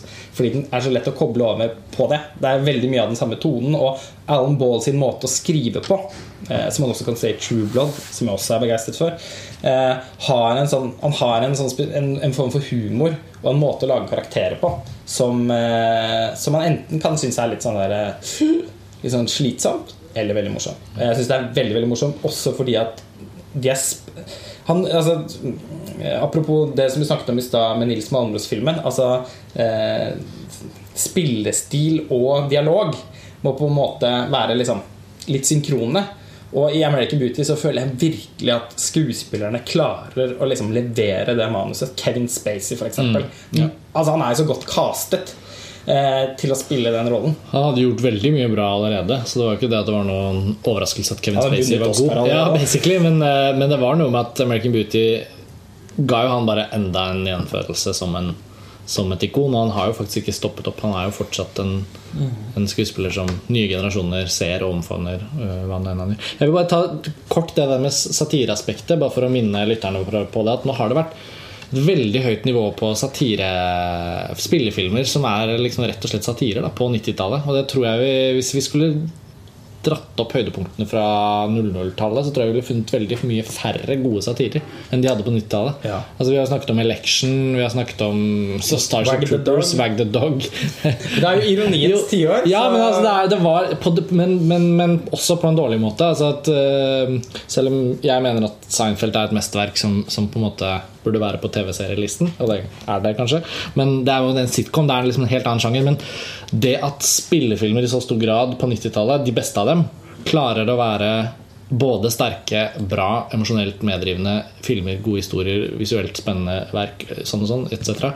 Men at de i tillegg hele tiden har den der satiriske ryggraden som stikker ennå. Og, som liksom, og det er jo der jeg ofte tenker at vurderingen ligger, og som gjør det interessant i sånn kanonisering som vi holder på med nå.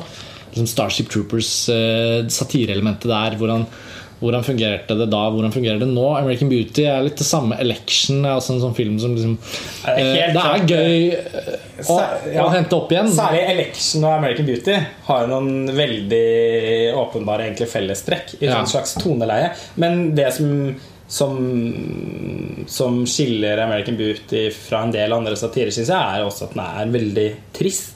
Jeg synes jo først og fremst Selv om jeg syns den er hylende morsom, syns jeg også det er en ordentlig liksom, trist film.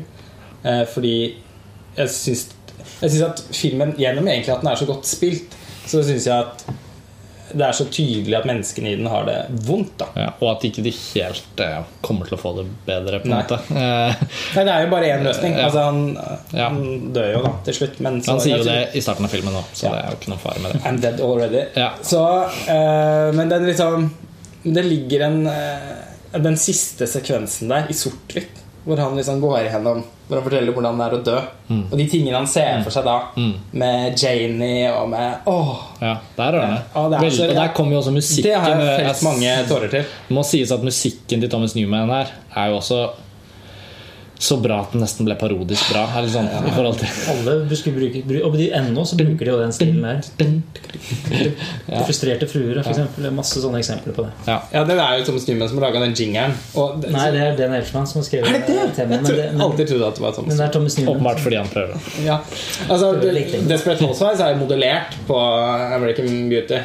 Og det er mange, den har jo fått liksom Sånn sett så kan man jo si at den er veldig innflytelsesrik. Da, både med selvfølgelig Six Feet Under, som Adam Boll har skrevet og laget selv, men uh, også Desperate Housewives. Og eh, den, det kommer jo også en del sånne sånn suburbia-aktige, satiriske amerikanske indie-filmer.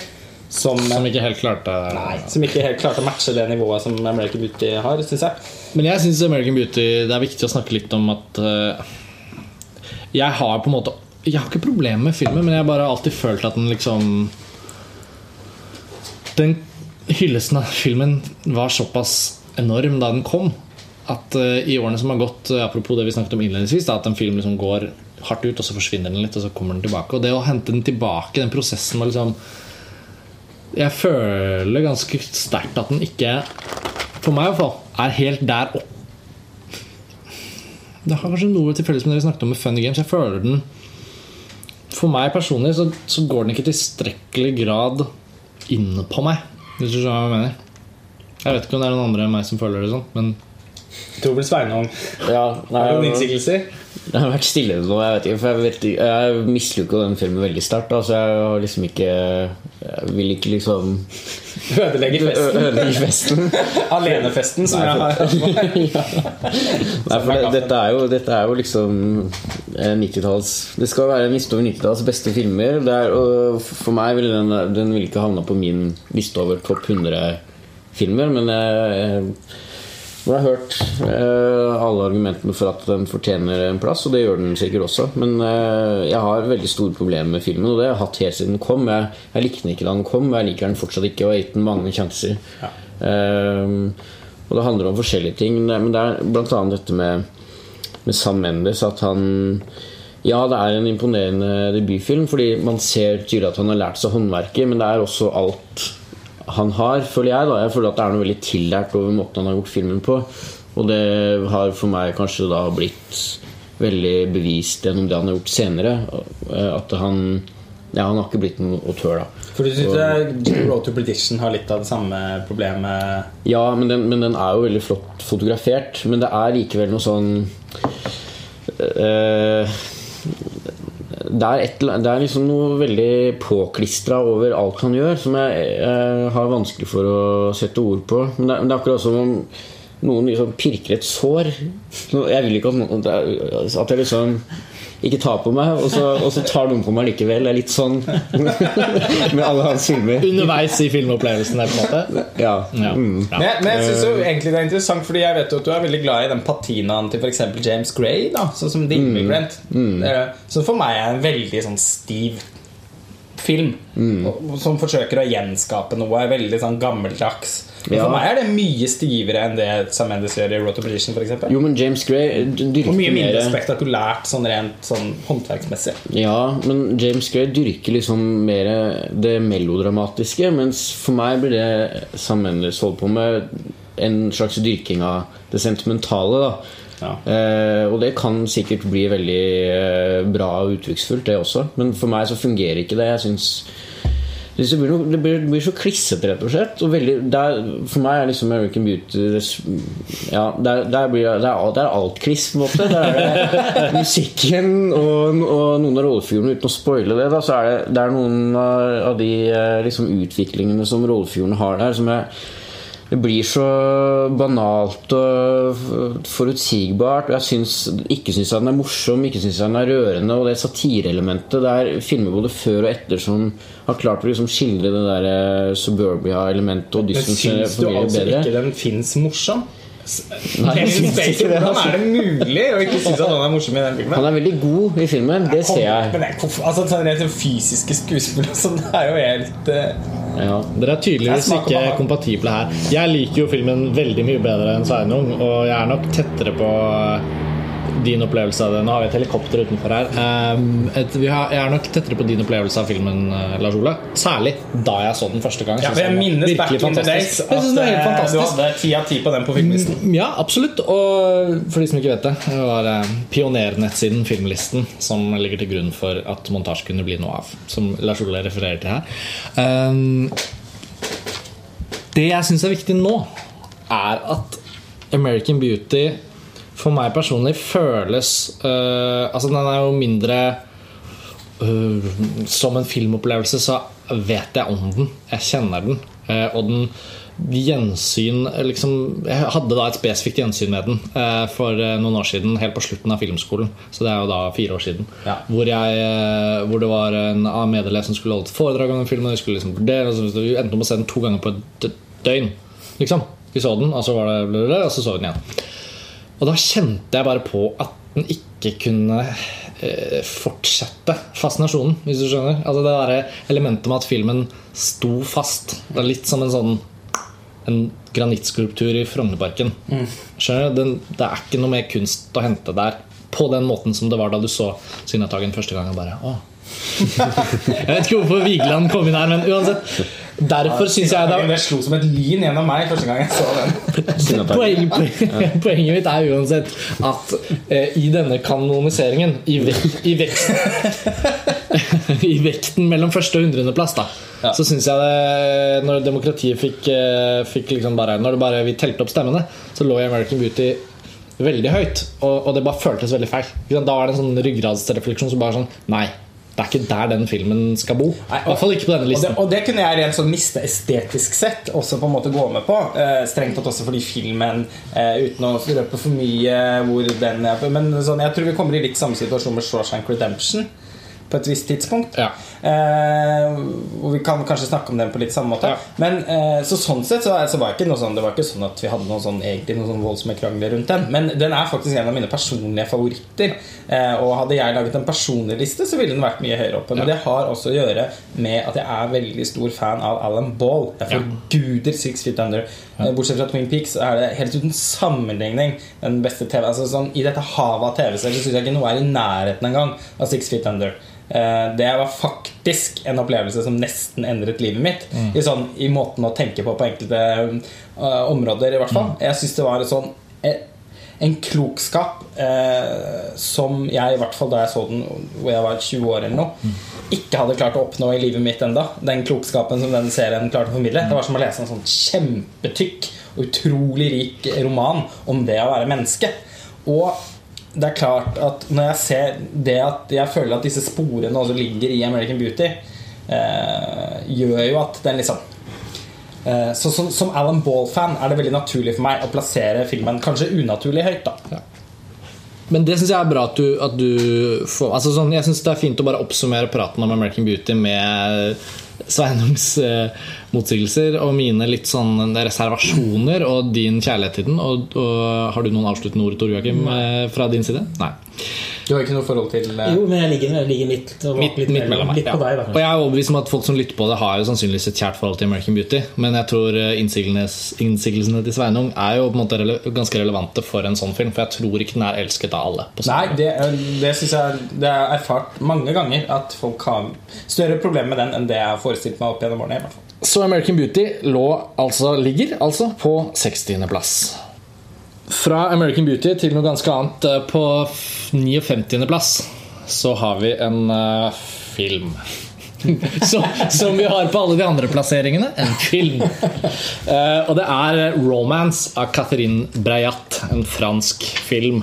En ganske ekstrem fransk film. Og sikkert en film som de fleste som hører på, ikke har sett. Også fra 99. For, Også fra 1999. Det er jo dette fantastiske året. Men ja, Den er vel sjelden innlemmet i de listene. ja, Den er vel sjelden innlemmet i noen lister, men eh, ikke desto mindre verdig en plass på våre lister. For her skal det gå litt fra det ene til det andre. Filmen er et betydelig verk, men den er nok ikke så høyt elsket som mange andre eh, filmer her. Den eh, fikk vel en ganske Denne filmen gikk på kino i Norge. Ja, Og du har vel minner om det? Jeg har sett denne filmen én gang, og den var uforglemmelig. Og det var på pressevisning da jeg var i min gryende karriere som filmanmelder. Jeg var, jeg var vel 17, kanskje? Kanskje 17. Jeg tror kanskje jeg var 16 til og med. Eh, så jeg var egentlig Jeg hadde jo på en måte ikke i sånn kinolovgivningens land navn rett til å se filmen på vanlig kino, men for den hadde 18-årsgrense. Men jeg så den på pressevisning, så det var greit. Klokken eh, ti på formiddagen på Filmens hus. Meget spesiell opplevelse, i og med at filmen med litt sånn overfladiske øyne eh, kan jo på en måte bare kalles for pornografi. Eh, og så er den selvfølgelig ikke Den er jo langt mer gjennomtenkt, kunstnerisk, dyptpløyende, reelt faktisk utrolig interessant verk. Og jeg likte filmen veldig godt da jeg så den, men den er såpass pornografisk i sitt uttrykk at den også er en ganske beklemmende filmopplevelse. Særlig da blant de voksne filmkritikerne på film. Så synes jeg det var ganske merkelig. Men ja, den gjorde utslettelig inntrykk. Jeg har aldri glemt den opplevelsen av å se den filmen. Og så har jeg sett flere Katrin Breiat-filmer senere. Satt veldig pris på det òg. Utrolig interessant filmskaper. Men uh, Romance står som et sånt litt sånn merkelig uhyre uh, side om side med American Beauty og andre. Jeg vet ikke Hvor skal man liksom starte med den filmen? Jeg har litt problemer med liksom anbefale den, jeg syns den er utrolig ja, må si liksom kort at jeg, er så dårlig på å gjenfortelle filmer jeg ikke har sett på en stund. Men det er jo altså en, en jente som går rundt i, i med seksuell frustrasjon. Ja, altså Det er en eh, ung kvinne som er sammen med Tor Joakim bare legger det over til jeg. Eh, Nei, som, eh, som er sammen med en ung mann.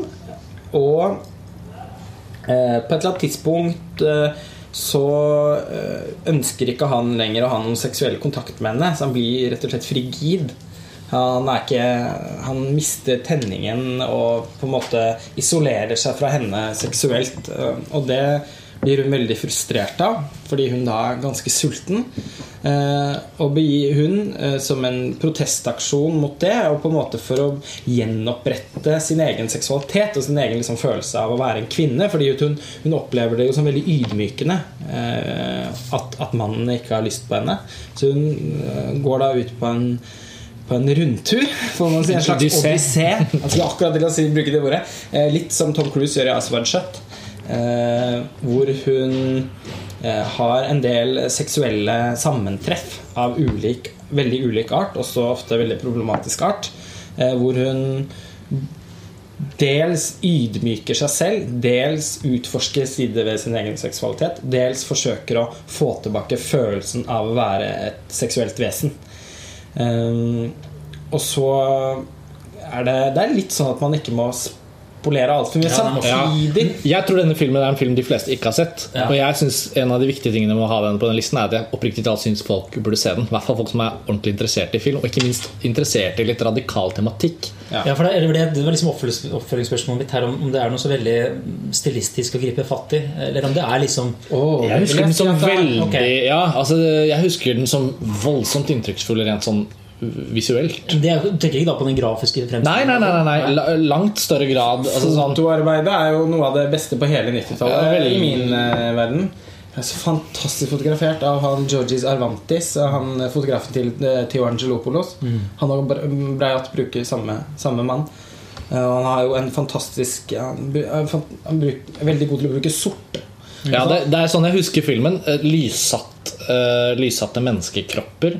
Sorgfulle uttrykk. uttrykk. Uh, ja, noe pornografisk oppi det hele, men også disse ild, ildsorte, skulle jeg til å si. Det er et uttrykk, det òg. Eh, bare skyggene. Sånn. fantastiske erotiske malerier eh, nesten gjennom hele filmen. Bruken av sort i filmer Det er mange måter å bruke sort på. Man snakker ofte når man skal kjøpe nye TV-er sånn, hvordan er, hvordan er sort, svartnivået og innsida. Ja, svartnivået på en måte da i foto i Katrin Breit sine filmer er meget sort. Så eh, bare liksom munnen til hun hovedkarakteren i Romance er som et sånn sort hull. Med sånn glitrende hvite risengryn av noen tenner. inne med, altså sånn Øynene er nesten litt sånn svarte, svart hår. Eh, altså, uh, hun, hun bruker svart eh, på en måte som gir filmene hennes en nesten sånn drømmeaktig karakter. Og det på tross av at de ofte er ganske sånn tørre og nesten sånn esaistiske, sånn som den 'Anatomy of Hell'. eh, Ja, denne Romance og Anatomy of Hell har ganske mye mer til felles enn eksempel med Fat Girl sånn visuelt. For den er mye dusere, og den har en litt mer sånn, nesten litt sånn sommerlig feel. Ja. Eh, før den går ned Ja, eh, samme i mørket. det er, det, Ja, den er også veldig mye sambruken av svart og sånn, da. Ja. Men romance er jo, er jo da uh, tilhørende dette 90-tallet som vi nå har Altså sånn Vi, snakket litt om Funny Games. Uh, Haneke, vi snakker om filmer som liksom Den kommenterer jo en tid, på sett og vis. Eh, den er liksom er, Kan man si at den er sånn, nesten sånn postfeministisk på en eller annen måte? Ja, det, det vil jeg si at den er. Den går liksom forbi det grunnlaget generasjonen før har lagt, Ja, altså- og, tar en ny eh, Det er bra at det er jo ganske radikal. Ja, Hun er en feministisk filmskaper, eh, men hun er en, som sier, en sånn radikalt eh, og ganske sånn utforskende feministisk filmskaper. Som jo er post, altså Postfeminismen åpner jo for at feminisme eller sånn at, at, sterke kvinner kan eh, få lov til å være kvinner på litt forskjellige typer måter. Også f.eks. gjennom å være en actionheltinne eller gjennom å dyrke sex. Eh, at, at, at seksualiteten ikke skal være definert av mannen eller opptre i mannens bilde. Så, så hun, eh, så hun eh, er, er helt klart en del av eh, en sånn postfeministisk diskurs, på en måte. da Men eh, men det, det gjør vel også at Katrin Berat ikke sånn, er sånn udelt eh, positivt eh, tatt imot i, i det man kan omtale som feministisk, av feministiske kritikere eller fem, i feministiske miljøer. Da. Hun er jo en kontroversiell figur, og filmen var jo også det hadde en ganske sånn sjokkartet mottakelse når den Ja. kom. Fikk eh, stort sett veldig dårlige kritikker. Eh, Litt, litt sånn, sånn mottakelse som Gaspar Noé kanskje fikk, eh, har fått i nyere tid, med reversibel. Altså den med Paradokset er vel at Gaspar Noé nesten har fått Sikkert for, litt fordi han er en mann. Han har i større grad fått en slags i hermetegn tillatelse til å holde på med det han gjør. Mens det er mer sjokkerende Ja, at en kvinne som Katrin Breiat velger å lage filmer og hun er ikke en ung kvinne heller. Nei, nei. Hun er like, hun, altså, på det, hun er eldre enn Chantal Akerman. Ja, ikke sant. Det er ikke ofte man tenker fordi Chantal Akerman har liksom gått litt ut av tiden. Da jeg leste om henne første gang, tenkte jeg hun er en sånn gammel filmskaper som er død. Ja, Eller sånn Agnes Varda. Ja, jeg, sant? men men, nei. Hun er yngre enn Katrin Bø. Så Katrin Bø har vært med lenge. Debut, jeg har sett nesten alle filmene hennes. Og debutfilmen hennes er Real Young Girl. Den er fra midten av 70-tallet. Som er nesten en sånn sexploitation-aktig film om en ung har jente hun har holdt på med det samme. Ja, hun holdt på med det samme alltid. Som opplever sin første sommer som, øh, som, ja, som sex, øh, Seksuelt aktiv. seksuelt aktiv. I hvert fall et referansepunkt likevel av denne romance Ja. fra 90-tallet. Absolutt og viktig. En viktig Sosiokulturell, altså på mange måter. Ja. Ja, absolutt. Og, og, og jeg syns balansen mellom å Nå er det jo filmene selv som for så vidt snakker Som argumenterer for seg selv og retten til å være en del av en liste som denne. Men jeg syns jo det er heldig og gøy at mange av filmene er mindre kjent for publikum i 2014. eh, Og at liksom noen må hentes opp igjen, og andre er veldig populære. Og sånn Og det skaper en sånn fin dynamikk. Og jeg syns jeg syns jo Romance har begynt å modne for et gjensyn, da, selv om jeg har sett den så, nå, 15 år etterpå. Den vil sikkert fremtre på en annen måte for meg. Jeg hadde ja, litt sånn håp om å få sett den igjen før vi skulle diskutere den. Men på sett og vis er jeg litt glad for at jeg ikke fikk sett den igjen nå. For bare det å ha den nå oppe rundt bordet her, så kjenner jeg jo liksom at jeg vet ikke om jeg kommer til å oppleve den filmen på samme måte. Sannsynligvis ikke. Min spådom er at du kommer til å ha ganske stor glede av å, å se den filmen nå. Eh, også nå som du har sett eh, en Flere del andre Breiat-filmer. Breiat-filmer. eh, Og Breiat har hun, hun har ikke liksom hun, hun har ikke en sånn veldig stor fanskare på en måte. Men Fat Girl har jo blitt, gjennom at den har blitt eh, lansert på Criterion og sånn, som også jeg syns er virkelig et mesterverk eh, Fat Girl og Bromance er for meg de to beste filmene hennes. Ja, Og- det må de nesten være. Jeg kan ikke skjønne de, Nei, noen eh, no, Anatomy of Hell har også en høy status eh, blant mange fans, men jeg syns vel de to Fat Girl og Romance De er liksom gode filmer. Ja. Det, Det de er ikke alle andre filmer hennes som er helt det. Men, eh, og derfor, eh, ettersom samtalen nå nesten også høres litt sånn tørr ut, da Så gjennom at eh, Fat Girl har begeistret ganske mange Den har liksom nesten blitt noe av en liten kultfilm òg, er mitt inntrykk, eh, i sånn Arthouse-miljøer. Og jeg håper veldig mange av de som ser den og lar seg begeistre den, både utforsker Katrin Breiat eh, sin filmografi i det hele tatt, men kanskje særlig da griper tak i Romance. Fins utgitt bare på sone 1 DVD, mm. men den er ganske, til ganske enkel å få tak i. Og stort sett billig å kjøpe. Jeg tror fortsatt de selv pleier å selge den på platekompaniet, faktisk.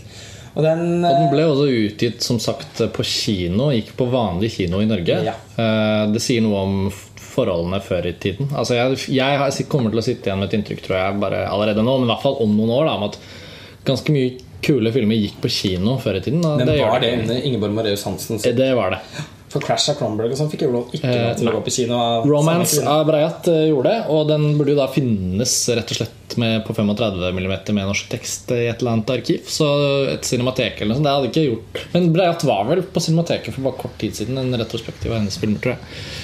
Jeg mener å huske det, for jeg gikk glipp av det, og så tenkte jeg faen. Anatomy ble i hvert fall vist Ja. der på et tidspunkt. Men for ikke så lenge siden. Men, eh, men ja, vi må videre. Men Romance er i hvert fall, på tross av alle, alle tem den tematikken og måten den Det er jo da som sagt en ganske sånn radikalt feministisk eh, eh, Den gjør en film som gjør noen grep, særlig mot slutten, som er også åpenbart lagt opp til å være en provokasjon. Noe som kan skape diskusjon. Mm. Det gjør den i Fat Girl òg. ja, jeg syns det er helt topp, eh, bare så det er sagt. Men jeg syns også det er viktig å understreke at filmskapingen er på et eh, kunstnerisk eh, På et kunstnerisk nivå da, er helt fantastisk.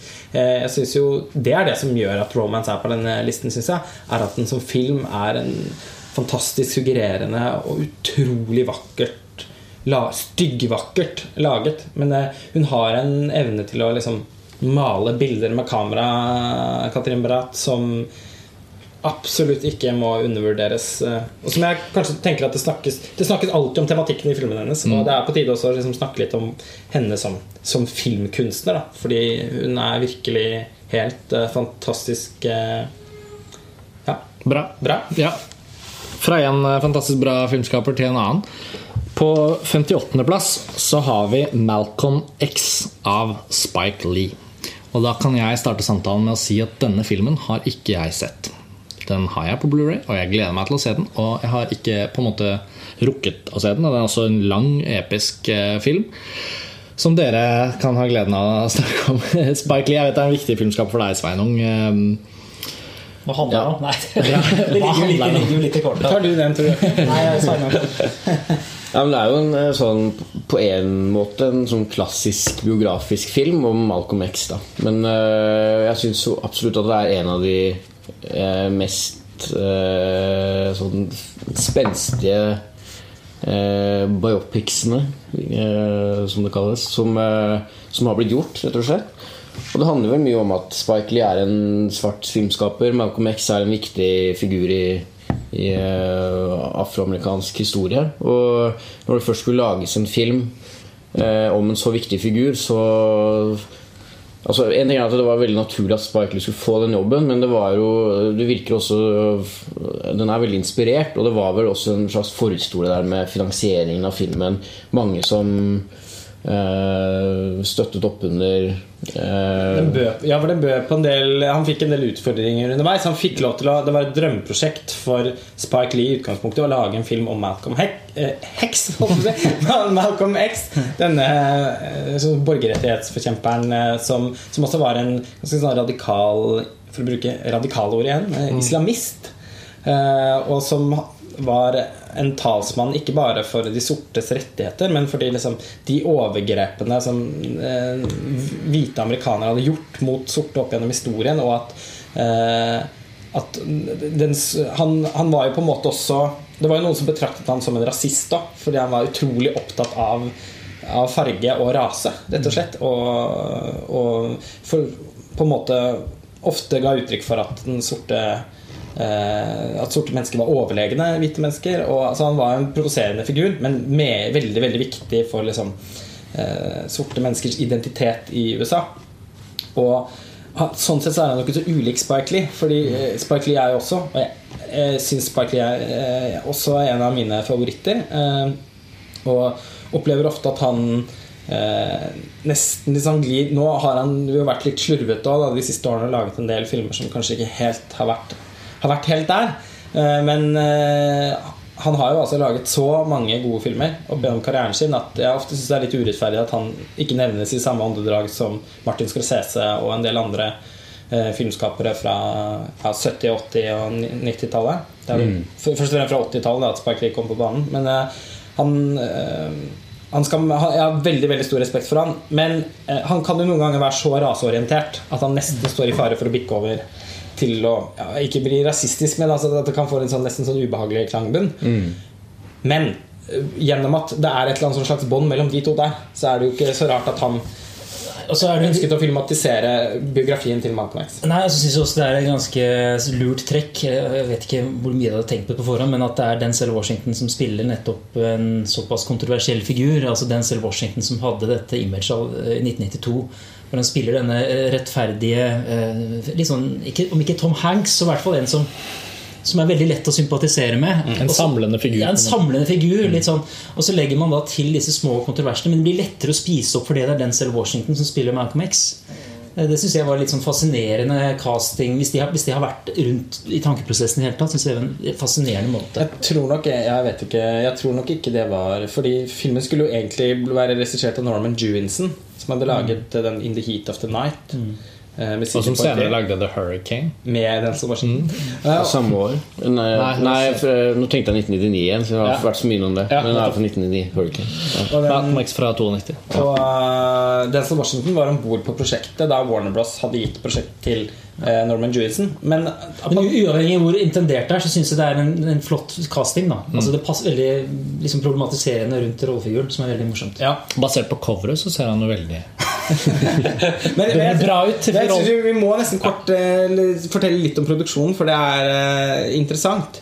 Altså, eh, Spike Lee hadde da kommet Han hadde hatt Do The Right Thing, som var en braksuksess, og var liksom på alles lepper. Jungle Fever òg var en Altså, var en snakkis. Han hadde liksom virkelig etablert seg som en betydelig filmskaper. Og han fikk da liksom Han fikk snust opp at Warner Bros. drev og planla en filmatisering av Det var allerede på gang. Malcolm X det var allerede på gang. Basert på Det det ble skrevet en biografi om Malcolm X som er basert på hans liksom, etterlatte skrifter. Og som da er et av Spike Lee sine liksom, eh, favorittbøker. Og han får da hasen på For det liksom snuser da opp det her. Og går ut og sier at han syns det er en skandale at det ikke er en svart filmskaper som skal lage filmen om Malcolm X. Og så er det mange som sier at nei, men herregud, det skal ikke ha noe å si. Altså, Skal bare svarte filmskapere kunne lage filmer om svarte, og, og motsatt? Nei, nei, det er ikke poenget, men akkurat Malcolm X Den skal lages av en svart filmskaper, og den skal lages av meg. Og så klarer han på en eller annen måte å liksom eh, få mørnet opp både Warner Bloss og Norman Jewinson til å forlate Altså han forlater prosjektet. Han liksom bøyer seg ut og sier Og han sier også at han vet ikke helt om han liksom fant noe vei inn i det manuset som var skrevet opp. Nei, det var greit, liksom. Og så får liksom bare Spike Lee den jobben. Så skriver han om manuset, eh, sånn at det blir sånn som han ønsker at det skal være. Og så skal han lage filmen. Og den skal være kjempelang og veldig omfattende. Og de skal må reise til, til Mekka, og de må reise til Egypt. Og det skal være en sånn stor, episk film. Hurra! Nå skal det endelig lages en sånn type liksom, biografisk film om en sort person.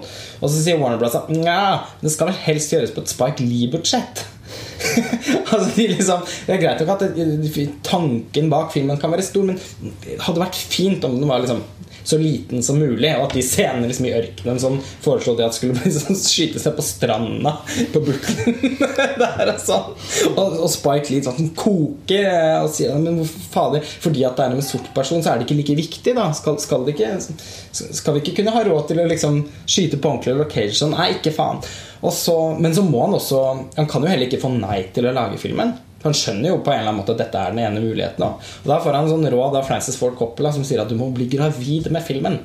Si, god, godta budsjettet, begynn å lage den, og så eh, må du kreve mer etter hvert. Og så var det det han gjorde. Så brukte de langt over budsjett. Eh, De, Warner Bros. krevde også at filmen skulle være på under to timer. Den er på 3 timer og 20 Det minutter.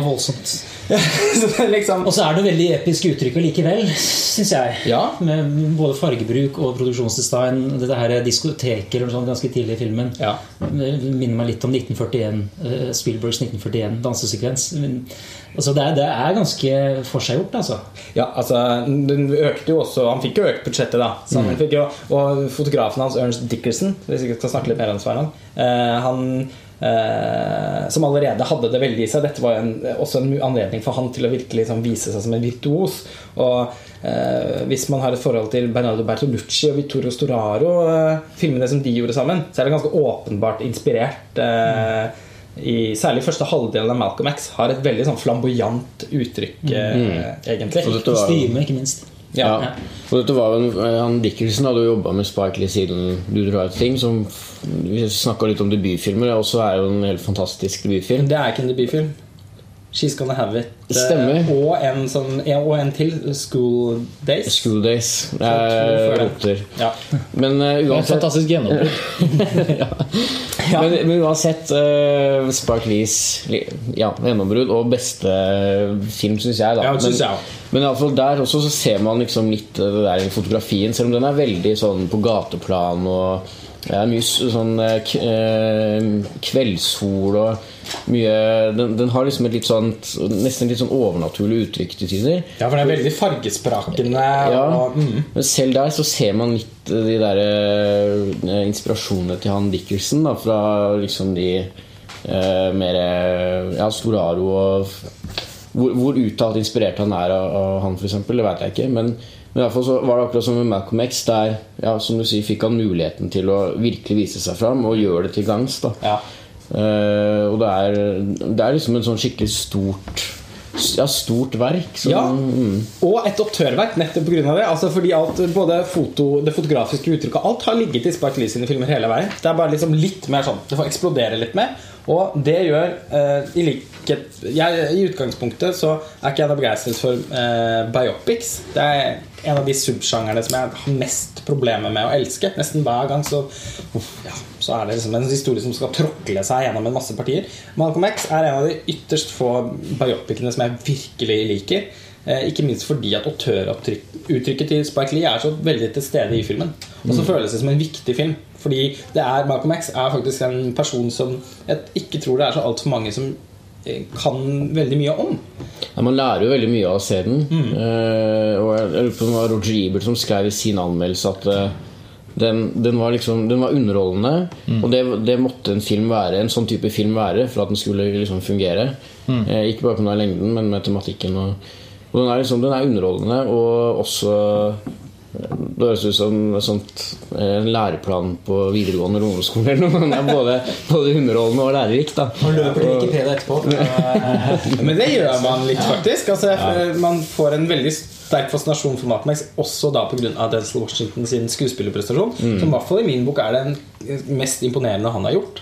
Mm. Jeg liker Nei. Denzel Washington, men jeg er ikke noe sånn synes Glory er hans Jeg liker den, jeg. Ja, han er utrolig bra i den òg. Ja. Der hvor han blir pisket og Det er veldig sjelden Denzel Washington er dårlig. ja, det, det er vel aldri, egentlig. Jeg kan ikke huske, for Han har liksom ikke rota så veldig mye med sjangere. Virker som han er ganske god til å velge men, filmer. men, men det, er, det er det som er så fint med den filmen. At han, at han, du, altså litt sånn som i Flight òg, til Robert Zemeckis, altså, uten sammenligning for øvrig. Hvor man da trekker litt sånn kontroversielle ting knytta til Denzel Washingtons image. Og det syns jeg, er, eh, det synes jeg er veldig fascinerende. Man har et snilt, altså, som du sa, sammenligna med Tom Hanks. Og det er litt sånn i samme båt for meg. Eh, og ingen av dem er skuespillere som jeg setter sånn sinnssykt høyt, men som jeg bare liker. Og, men akkurat Men eh, jeg altså, han, er, han er kjempebra i Glory, og til og med i American Gangster. Selv om filmen i seg selv ikke er det helt store. Han er jo dritbra Ja, Bra i Training Day, som han vant Oscar for. Den har ikke jeg sett. Nei, Han er dritbra i den. Det er ikke en stor film, da. Nei. Men den er Det er sånn ikke på Man on. Fire det er flere. Ja. ja, Ikke så mye der. Men jeg synes uansett altså den, Men i Malcolm X Ja. synes jeg virkelig han gjør en sånn kraftprestasjon. da Han Mm. har også, Malcolm X går gjennom ganske mange faser i løpet av livet sitt også, som han klarer å nyansere på en ytterst uh, troverdig måte. Mm. Og, han har, og han har en naturlig autoritet. Denzel Washington. Han er en sånn, når han kommer inn i rommet Han er litt som sånn svenske skuespilleren Rolf Lassgaard. Når han kommer inn i et rom, så er det sånn Å ja, da er det han som bestemmer. Sånn. Og det, det er det veldig i Malcolm X, for han var jo en ytterst autoritær person. Og så er det ikke noe med autoriteten Spike Lee også, da, sannsynligvis. På en måte Jo, bare få høre dere sånn- Ja, men uh, ikke i filmen. Han, er jo, han spiller jo en liten rolle der. Og der, på en måte så blir jo Denzil Washingtons karakter forsterka av at Spike Lee er en sånn spirrevipp som ja, løper rundt ved siden av og med lys stemme. Ja. Ja. Men, men som regissør, regissør. Nett, Og da blir det ekstra imponerende at han liksom har, det er han fyren der som har gjennomført dette prosjektet, på en måte. Og, ja. Og speilingen mellom Spike Lee og Malcolm X. Altså, jeg tror Spike Lee liker å liksom, liksom speile seg litt inn i det. Altså, Mm. Se på han som en av hans liksom, håndlangere Mm. i dag på en eller annen måte. Og det gjør prosjektet veldig personlig og unikt. Og eh, det som skjedde med produksjonen, var jo faktisk at til slutt så stoppet jo produksjonen opp i postproduksjon, for da nektet Warner Bros. å gi den mer penger. Og da var det sånn, da får de bare klippe det sammen, så vi bare få den ut, og så sope inn noe penger, eh, og så får filmen bli dårlig. Og da, eh, for det var vel det du var inne på for ganske lenge siden, da ble, det ganske mange profilerte sorte personer, som Oprah Winfrey og eh, Janet Jackson, Michael Jordan, Bill Cosby, altså sånn som, som spyttet inn privat kapital for å fullføre filmen. Og den er eh, ganske kjent for å være en av Roger Ebert og Martin Scorseses favorittfilmer. De har begge den filmen på sin topp fem for 90-tallet.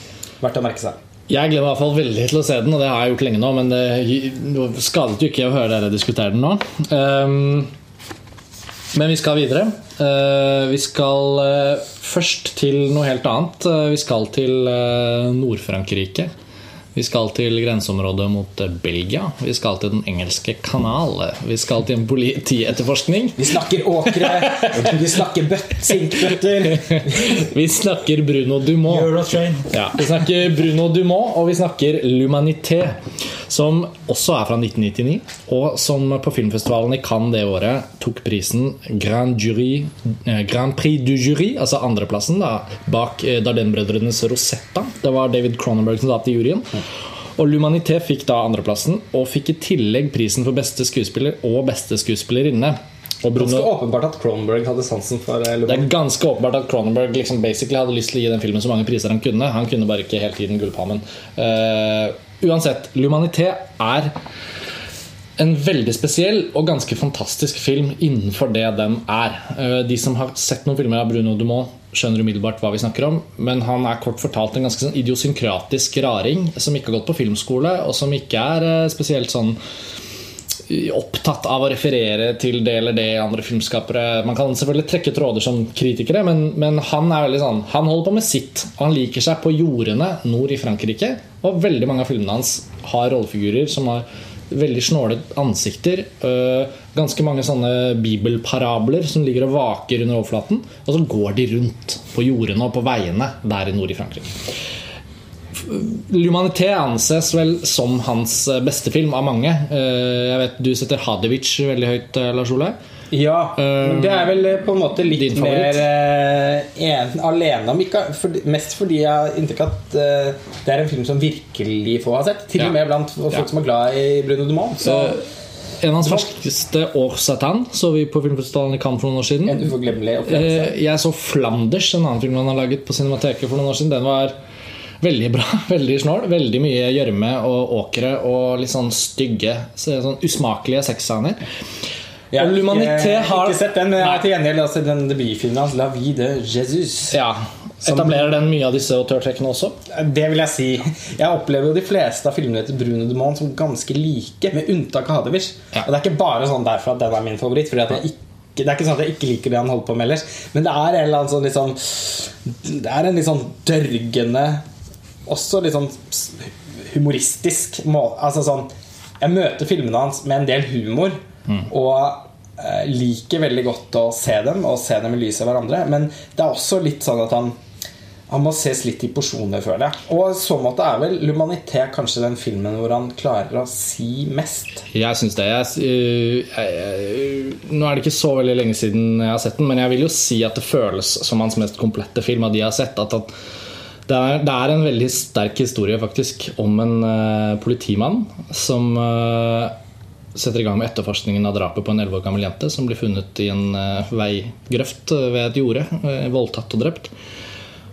Og etterforskningen foregår så sakte at den nesten virker ubetydelig. Og han har sin egen sorgprosess som vi etter hvert blir kjent med. Og han er også avstandsforelsket i sin nabo, som anser han som en venn. Han bor hjemme hos sin mor.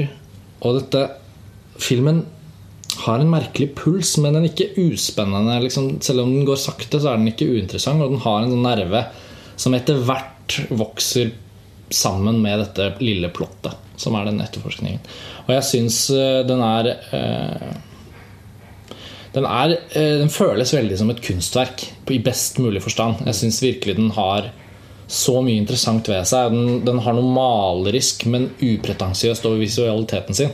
Den er liksom ikke sånn Et ansikt i den filmen kan være på en måte noen, noenlunde realistisk filmet, avfilmet, men fordi han tar seg tiden til å la bildet sitte, han tar seg tiden til å la rommet få sin egen liksom, lyd. Det kommer et smil når man forventer gråt. Det kommer en klem når man forventer et slag. Altså, oppførselen, alt beveger seg på veldig eh, egenartet vis, som gjør at filmen liksom tryller fram litt sin egen sånn magi. Ja, for han, Mystikk. Han iakttar jo menneskene på en veldig sånn tålmodig måte, og på en måte i deres omgivelser. Han, Ja. er- han, han og kamera er til stede i deres omgivelser. Det er noe sånn jordfarget. Ja, Det er sånn- det, det er det jeg liker så godt. Jeg, som ikke er så glad i krim, da, i Ja. utgangspunktet, syns jo synes det er flott at den biten kanskje er tonet litt ned, til fordel for dialogfrie sekvenser ja. hvor man bare kan betrakte akkurat det du beskriver der, Karsten. Ja. Eh, og forhold også mellom landskap og menneske. Ikke bare, ikke bare menneskenes egne landskap, men det forholdet der òg. De vokser jo litt ut av disse åkrene. Ja, ja. De er litt som sånne, sånne ugressplanter som har sånne røttene ute av jorden. De liksom sleper seg fra jorde til jorde. Kan jeg vokse her? Nei, jeg må videre. ja, Sånn og- og- fantasi. Ja. Ja, og så kommer de, og så er det noen fantastiske sekvenser som også er sånn helt sånn uuttalt. Altså Det er ikke noe sånn at filmen sier sånn 'følg med på dette', men plutselig er de ved havet. Og så stopper bare scenen opp, og så ser de utover havet. Og, og, jeg vet at når man hører denne beskrivelsen, så kan det høres ut som en viss type film, hvor man snorker eh, minutt- minuttet etterpå. Men det er virkelig ikke sånn i L'Humanité, fordi den har denne underliggende spenningen, og vi vet ikke helt Det er en slags who done it også. Det er noe med at vi ikke helt vet hvem som står bak den uhyggen som filmen starter med. Og det gjør den så spennende. Og jeg syns det er et veldig interessant og spennende verk også sånn i forhold til Sånn, ja, altså sånn, fordi Gullpalmen ble gitt til Darden-brødrene, samme kampfestivalen, så tenker man sånn, ja. Men så er det så veldig ikke sånn. For det er ikke noe realisme i den forstand. Men så er den jo ikke Den har noen sånne små Et, et nærvær av noe overmenneskelig eller Ja. noe større i Ja. nesten alle filmene til Bruno Dumont. Ja, men det er sånn minimalistisk symbolikk, Ja. liksom. Motiver sånn som tog, for Ja. eksempel, som går igjen. Altså, Ja. Som også går, Satchad Raj likte å bruke.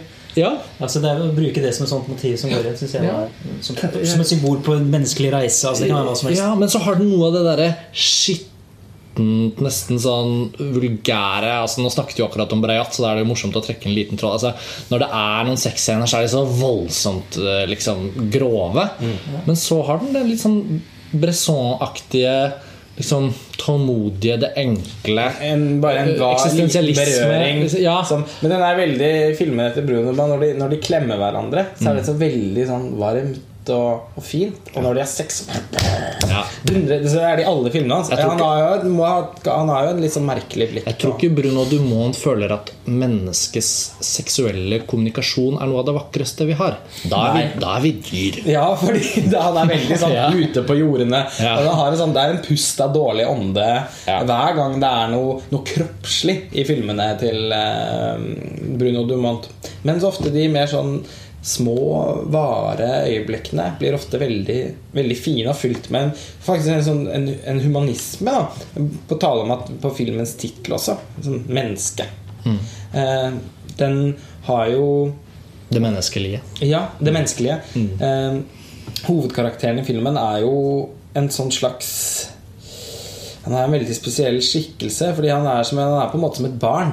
Jeg føler jo, Apropos Darden, så føler jeg også at filmen kunne het 'Barnet'. L'enfant. Ja. Fordi han, han er på en måte han, er, han representerer en uskyld i den filmen. Og det er så mye heslig rundt han Han ser ut som et barn òg. Han ser ut som et barn. Hele liksom opp, ja, babyface, liksom oppsynet hans. Det er flott at Cronenberg ga skuespillerprisene til de to hun jenta og han hovedpersonen.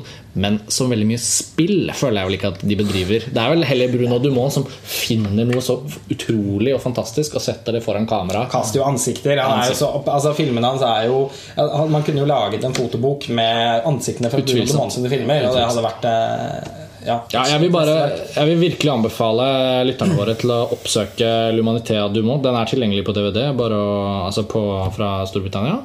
Lett tilgjengelig og veldig fin utgivelse. Bare å, bare å anskaffe og se. En veldig spesiell film og, og en viktig, syns jeg, film. Fordi Bruno Dumont han representerer noe som jeg har liksom sansen for. Når man først ser så mye film at man beveger seg over i sånn, det i hermetegn arty-farty, hvor folk har litt sånn pretensiøse, innholdsløse filmer som skal bety veldig mye, så syns jeg Bruno Dumont nesten alltid får det til å virkelig bety noe. Eh, selv om han repeterer seg selv. Det skal sies. Det er jo ikke det at han eh, lager så mange forskjellige storverk. Men, men han er bra på det han er. Så jeg syns Lumanité eh, på 57.-plass er en sånn ja, en sånn skikkelig For de som er villige, så er det en oppdagelse.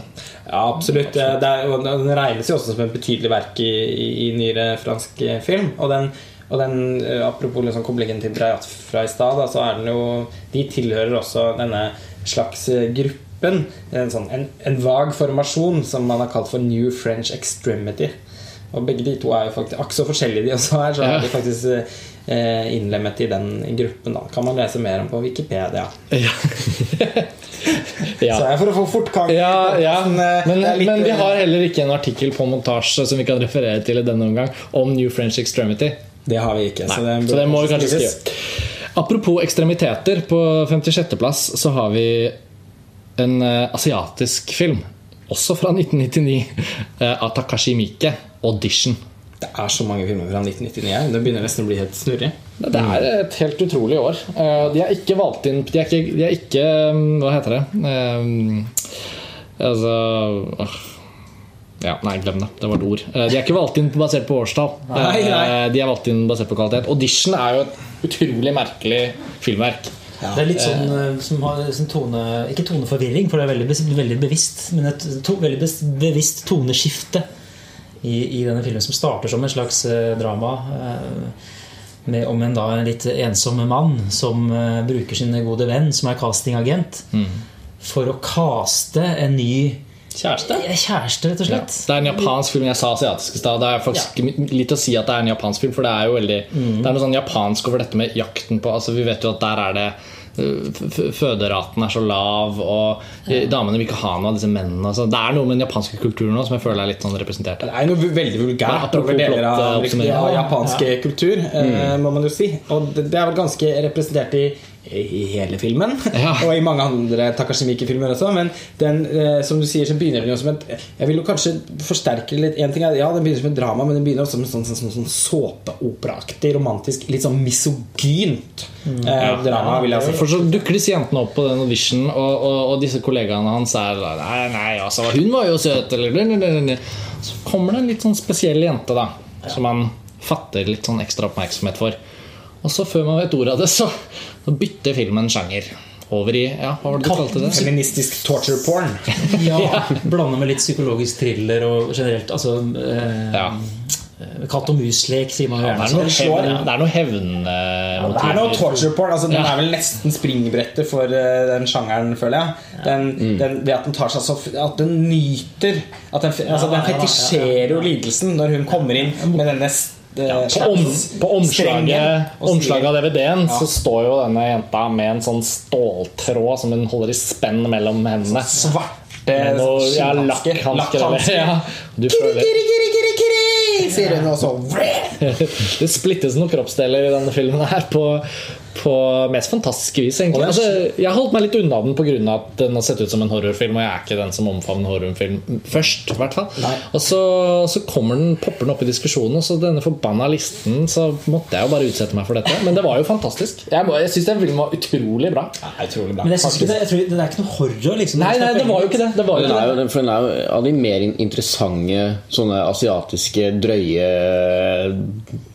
ja, torturfilmene. som, Helt enig. helt enig. Jeg hadde faktisk trodd at den var noe helt annet. Ja, da, den var var, mye kulere blitt eh, Jeg husker vel eh, han godeste Espen Svenning sin Rambøll, Ja. som har hatt sin fantastiske kultspalte i Filmmagasinet i alle år. Eh, dette er veldig dette er til sånn tilbake i 2001 eller noe sånt nå. Det var første gang jeg leste om filmen. Eh, da hadde hadde han en sånn Da var temaet ekstreme asiatiske filmer. Ja. Og da var vel den, den som var Kultfavoritt. Om, Jeg tror faktisk ikke den var kultfavoritten. Jeg tror det var den ekstrem. Ja. Men så var det noen som var I kategorien ekstreme. Nei, nei, vent, nei, nei, det var jo sånn det var selvfølgelig Den var kultfavoritten Mm. Men så var det noen sånn Den som var ekstrem var en som var sånn guinea pig Ok, Som altså virket, og den har jeg liksom lest om etterpå, den kommer jeg aldri til å se, men den virket altså så jævlig og så drøy. Bare Og den handlet også om tortur, da, men det var liksom virket som det bare var tortur. Det finnes, fantes en Guinea Pig 2 også, som visstnok var enda drøyere. Men denne sjangeren er liksom Men denne sjangeren er jo ofte sånn at jeg, jeg har fordommer om at folk interesserer, seg for, folk interesserer seg for disse filmene uavhengig om de er gode filmer eller ikke. Og det syns jeg alltid er så irriterende. God film er god film, liksom, og da kan det nesten være sånn som det vil. Og det var så gøy å se audition eh, fordi det ikke var så gøy, men ja. den var så bra. Ja, den var jo ikke- ordentlig jævlig bra. Ja, det er det, er ikke noe, det er ikke noe videonasty i det hele tatt, egentlig. Nei, den er jævlig kult tenkt. Og når man først har sett hele filmen, så har den jo veldig tilbakevirkende effekt på den første halvdelen. Og man skjønner at man ble jo lullet inn i noe som kom inn fra venstre og bare For når den begynte, Jeg visste jo på en måte hvor den skulle gå hen, Ja. all den tid man har lest om den og sett coveret og sånn. Men eh, på et eller annet tidspunkt så satt jeg også og tenkte i den første halvdelen Herregud, dette er jo skikkelig sånn drittfilm, men en drittfilm jeg elsker. tenker Jeg Jeg ble også veldig oppslukt av den og tenkte å, dette er en av de jeg kommer til å like. Eh, men som dypest sett også har noe sånn sånn genuint trashy over seg. Men ved at den slår kolbøtte, da blir det noe helt annet. Sånn som Tarantinos eh, eh, Som Dusty Dawn. Som Dusty Dawn, ja. Ja, den gjør det samme. Rodriguez. Rodriguez, Rodriguez, mente jeg, men ja. Ja. Men Tarantino spiller vel ja, en ganske stor rolle i den. Ja. Nei, eh, audition er eh, er bare rett og slett utrolig. Jeg har ikke sånn sykt mye sånn analytisk interessant å si om den når vi skal snakke om den muntlig. Jeg vet ikke om dere er fremmed for å for å holde dette litt kort. Ja, det er ikke ja, fordi ja. at denne er noe mindre interessant enn ting vi har brukt veldig mye tid på her, men den, den er også litt For dere som ikke har sett den, er det jo morsomst å se den. Jeg føler at uh, ikke, man ikke ta det som en anbefaling. Ja, ta det som en anbefaling og, og på en måte eh, hygg dere med uhyggen. Eh, den er i hvert fall steinbra, og jeg er veldig glad for at vi har den på Og 90-tallet. ettersom det nå har skapt en bitte liten tråd da, innenfor en sånn slags eh, Hvis man diskuterer postfeminisme, og sånn, så er jo dette også da et slags, Ja. et slags nøkkelverk. Man kunne hatt en double feature med romance og denne. Det tror jeg absolutt man kunne Ja, hatt. Da er det jo bare å gå og legge seg. Ganske overbevist om at Katrin Breillat sannsynligvis også Det blir ikke noe hyggestund med kjæresten etter å ha sett de to der. Men um, tror ikke også Breillat hadde hatt en del gode ting å si om dem. Uten at jeg vet det, men det kan jeg mistenke. Nei, definitivt. Men, uh, men vi sier det sånn om audition. Uh, neste film på listen tror jeg vi også skal snakke litt sånn effektivt og kort om. Ikke fordi den er noe mindre interessant, men Alle har sett den. fordi alle har sett den, og det på en måte ikke er de store mysterienes film. Men jeg er så jævlig glad for å kunne fortelle dere at på 55.-plass så har vi Speed av Jan de Bont fra 1994. Jeg elsker den filmen. Ja. Rett og slett. Den jeg har ikke tall på hvor mange ganger jeg har sett den. Nei, ikke jeg kommer til å fortsette å se den igjen og igjen. Men eh, apropos, apropos sånne Vi snakket om det i forhold til Funny Games også. eh, Gjennomanalyserte filmer. Så er faktisk dette også en film som har vært veldig mye tatt opp i akademia spesielt. Fordi den er, det er, det er en sånn high concept-film som man gjerne snakker om. ikke sant? Og det er noe med aktstrukturen her, den tredelingen. Alt er så ekstremt tight og fint. Eh, Så det er liksom så gøy å gå, gå litt i dybden på sånne Du kan ikke gjøre det nå, men altså, man har muligheten til å gjøre det. Selv på en sånn i utgangspunktet hjernetom actionfilm, så er det altså så mye spennende å si om den filmen. Den første Die Hard-filmen og Speed er vel på en måte litt sånn referanseverkene innenfor high concept-begrepet. da Og hva, hva, var det, hva var det Die Hard het på norsk? Eh, Operasjon Skyskraper. Operasjon Skyskraper. Og der ligger jo Og- og-. Og, Speed kunne fått den norske tittelen Operasjon Buss. Eh, eh, Men heldigvis gjorde den ikke det. Altså, Da er syns din favoritt. Operasjon Flyplass. ja, Operasjon Flyplass. Jeg syns Die Hard 2 av Renny Harlin er et eh, misforstått. Ja. Og så, er det Die Hard i New York, som også er litt konsept. Sånn, hei, hva med at ja. Men eh, jeg har bare lyst til å si litt om Speed for deg sånn personlig eh, Vi vet at den kan, den kan leses fra mange vinkler, som du sier til Joakim. Og jeg tror de fleste som har sett Speed, skjønner at den filmen er det mye å si om, faktisk. Men, men kort fortalt så er den jo Den kommer ut av Hollywood-maskineriet. Den er en superbra actionfilm. Og den, den hever seg liksom den Gjensynsverdien er så stor. Altså, det, som du sa, Sveinung, jeg har ikke tall på det. Hvis den går på TV, jeg har bare lyst til å se den. Keanu Reeves er, eh, er glimrende. Han er ung nok til at han ennå ikke helt var liksom blitt en sånn utvaska Hollywood-stjerne. Sandra Bullock var jo helt fersk. Jeg hadde aldri sett henne før. Jeg, da vi så den Og liksom, I ettertid så er det flere år hvor jeg så alt. Liksom, sånn, The Net, eksempel. Den kom på kino. Rett av gårde. Sånn. Oppfølgeren Speed 2. Oh, den er Ikke fullt den. så vellykket. Jeg liker den nå, men Ja, ja, ja, bra, Sveinung! Nå er det skikkelig sånn. men Men, jeg, jeg Sveinung der. og så, og så, så glemmer jeg aldri den er helt topp, den. Ja, men Ikke like bra som eneren, selvfølgelig, men den, den syns jeg er litt når, Nå er det heldigvis eneren vi skal snakke om. Når den ferja går inn i den byen og liksom For en idé! Fantastisk. ja, som. Ja. Hvordan er det mulig å være på en det? rent camp. Altså, eh, den hører jo Ja, til det, i kanskje, men det er utrolig underholdende. Operasjon cruiseskip. Uansett. Hopper 1. også. Jeg Ja, fordi vi må Shelterfilmer. Men vi har bare til, de tildelte minuttene, og det er, eh, det er Speed 1. Ja, det var utrolig Nå ble jeg tatt på senga her. At Speed 2 også var en potensiell liste. Ja, på en Listekandidat? Listekandidat er den kanskje ikke, men eh, den har jeg også sett flere ganger, faktisk. Og den er jo ekstremt underholdende, den òg. Jeg så den én gang. Og jeg eh, Operasjon fokus på speed 1 tror jeg jeg skal starte opp akkurat nå. Ikke fordi jeg, for å drepe det, men jeg, jeg, bare, jeg bare føler at speed har bare noen få minutter her. Og den er jo så jævlig bra. Og, og toeren er da også bra. Men det som gjør eneren så bra for meg, er bare rett og slett at den, at den lykkes med absolutt alt den prøver på. At den aldri prøver å være liksom dyp bortenfor det den kan handle om. Eh, liksom Spennende på en sånn Sånn high concept nå er jo liksom at Du får unnskylde meg, Lars Ole, men at, at Zack Snyder bruker de 40 siste minuttene av Man of Steel på å knuse så mange skyskrapere at til slutt så blir det jo ikke noe spennende å se på. Men jeg syns det er så herlig med speed at ja, det er en bombe på bussen. Og den eksploderer hvis bussen går under en viss hastighet. 70 miles per hour eller noe sånt. Um, og that's it, liksom. Og så, hvordan kan vi få publikum til å bry seg om disse menneskene? Alle på den bussen er sånne hverdagsfolk eh, som på en måte ikke er filmstjerneaktige figurer. Det er ingen som er superhelter. Alle er sårbare. Folk kan miste livet når hun Helen havner under hjulet og dør. Sånn, sånn, Den er, sånn, den er litt mekanisk. Det, det syns jeg er så deilig. Altså, sånn, det er sånn hånd, håndte, Hva heter det? Ikke håndterlig, men altså litt sånn Stofflig. Stofflig, ja, ja. stofflig, rett og slett. De, Ja, de, de fantastiske tablåene som er der. Ja, og så er Den bare, altså den er jo så godt lagd som actionfilm at det er til å grine av. Og musikken til Mark Mancina, som jeg har hørt så mye på den gang og tatt opp igjen nylig for å bare varme opp til å skulle Det er ikke sjeldent at du spiller den på kontoret. Og det var ikke bare i forbindelse med dette. her Det har jeg gjort det for jeg gjort i flere år. Jan de Bond er jo da altså fotografen til Paul Verhoeven, Ja, som ble med han over til Hollywood, og som startet sin egen karriere med Twister, som jeg vet at du også elsker. Ja, og uh, Twister kom etter Speed, uh, og det er en av grunnene til at jeg hadde lyst til å se Twister på kino, ja, det var fordi det sto på plakaten fra regissøren av Speed. Solgt! Hvor kan jeg kjøpe billett? Og så var jo Twister også fantastisk bra. Den fikk jeg dessverre ikke med på den listen, selv om jeg i et stille øyeblikk prøvde å foreslå den. Jeg, tror det var, jeg har nevnt Twister som en sånn litt sånn subversiv favoritt uh, fra katastrofe, katastrofe 90-tallet. Men den fikk dessverre ikke en plass, men nå har vi anledning til å nevne den i forbindelse med Speed. Men ja, jeg føler ikke at vi skal starte den der seriøse intellektuelle innfallsvinkelen på speed. Jeg mener man kan ta den, og det er masse å snakke om der.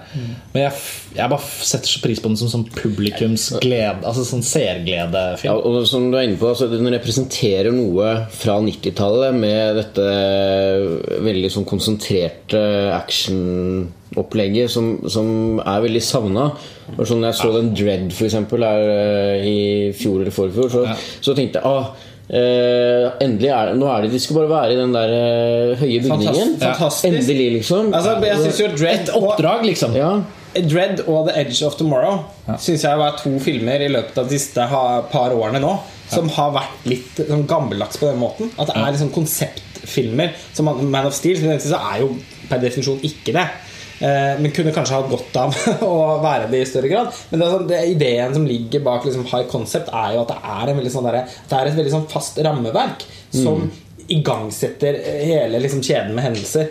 Og eh, jeg er helt enig i at eh, lite ville gledet en mer om liksom, actionfilmen som sjanger kunne finne mer tilbake til det. Og jeg, jeg har ikke et like nært forhold eh, til Speed som dere tre, men eh, jeg syns også det er en knakende god actionfilm. i hvert fall for, og jeg trodde ikke at Speed 2 var en film som jeg måtte ses opp igjen, men jeg tror kanskje jeg må plukke med meg den neste gang jeg er på GameStop.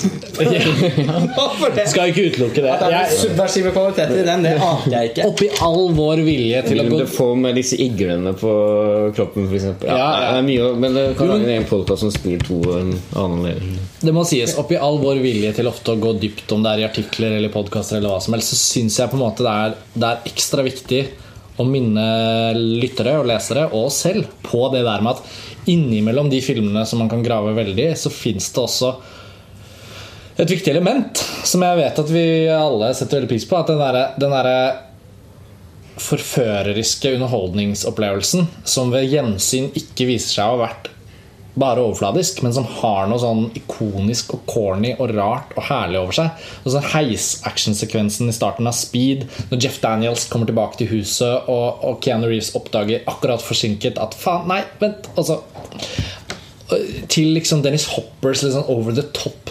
Til og med Når man tror filmen er slutt, så har den en siste slutt, ekstra slutt. Det er så mange sånne ting som Ja, kanskje er det litt sånn én til én av hva har dette på en sånn kåring å gjøre?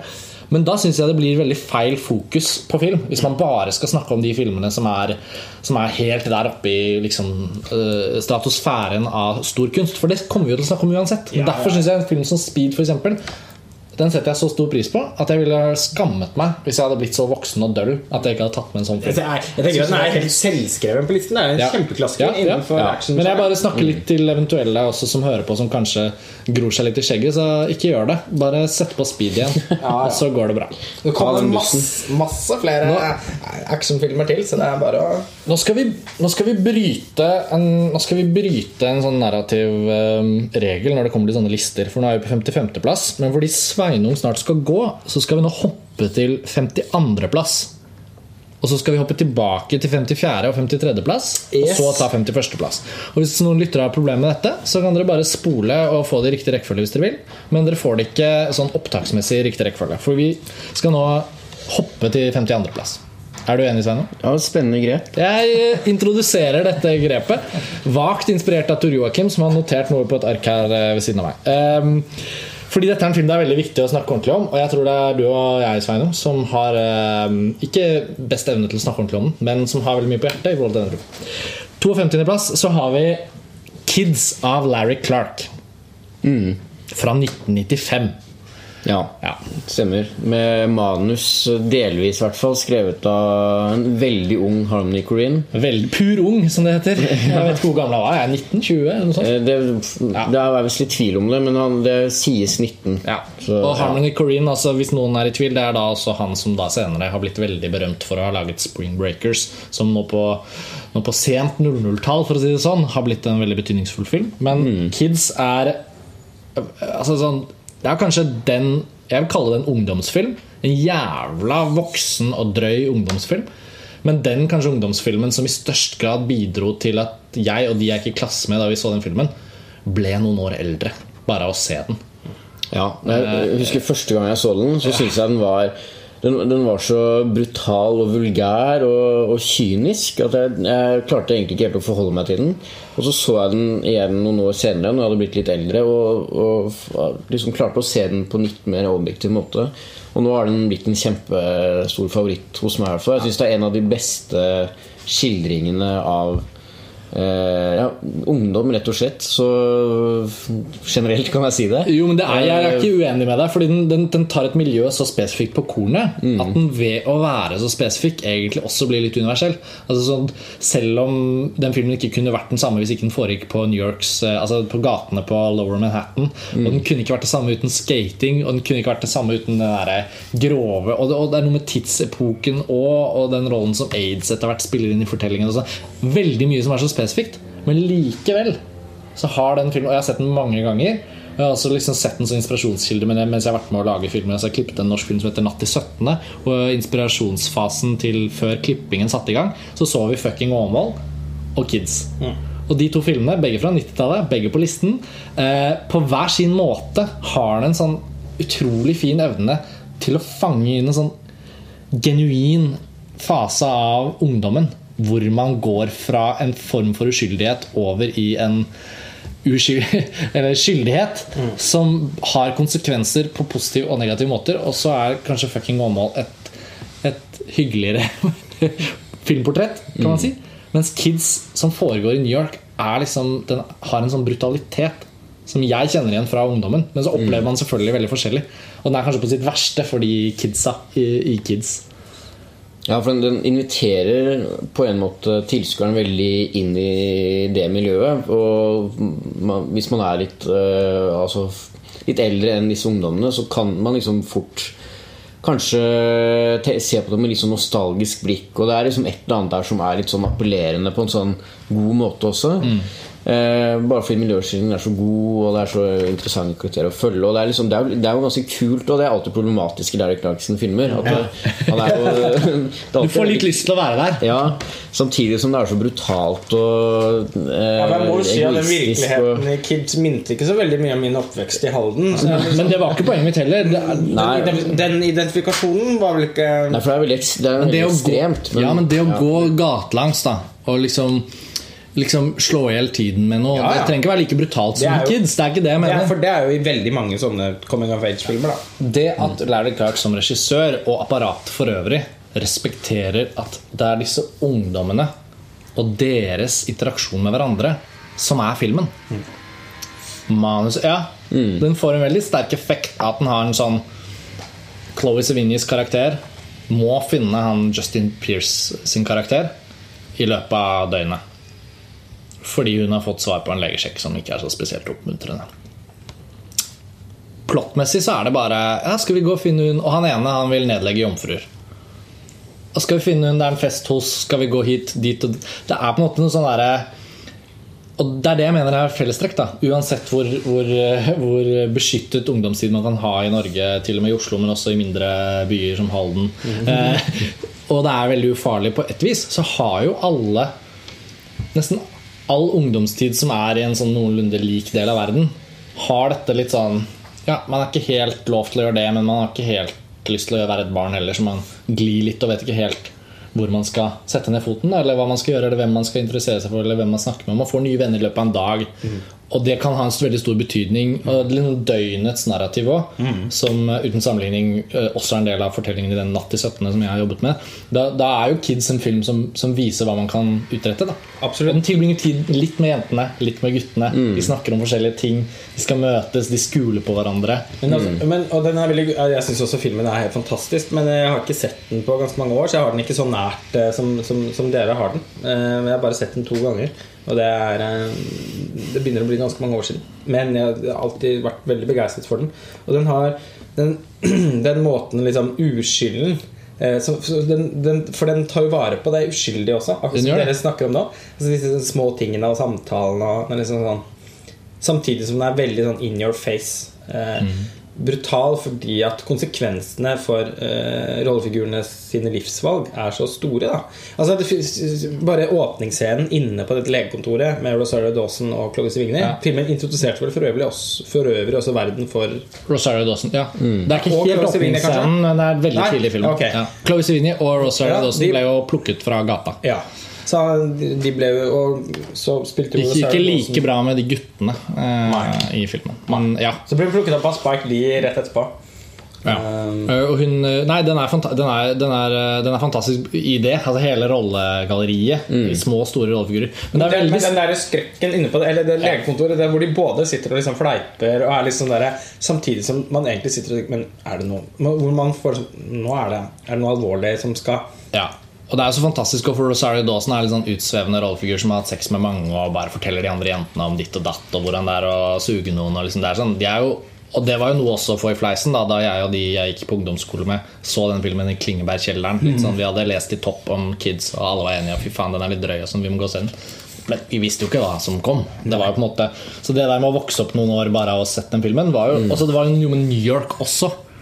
Nå er det jo bare å reise til New York, fordi New York er en by som har endret seg veldig. Men fra 80-tallet og inn på 90-tallet, hiphop-kulturen, New York Tupac ble drept, Notorious BIG ble drept, Kurt Cobain døde. Ikke at det er noen paralleller mellom de, men sånn, det var mye av det som vi fikk fra Amerika, som var litt sånn hardt og brutalt og fascinerende, men også litt skummelt. Og så kommer Kids, og så bare bam, liksom. Ja, For aids! Freddie Mercury døde av aids. Det Jo, men? Han var mye i New York. Ja, det, det er ikke det. Jeg sier bare at man, Når man ser den som ung også, så, så får den en voldsom effekt. Ja, og jeg synes det du oppsummerte rundt med disse 90-tallshendelsene der nå, det der inntrykket av New York og sånn, jeg syns det er litt relevant. Fordi eh, det, det er også noe med den der forvirringen i Kids rundt liksom New York og det stormiljøet, det amerikanske, og liksom populærkultur, hva eh, liksom den forventningen om hvordan man skal oppføre seg, kontra hvordan man egentlig føler seg innvendig. Ja. Og altså De, de eh, ungdommene i filmen snakker på en måte som Det er, det er som om de liksom jeg tenker at sånn må jeg være, og så blir det, det er på en måte naturlig og unaturlig på en gang. Og eh, ja det, ja, det, er, det, er, og det er en sånn apati også som ligger over filmen, med, som, hvor man liksom får lyst til å bare løske tak i de ungdommene og bare se, se hva du gjør med livet ditt. Hva er det som skjer her? Og, Ja. uh, for den liksom bare spiller videre på deres premisser. Og så virker det som at Larry Clark eh, Og nå er vel Kids tror jeg kanskje den eneste Larry Clark-filmen jeg liker av det jeg har sett. Ja. Eh, Sveinung har vel sett, du har vel sett alt, inkludert en Martha Girl.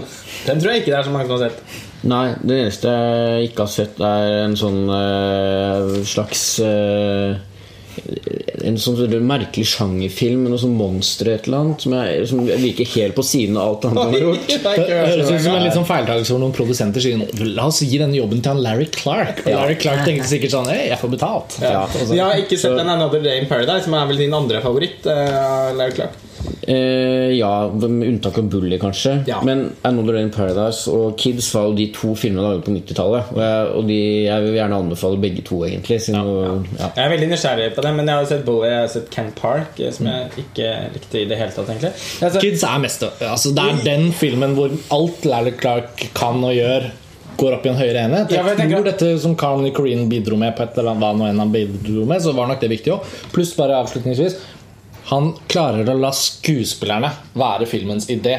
Det er ikke hans idé som er filmens idé. Jeg føler det er de. De får lov å si alt de vil. Det er ikke en eneste replikk som er skrevet. Altså det er bare sånn De kidsa bare er eh, kids. Det høres teit ut, men det er nå engang sånn. Og jeg tror vi sier kidsa i det norske språket nå, litt fordi den filmen heter Kids. Og det liksom faller seg naturlig Og da klarer Larry Clark å bare være en tilrettelegger. Og derfor blir det så bra. At han har kontrollen på det. Han er jo fotograf. Eh, Det var det jeg egentlig skulle inn på. Fordi han, eh, han var i utgangspunktet fotograf. Lagde denne hva det, Tulsa, eller sånn, fotoboken Mm. fra 70-tallet, som er veldig Han er jo en gammel gris. Ja, han er en gammel. Han er vel sikkert gammel gris. 70 år nå. Omtrent. Jeg tror, ja, om ikke over. Han er liksom Han er egentlig fra en mye eldre generasjon enn den han har vært med på som filmskaper. Eh, og det er jo fotografen, og det bærer jo alle filmene hans preg av. for Det er ofte veldig vakkert fotografert. Eh, jobbet mye sammen med Edward Lackman, men vel ikke på Kids, tror jeg.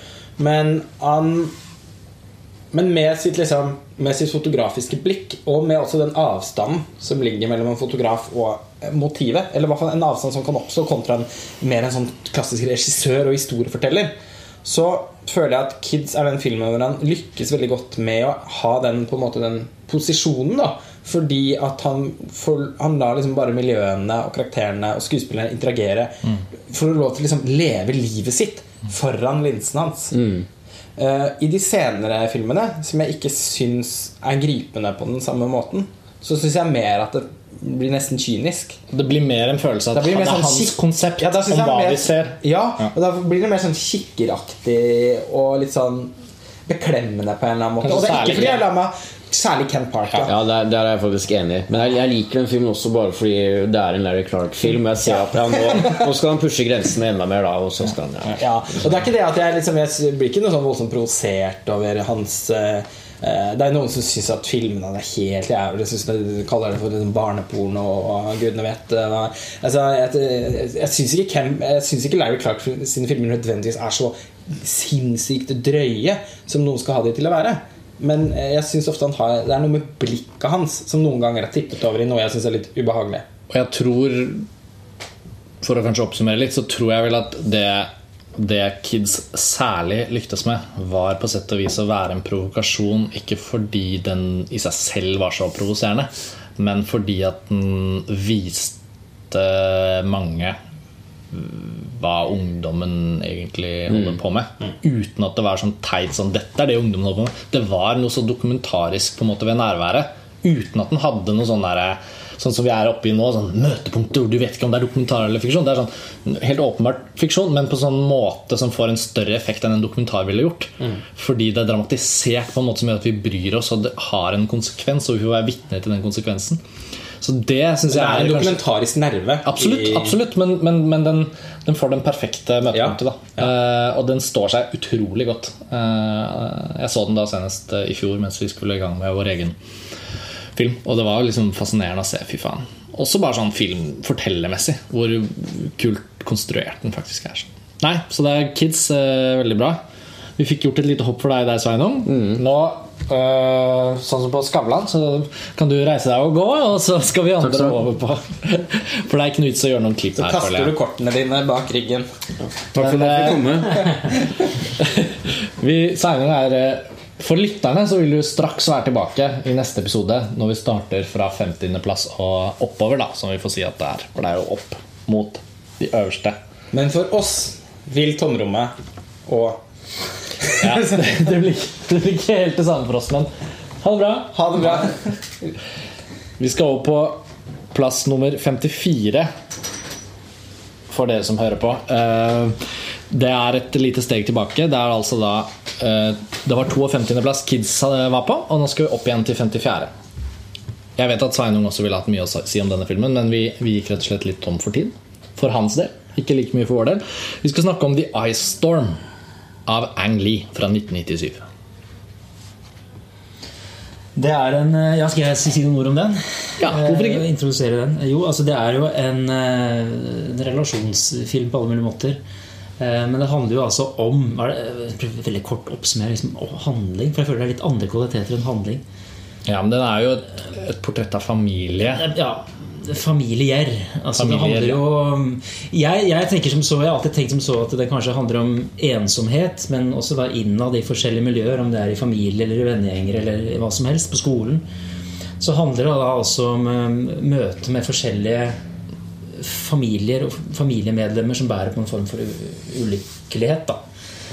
Um, og det er både foreldre, og det er være barn, og det er um, det er det ene med det andre. Og så jeg forklare, det, er, det er vel ikke en flettverksfilm som sådan, men det er, det er mange forskjellige skjebner som på forskjellig vis kommer sammen da en stormfull kveld hvor det er en isstorm. Jeg vet ikke hva det heter på norsk. Altså en, Nei, men det er, jeg tror ikke vi har det fenomenet i like stor grad i Norge. Nei, for det er jo ikke Fordi, snøstorm. nei, for når det er kaldt, så er det liksom kaldt. Det er, eh, hvis det, det, hvis er, det er regner sludd. Altså, og, ja. Hvis det hadde vært sludd, og den hadde liksom frosset til is i lufta, Ja. eller noe sånt Ja, når, den liksom, når, når regnet fryser sånn at det danner en slags emalje rundt uh, trærne, Ja. og greinene og sånn, da er det Sånn, det. Værfenomenmessig så er det vel rett og slett at det er mildt på kvelden, og det regner, og så blir det kaldt om natten, og så fryser så det. fryser det til. Så det er en slags isstorm. Ja. Men som allegori Som allegori, selvfølgelig. ja, ja, ja. Som en allegori. På nettopp alle disse, disse forskjellige skjebnene. Da. Ja. Og den foregår på 70-tallet, som jeg syns Det er foregår på Spitsbergen. Beklager. Skal vi se, Sveinung roper 'Jeg tror det er plass for deg' på den. Nei, men Så er det noen veldig spennende Nei. Og så foregår det på 70-tallet, 70-tallet, ja, 70-tallet. og så er det et slags uh, komedieelement her også. Ja, det, og det kommer jo snikende etter hvert, men jeg synes det er umulig å ikke tenke at den har en viss parallell til plottet i American Beauty. Og så kan vi komme mer inn på sammenligningen etter hvert, Fordi la oss snakke om Ice Storm for seg selv. Men i hvert fall det med å få, få innblikk i hvordan strukturene i en familie og avstanden den, dem imellom, selv om de lever i samme hus, og forplantningen av det over til naboene, som også er det samme som American Beauty. Og på sett og vis tiden de lever i, liksom, og rollene de har i forhold til hverandre. Men jeg, jeg syns hun er veldig elegant som en periodefilm. Den, den handler også ganske mye om hvor, hvor ståa var der i den Ja. familien på 70-tallet. Sånn som ting Og, for, og forfriskende fri, syns jeg, for en del sånne 70-talls produksjonsdesign-klisjeer hvor alt er badet i oransje. Oransje. ja, Nettopp. Yes. Det er veldig lite ut av periodegreiene. Det det er faktisk helt eh, vidunderlig å se en, en film som er satt et perioderamme satt i 70-tallet uten oransje. Det var litt oransje, noen vegger og sånn, men Det er ikke mye. Det er mest eh, faktisk eh, mest bruk av turkis og pastellfarger. Mange sånn forskjellige duse nyanser av turkis. Når man ikke forbinder Dette er selvfølgelig også et, et, et symbolsk Ja, og, rød, valg. og rødt, selvfølgelig. Masse Ja. ja. Dyprødt. Ja. dyprødt. Men, men jeg syns jo denne disse sjat- turkise sjatteringene er sånn, Det var særlig sånn påfallende når jeg så filmen nå. Det føles jo veldig ut som en forlengelse av denne isstormsymbolikken. Mm. At eh, det er akkurat som det er noe sånn svalt over hjemmene som de bor i, kontra den eh, typiske sånn 70, brunt og oransje 70-tallshjem Ja. skutt på 16 8 Ja, mm. nei, det er jo ikke noe- sånn, det er ikke noe polaroid. Nei. Ikke, ikke noe til sammen, ikke noe polaroid-estetikk. Ikke noe sånn, så... Apropos det du sier nå, Lars Ole, så tenker jeg litt på det at det er som om liksom hele fortellingen også foregår litt i sånn emosjonelt kjøleskap. Så at det er noe sånn nedkjølt. Men det gjør ikke frustrasjonene, ensomheten Det gjør ikke følelsene noe mindre sterke. De er litt sånn tonedust ned. Og fortellerspråket Den er jo absolutt et autørverk. Altså Hvis man ser en del Angli-filmer, så, så ser man jo liksom at Den selverklærte antiautøren. er- ja, jo, ikke sant? Men samtidig, ved å gjøre så mye forskjellig, så ser man også nesten lettere fellestrekkene. Fordi sjangeren han jobber i, er så forskjellig. Ja, og de filmene hans som er på en måte mest angeliske, Hvis, Ja. man, skal, hvis man liksom sorterer litt ut uh, 'Sniket sikker sikkert skjult drage' og 'Life of P' og, Og Hulken, er- kanskje? og Hulken. ja, men til, den syns jeg faktisk er nærmere de andre filmene hans enn de to. Kanskje. Og kanskje særlig fordi den er så skal så uttalt være en Ja, for den er jo litt sånn gresk Ja, drama. ja, det er sant. Du Mye har i rett, du har rett. stuene. Det er Die Storm og Brockback Mountain og Lust Caution og disse filmene her de, ja, Om man vil det eller ei, så er det noen meget sterke autøravtrykk der. Og særlig er han eksepsjonelt god på på en sånn ytterst subtil måte å skape sånn helhetlig uttrykk. Der hvor liksom formspråket kommuniserer tematikken, kommuniserer stemningsleiene til hovedkarakterene, men uten å egentlig si det, uten å insistere. Det bare ligger der. Og det er så Diestorm er vel nesten da I hvert fall den og Brockback Mountain. For det er altså sånn sauene og fjellene og Jeg føler de to filmene hører litt sammen. ja, de, de gjør det. Og jeg tenker på det som Anglis to beste filmer. Enig. La det være sagt. Og det var eh, vi hadde, Vi så jo faktisk hadde nylig et gjensyn med Ice Storm alle sammen. Mm. Eh, og det var eh, en, et med, veldig gledelig gjensyn. Fordi at filmen har liksom sånn Den har noen kvaliteter som liksom aldri kommer til å falme. Da. Og det, noe av det jeg synes er, eh, som slo meg når jeg så den nå, eh, var når vi snakket om kjærlighetens smerte tidligere, så snakket vi om at jeg reagerte litt på den oppstyltede dialogen som ikke ble levert på tilstrekkelig litterær måte. Eller altså, Der var det et eller annet fra Fremdung. Det er på en måte eh, altså I The Ice Storm så er også dialogen ofte litt rar og litt sånn styltete og konstruert, eh, føler jeg. Men her leveres den på en sånn fantastisk naturlig måte, så det blir et univers av dialogen også. I mye høyere grad enn synes jeg, da, denne kjærlighetens smerte. Eh, hvor de snakker om eh, Altså De snakker på en sånn måte som ikke er hverdagsspråk ofte, og trekker inn masse referanser fra forskjellige politiske ting. Eller fra Christina Ritchies rollefigur er ja. blant annet ganske Det er en stilisert rollefigur. Det er den første jeg tenker på. det, men det, det morsomme er at stiliseringen av dialogen også, sånn som du er inne på den, dialogen, ehm, blir, blir også anvendt for å si at disse to rollefigurene har sin egen greie. For Toby Maguire, som er storebroren til Christina, Ja, Christina han- Ricci, han er i New York og har begynt på college og er på en måte for det meste vekk fra de andre rollefigurene i hele filmen. Ja. Men han er hjemom for Thanksgiving-middag, og så tar han toget tilbake til New York for å prøve å sjekke opp en jente spilt av Katie Holmes. Men når han da er hjemme, det korte øyeblikket, så skal han snakke med lillesøsteren sin, Christina Ricci, og de har da sin egen måte å snakke sammen ja, Han er sånn overforklart, liksom sånn metodisk, nesten sånn forskeraktig språk. Kan jeg sånn. benytte det telefoniske apparat? Ja, ikke sant? Og det å få det til å Det er jo James Shamus, eh, produsenten og senere liksom sjefen for Focus Feature, som har vært en veldig betydningsfull samarbeidspartner for Ang Lee. Det er jo han som har skrevet manus her, adoptert fra boken skrevet av Rick Moody med samme tittel. Og det er sikkert mye av dialogen og sikkert mye av toneleiet som kommer fra den romanen, men det er enormt elegant ivaretatt, både i manus og i gjennomføringen. Og jeg syns altså dette rollegalleriet i The Ice Storm Vi sa det litt til hverandre da vi så filmen. Det er nesten alles beste film. Altså, Ja, ikke nødvendigvis, er- den beste. Altså, ja. Sigourney Weaver har vel kanskje noen andre. Selvfølgelig, men litt fordi at de også sånn Kevin Klein har kanskje vært med i grovere komedier. Her får han gjøre noe mer drama. Sigourney Weaver, ikonisk som Ellen Ripley. Her får hun faktisk Altså, så hvis man begynner å ramse opp, da. Eh, Joan Allen er vel den som i størst grad her spiller den filmen hun alltid spiller i. Bortsett fra Bourne-filmene. Ja. Men, men hvis du går Men altså, Jo- Joan Allen, Kevin Clive, altså på tross av uh, Fisken Amanda Kanskje ikke like god den Olme Beist som kom på, på 90 men, men, eh, jo, men, men så for han og for Joan Allen, og faktisk for Christina Ritchie, synes jeg, som er dødskul, og som alle syns var helt utrolig kul da jeg vokste opp, i hvert fall. Ja, ja. Takket være rollen som Wednesday Adams, i Adams Family-filmene og litt sånn. Og som en sånn der gother Tim Burton Hun, hun og Winona Ryder Ja, er, er sånne Ja, ja, ja, ja. 90-tallsdronninger. Men, men sånn som rolleprestasjon Ja, prinsesser. Eh, I dag eh, falmede dronninger. Ja.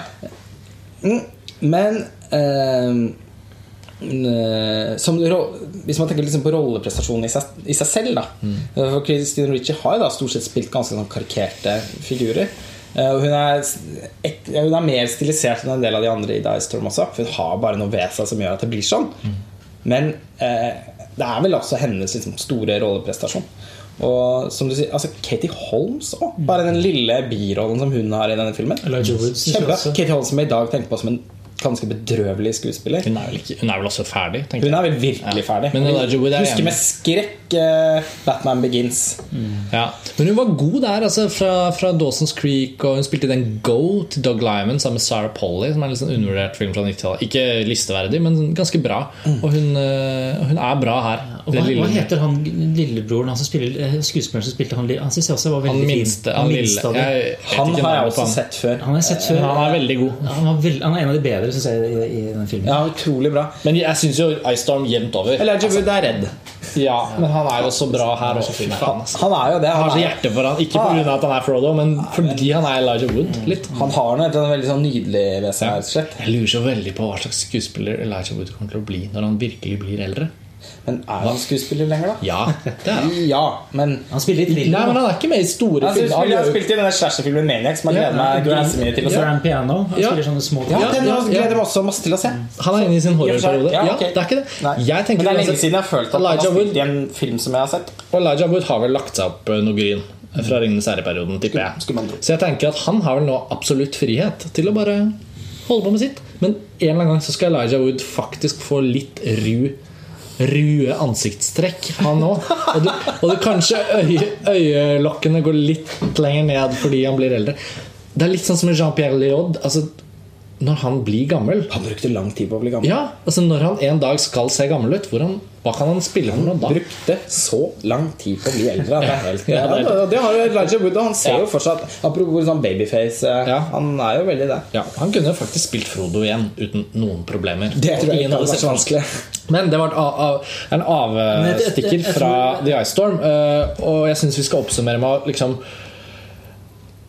Jeg syns det The Ice Storm gjør, uten å lefle med Og jeg, ja, og vet du hva, jeg gir opp. Vi trenger ikke sidestille den og American Beauty. Og det trenger ikke være en sånn kritikk mot American Beauty fra min side. Å si at The Ice Storm er sånn og sånn og sånn De kan supplere hverandre fint.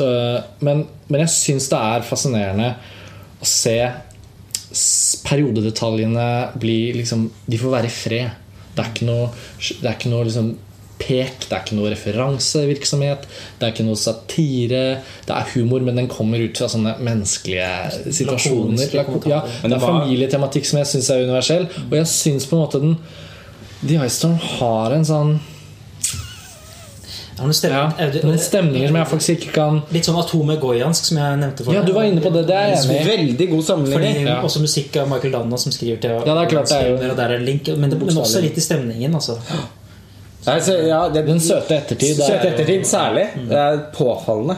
Og det, det er klart at man kan jo si at uh, ja, Ikke for å dra den sammenligningen for langt, da, men uh, all den tid det handler om uh, to familier og en, en Ikke helt en kulde, syns jeg. Mer det er sånn som jeg sier, noe sånn svalt og nedkjølt. Ja, hva som er forskjellen på nedkjølt og kulde? Er vel sånn, men jeg tenker ikke sånn der iskaldt, sånn som det faktisk eh, familiesituasjonen er i American Beauty. Ja. Her er det mennesker som faktisk er ganske bevisste på at de fortsatt er glad i hverandre og vil det beste for hverandre, men som bare er litt sånn mm, Jeg syns den scenen hvor Joan Allen, en mor som vi ser at er preget av en viss sorg, som har en viss distanse til sin ektemann, er i butikken.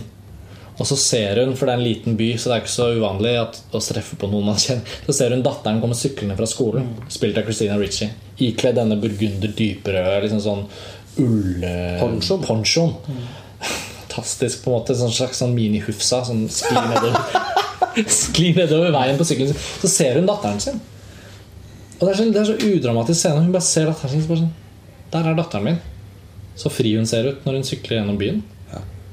Og så tenker hun på det, og så Nei, du sier, Noen- sier ikke det heller. Nei. Så der er datteren din Ja, og så ja. får hun sier det neste. Så neste tenker jeg, ja, eller et eller annet er det i hvert fall. Og så, og så noen scener senere så ser vi Joan Allen sykle. Hun ser på noen bruktbøker, kommer i prat med en komisk prest med langt hår. Men sånn, den, bare den lille scenen At liksom hun observerer datteren sin, filmskaperne observerer den scenen i Og vi får Det er sånn Det er der den lille, ensomme avstanden, rarheten Forskjellen mellom Utrolig fint. ja, det er så nyansert, og det er derfor jeg tror vi leter etter ordene òg. Det er på en måte Det er noe med at man har lyst til å finne den rette måten å beskrive den filmen her på. Og det er ikke hysterisk morsom eller utrolig sterk. Eller, den, har, den er litt av alt på en veldig avbalansert måte. For dette var en film jeg var veldig glad i i sånn sen ungdomstid. Da du Eh, var yngre? Da jeg var yngre, rett og slett. Eh, Og som jeg ikke hadde sett på noen år nå. Og som sagt så var det et veldig veldig gledelig gjensyn. Men det var også et gjensyn som gjorde meg så, så eh, som, ja, som liksom omstilte forholdet mitt litt til filmen. For det første så syns jeg den var ganske mye morsommere nå enn jeg husket den som. Eh, og jeg syns også at den var eh, mer altså sånn, På en måte enklere. Men i, bare i en positiv forstand. Altså, jeg, opplevde ikke altså, Den var ikke sånn rystende, kanskje? Eller, ja, Veldig sånn rent, fint. Og eh, i motsetning til American Beauty, som jo er Der er det en film hvor de voksnes verden og barnas verden i veldig stor grad Eller barna, ungdommenes, eh, er det mer i American Beauty, da, sin verden i større grad smelter sammen. Eh, og øh, hvor alle på en måte gjennomgår en slags eh, selverkjennelsesprosess og på en måte en slags coming of age-prosess, bare i litt ulike aldre. I The Ice Storm så opplever jeg som jeg syns er en mer tradisjonell coming of age-film på den ene siden. Og så har vi de voksenportrettet på den andre. Men der er liksom verdenene mer atskilt. Jeg føler at barna, lever, eh, barna og ungdommene lever i en litt sånn hemmelig verden nede i kjellerstuene. Mens de voksne holder på med sitt. Det er ikke noe særlig samhandling. Eh, og eh, det, det portrettet av ungdommen og barna er veldig sånn Veldig klassisk coming of age. Ikke noe som er noe spesielt eh, eller overskridende på noen som helst måte. Det er bare sånn utrolig fint gjort. Vakkert skrevet av James Chamus.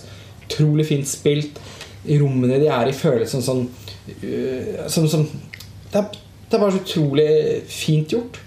Så man lever seg veldig inn i stemningene i filmen. De voksne er jo der, Det er vel der på en måte periodeportrettet kommer litt inn. Fordi at øh, den, den ideologien, den rådende ideologien på, på 70-tallet, som jo var et litt sånn friere forhold til eh, sex, og ikke nødvendigvis altså, eh, ikke-monogame forhold og man, eh, man, jeg, altså, Det var for mange som eksperimenterte med litt ulike samlivsformer sånn på 70-tallet, som jo da blitt laget mange filmer om, til sammen, eh, til Lucas Mosam blant annet, og eh, som som har blitt diskutert i mye litteratur også. Og det handler også om at en del barn fra den tiden har, sitter igjen med noen litt traumatiske opplevelser. Inntrykk av disse- sine foreldre. Ja, pga. disse eksperimentene. Fordi at det var jo også ofte sånn på den tiden at de voksne var så Eller ofte sånn på den tiden. Det kan noen som levde på den tiden, snakke bedre om enn meg. Men eh, noe som i hvert fall har kommet fram i mange skildringer eh, av, av, rundt liksom 68- og, og, og 70-tallet og sånn, er jo at de voksne ofte var så fokusert på sine, egen, eh, sine egne erkjennelsesprosesser og sin egen utforskning at det også på en eller annen måte lignet egoisme. Og at barna ble ofte ofre i, disse situasjonene. Og med dine, mine, våre barn og foreldre. Altså, så, så, så mistet ofte barna noe. Michel Houellebecq, franske eh, forfatteren, eh, gjør jo et voldsomt eh, oppgjør med, med, med 70-talls eh, Med en del ideologier fra, fra 70-tallet i boken sin eh, som heter 'De grunnleggende bestanddeler'. Som, eh, som jeg vil anbefale absolutt alle å lese, men som sikkert veldig mange har lest. For den har vært mye skrevet om.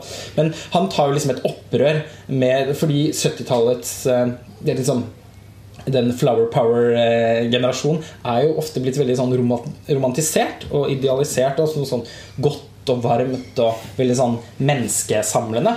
Eh, han stikker jo en kniv i strupen på det. Og på en måte så gjør jo også eh, Ang Lee eh, det i sin film. Bare på en, på en veldig sånn forsiktig, stille, trist måte.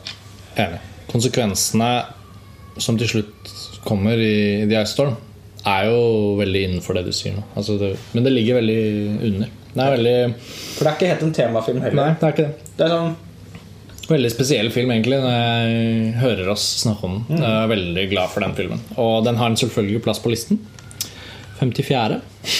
Det var en sånn veldig ukontroversiell eh, tittel på listen. føler. Ja, den har det egentlig ikke vært noen Det har egentlig ikke vært noen diskusjoner knyttet til The Ice men jeg føler samtidig også at den, den er omtrent der den bør være. Det var viktig at vi fikk sett den igjen før vi liksom Absolutt. Absolutt. Nå skal vi videre til 53.-plass. Det er en fransk film fra 1991. De elskende på Pontneuf er Leos Carax. Ja. Ja, Hvor starter vi med den? Starter vi med den? Jeg er jo den som har sett den for første gang aller nyligst. Ja, jeg, Fordi- jeg også. Ja. Vi to Ja. Er det. Fordi vi fikk jo et ferskt møte nå i, i redaksjonens forberedelser. Så hadde vi da rett og slett en, eh, en anledning til å se disse filmene på, noen av disse filmene på lerret. Og 'De elskende på Pont Neuf' meldte jeg tidlig inn at den vil jeg veldig gjerne få sett. For den syns jeg ikke det har vært så lett å få tak i. Og jeg har liksom kanskje Nei, ikke prioritert det så hardt. Og jeg har ikke sett Leos Carax sine filmer. Så så vi jo Holy Motors i Cannes for noen år siden. Og, Oi, Leos Carax, dette var jo litt av et Det var mitt første møte med Carax. ja, det var det samme, samme for meg. Og så var det noe med liksom, og det er jo, så er det jo selvfølgelig Denise Levant, og så er det jo Juliette Binoche. Og så begynte jeg å lese ja, hun hadde jo et veldig sånn stormende forhold til Leos Carax på slutten av 80-tallet. Og, liksom. og jeg har jo sett henne i The Unbearable Lightness of Being og, og Blå og ikke sant? Juliette Binoche hun har jo et forhold til bla, bla, bla. bla. Så føler jeg, Tenk at ikke jeg har sett De elskede på Potnøff! Neuf. Men nå med arbeidet med 90-tallslisten For det første så fikk den jo et hav av stemmer. Og, og selv om den ikke var helt der oppe, så var det jo en film som meldte seg på i diskusjonen umiddelbart. Ja. Og det å se den filmen var jo bare åh, jævlig bra. Dødsbra film. På ingen måte i nærheten av hva Ang Lee holder på med. For, for å gå fra det ene til det andre. Her har vi en filmskaper som ja, han Leos klink- Carax har vel ikke så mye til felles. Altså, det, er jo en, det er jo en slags kjernehistorie Det er jo en historie her. Altså, Absolutt. Det er tydelig Men jeg bare tenker sånn i uttrykksform ja, og volum. Og volum. det er veldig fransk. Ja. Eh, Men, men det, Det er er, jo ganske fransk. Det er jo historien om, da, om Denise Lavant, eh, som spiller en uteligger. Alex. Alex. Og han eh, holder til på mm, Pont Neuf, som da er en bro i Paris, som da på dette tidspunktet i denne filmen er under oppussing. Men han bor der som uteligger sammen med en litt sånn eldre uteliggervenn.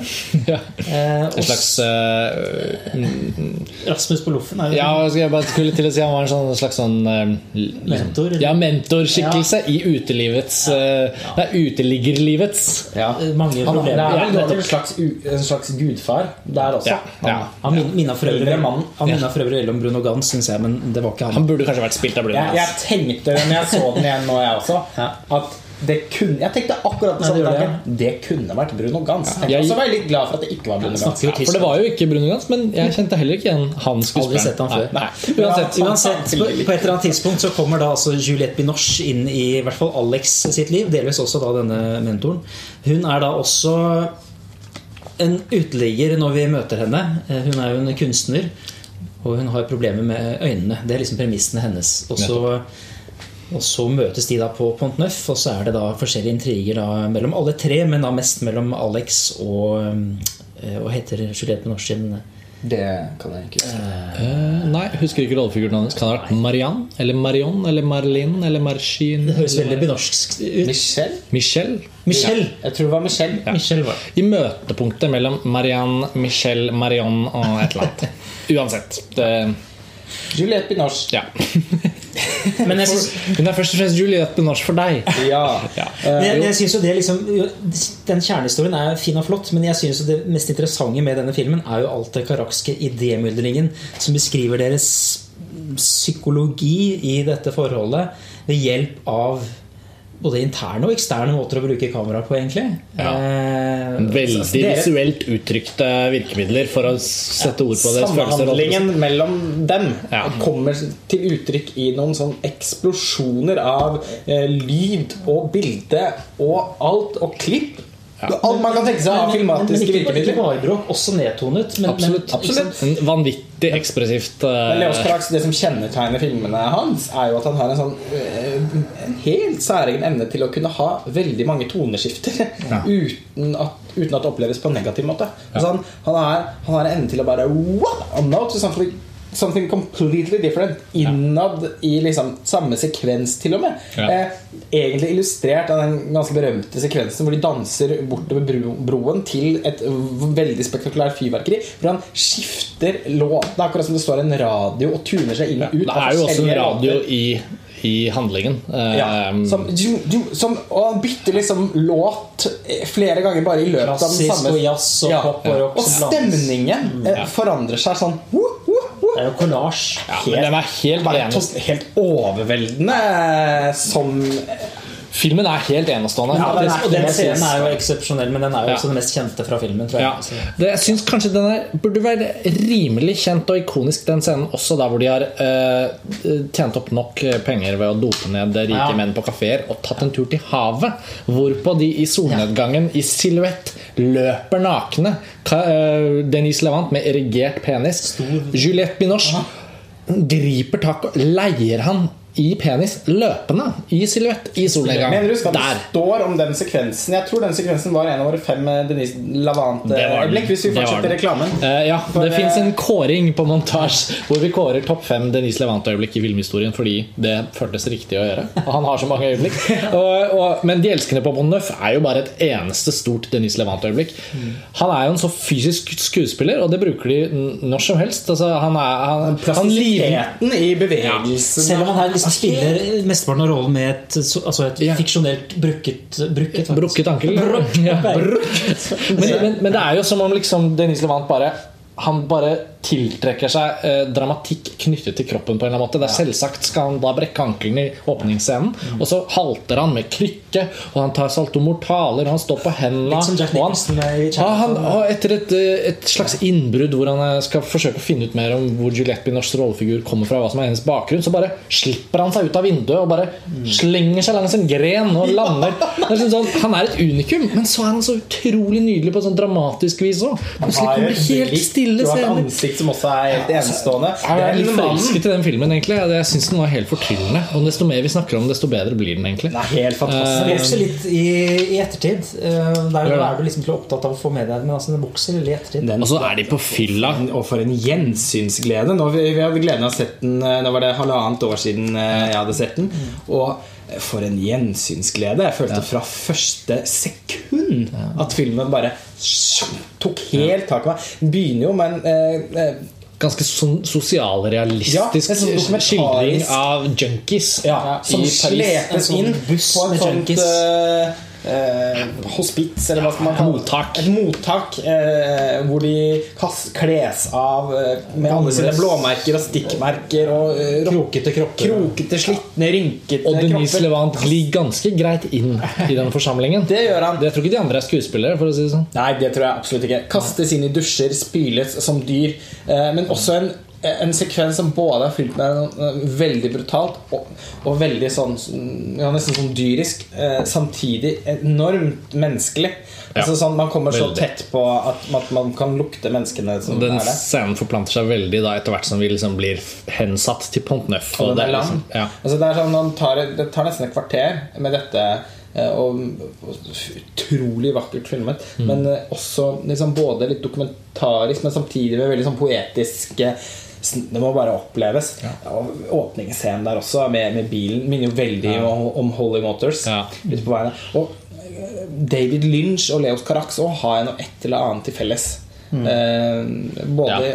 Altså sånn Måten de kan eh, liksom mane fram veldig sånne intense eh, stemninger på, slår meg som for, for det er så få som gjør det på akkurat den måten. Han er mye, altså Carax er mye mer fransk og, og ekstrovert enn det Lynch er. da skal trekke den parallellen, syns jeg. Jo, han kan være ganske ekstrovert, David Lynch òg. Jeg syns kanskje Wild at Heart da. Jeg har noen sånne litt sånn eh, er Ekstrovert på en introvert måte. ja, jo, Ja, ja, men, ja, men, men ta Wild at Heart, da. Ja. Det er ikke introvert, den filmen. Nei. Vi skal heldigvis komme til Wild Tart, så vi kan spare den diskusjonen Ja, men altså, til. Spare den til da. Ja, men den, er jo, den har jo dette Jeg syns de har noe Det er flere, jeg synes det er flere paralleller enn det er motsetninger mellom, mellom Carax og Lynch. Når vi kommer til Lynch, så kan vi ta Ja, la, oss, la oss eh, spare akkurat den tråden, Fordi nå har vi jo snakket oss nesten ferdig om De elskende på Pantneuf her. Um, men den er en fin referanse å trekke tilbake når vi kommer til Lynch neste, neste Lynch. Um, eller vi har vel ikke vært innom Nei, vi har selvfølgelig ikke vært innom David. Lynch-aktige sekvenser i Holy Motor sånn, som jeg tipper at kanskje flere Ja, har sett. da Det er nesten enda mer lynchiansk. Men det, det, det vil jeg si. Men Ja. det er noen trekk av det i denne her også, som jeg mener i veldig positiv forstand. da Men den, men den, er, altså, den er mer all over the place da enn de fleste filmene hans pleier å være. Og veldig mange liksom Hver eneste scene er liksom en ny scene. Oi, nå det, Som en sånn varieté av ja. Men det er, jeg synes jo de, som historiefortellingen er god. Eh, Den er fantastisk eh, godt spilt av både Binoche og Lavant. Eh, han holder nerven og sårheten og liksom desperasjonen i Mm. histo- gjennom liksom eh, historiefortellingen. Og den absurde humoren også. Ja, ikke minst. Absolutt, ja. Absolutt. Så den er jo også morsom. Og han evner å liksom Jeg, jeg syns jo filmen har en sånn skillingsviseaktig kvalitet. Det, det minner jo både synes jeg, om en del om filmene til Jean Vigot. Eh, Latalant, som jeg aldri har syntes har vært noen fantastisk film, på tross av at den har en veldig sterk posisjon i filmhistorien. Men jeg ser filmen for hva den er på en måte. Og, og jeg får se filmene til Aki Kaurismäki også. Som handler liksom sliterne og taperne som sitter på liksom en sånn eh, Benk og en benk eller bare gammel bule med Respatex-borer. Og ja, sånn har det blitt. Og så er det noen som kommer med en båt, og så kanskje den skal bli en reketråler. Altså sånn, de type det, Jeg syns det er noe fellestrekk der, da selv om Karak sitt uttrykk er meget forskjellig fra Kaurismäki sitt. Så eh, jo, men jeg føler at han har en Jeg føler også at han forsøker å fortelle noe om eh, mennesker.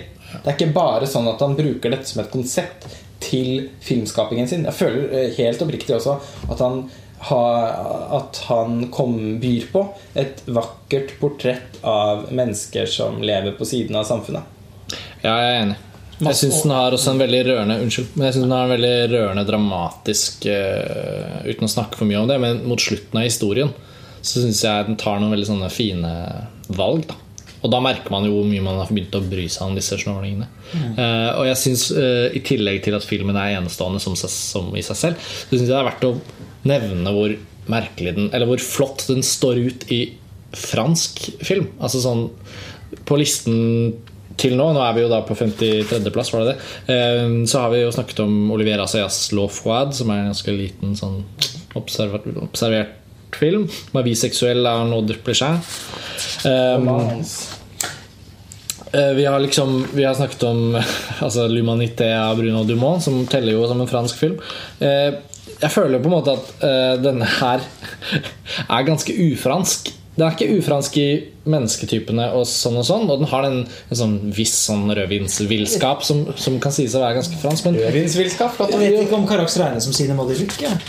Jo, det gjør Gjør han. det? Jo, det gjør han. Han gjør det. Uh, men i tillegg, uh, in his later days, eh, har han I utgangspunktet så er han en del av Cinema de Luc med Luc, Luc, Luc, Luc med Luc Besson og Jean-Jacques Benet og sånn. Men eh, han fordi at vi allerede har vært innen eh, Dumont og Brea, så ble han faktisk også innlemmet i New French Extremity pga. filmen Pola X ja. som har en veldig sånn utfordrende sexscene. Og som har et eh, Den er annerledes eh, fra de andre. Hans minst populære film. Eh, Det var egentlig skulle være et stort comeback, fordi De elskede på Duff. Må sies, det var jo en kjempeflopp. Den kom. ja, den gikk enormt mye over budsjett. Det ser man jo. Bortsett fra at man De har vel bygd dette i studio. tror de har bygd nesten hele Pont Neuf i studio. Ja, ja.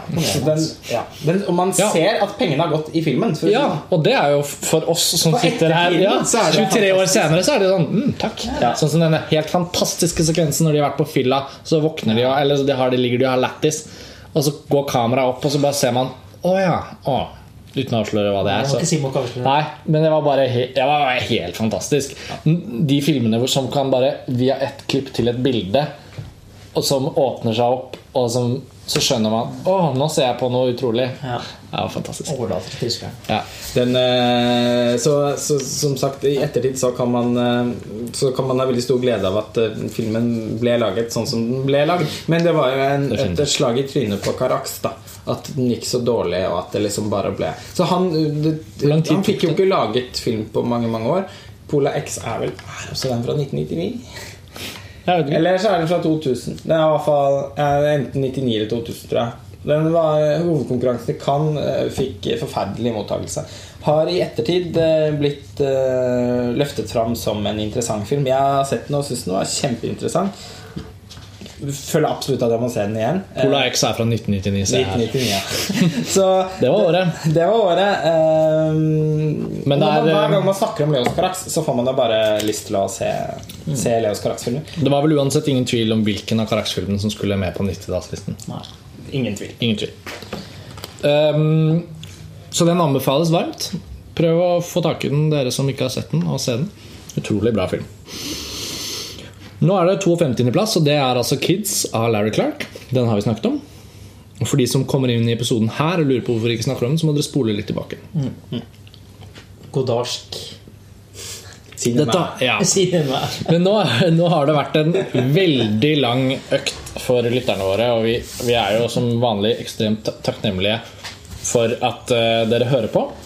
Denne episoden for å si det sånn, har jo da strukket seg fra 75. plass til 51. plass, som vi kommer til nå. Så dette er den siste filmen vi skal snakke om i denne del to av vår eh, rimelig enorme podkastgjennomgang av 90-tallets 100 beste filmer. Den siste filmen i denne episoden, og da 51. plass på listen, er en film av Wong Kar-wai. Den eh, regissøren som kanskje i størst grad måte had, satte asiatisk film på liksom the, the, the map of cool på 90-tallet, hvis Det man kan man si si. det sånn. Apropos Godard. Ja. Uh, de har jo, det er jo noen uh, filmskapere som har liksom som, som, er, som, er, eh, som har satt sitt avtrykk i filmhistorien av mange årsaker. Men som kanskje først og fremst er liksom innbegrepet på coolness. Mm. Ja. Og Jim Jarmers, Jean-Luc Godard, Von Carvai, Quentin Tarantino. Det er et bånd her. Og, Ja.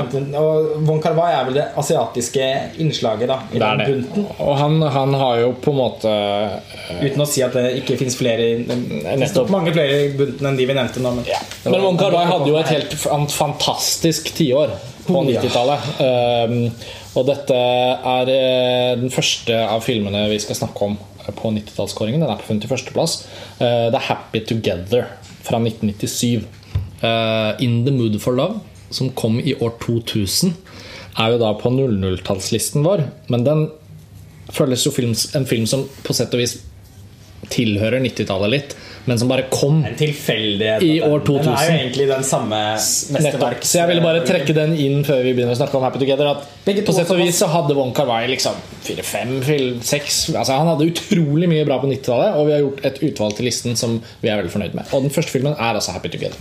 I likhet med In the Mood for Love også da med tittelen hentet fra en sang. Ja, og som, som ja, altså filtrerer jo Wong Kar-wai Apropos liksom sånn referanse altså sånn, Quentin Tarantino og Wong Kar-wai på veldig forskjellige måter har jo ganske mye til felles i hvordan de liksom fletter sammen referanser i filmene sine eh, og, og ender opp med et veget, veldig eget uttrykk. Ikke uten grunn at det var Quentin Tarantino som tok med seg Chunking Express og Nettopp.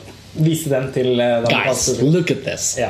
Eh, så det er noen veldig fine paralleller der. Det kommer vi helt garantert tilbake til senere i gjennomgangen av 90-tallslisten.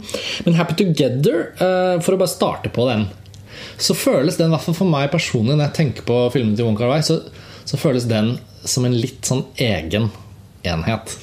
Den, har noe, den er noe helt for seg selv, selv om den er så åpenbart en Wong Kar-wai-film, og ikke er noe for seg selv og kan sy sammen med de andre. selv. Dels tror jeg det handler om at den foregår i Buenos Aires. Ja, det er, Eh, altså Den har ikke det Hongkong Neon, den, Nei, den har ikke nei. det. Den har ikke de omgivelsene som gjør at den kan sy sammen med de andre filmene så lett. Og så, er den, og så handler den om Det er jo en veldig sånn uttalt en kjærlighetshistorie. Det er jo de andre filmene også, men her fordi den er en kjærlighetshistorie mellom to menn, så har den på en måte endt opp med en litt annen profil enn de andre filmene. Nå skal det sies at den forteller kjærlighetshistorien sin litt sånn uavhengig av om det er to menn eller ikke. Så det er Veldig en mindre viktige filmer. film. Men den har selvfølgelig blitt snappet opp av queer cinema Ja. som, en, som en betydelig queer cinema-film. Og den bidrar jo faktisk fordi den er så lite tenkt som en sånn politisk sånn Et sånt et, innlegg i, i liksom, homofilidebatten. Sånn. Man kan bare synes det var litt kult. Ja, det kan man si. Men den har uansett blitt omfavnet, selvfølgelig. Og ikke minst fordi den er så utrolig eh, vakker og eh, elegant og tøft lagd som film. Ja, og den er som et eh, I likhet med de fleste av filmene til Wong Kar-wai, så er den mest Dette var eh, Happy Together var da den første Wong Kar-wai-filmen jeg så. Eh, merkelig nok. Men det ble den. Eh, mange, mange, mange år siden. Eh, og på en eller annen måte så har den alltid stått igjen som kanskje eh, I etterkant så, så, så er det vel faktisk eh, særlig en annen film som har, eh, som har litt sånn eh, I etterkant har vel liksom Chunking Express blitt min eh, Wong Kar-wai-favoritt. Men lenge var det Happy Together. Altså. Og Kanskje fordi det var det første møtet. Og den der følelsen av virkelig en film som et stykke musikk. Jeg forbinder nesten alle filmer altså, ta, Det er vanskelig å se for seg en scene fra en Kar-wai-film uten at den har noe musikk. ja, ta liksom Fallen Angels, hvor hvor det er dun, dun, dun, Ja. Går gjennom hele filmen. Uh, In the mood for love. Bum, bum, bom. Og så her eh, dun, dun, dun, bam, barabam, bam, barabam, bam, Tango. bam, bam, barabam. Ja, tango, vet du. Ja, Ja. ja. Og den, altså, og den, den, den musikken det er liksom, ah, og Nå har jeg ikke sett film på mange år. Kunne aldri finne på å glemme den, eh, det temaet som går gjennom hele filmen. Lagt opp som en sånn Det er bare masse scener med disse to. Ganske sånn melankolsk, eh, semodig for Det er noe voiceover Ja, det er garan- eh, Nå har ikke jeg sett den på noen år heller, men jeg husker jo alle hans filmer som sånn herlige. Denne glidende, du føler dialog, voice, musikk. Ja, ja. Det glir. En scene som ikke sånn kan helt sies å være én scene, fordi den har noe filtre fra den forrige som glir liksom over der. Det er så kult klippet og kult skutt. Også. Det er umulig å snakke om Wong Kar-wai uten å snakke om Christopher Doyle. Ja, det den ser, og den, Men den er ganske, ganske røff i uttrykket. Enda mer enn de andre filmene hans eh, er jo denne her skikkelig sånn det er Veldig mye tekstur eh, i bildene. Nesten sånn, sånn, eh, sånn Veldig mye sånn nesten sånn 16 mm-aktig. Jeg vet ikke hvilket format den er skutt på. Nei, ikke. Nei, det er akkurat det samme jeg også sitter, som jeg sitter igjen på, på netthinnen min, er jo det, de veldig vongske øyeblikkene. Flott. Vongske. Med, noen nye adjektiver. med og vongske. ja. Tony Chung som står og røyker. Eller noe sånt. Er det ikke han, ikke han det? Tony, hva? Tony Leung? Tony Young. Her, Young. ja. Young? Young, ja. Ja, ja. Som står da som en røyk i, Ja. i, i, i døråpningen. Det er Argentina, riktignok. Ja. Det er- Men det er lys, og det, det er sånne insekter i, i lyset. Ja, ja, ja, ja. Eh, Og det er, eh, det er jo litt av det samme da, som vi ser i, i oss i Hongkong. Og bruk sort, en del bruk av sort-hvitt. Det er blant annet en ganske eksplisitt sexscene tidlig i filmen. som Ja, er- også, men også så plutselig disse fantastiske Når de reiser opp til vannfallet der. Mm. Ja, det, vannfall. ja, men Det er sånn Amazonas-aktig Tenk så lite jeg fikk til å høres ut! da. Et.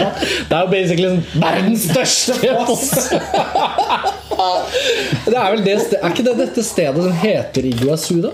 Jeg tror det er det. Jo. Som uh, Santo Alalla har oppkalt den låten sin etter. Ja, og der er det også en eh, sang som spilles som, eh, som jeg har et veldig nært forhold til, fordi at den blir spilt i 'Snakk til henne', som er en av mine ab- at det Almodovar, som er en av mine absolutte favorittfilmer, og som også er min mors favorittfilm. Som den har vi sett veldig mange ganger i mitt hjem.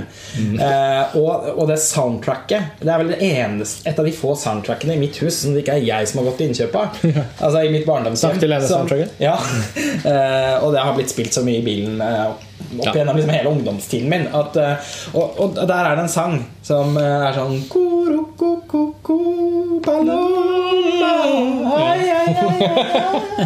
Så, Dette går er over i en konsertpodkast hvor vi da skal synge oss gjennom resten. fantastisk nydelig, den sangen. Og det er den andre filmen som jeg vet at, Som jeg forbinder den med, er Happy Together. Da, I den sekvensen med hvor man ser ja, vannfallet. Ja, og Wong altså Wai har så mange fasetter som filmskaper som man kan beundre.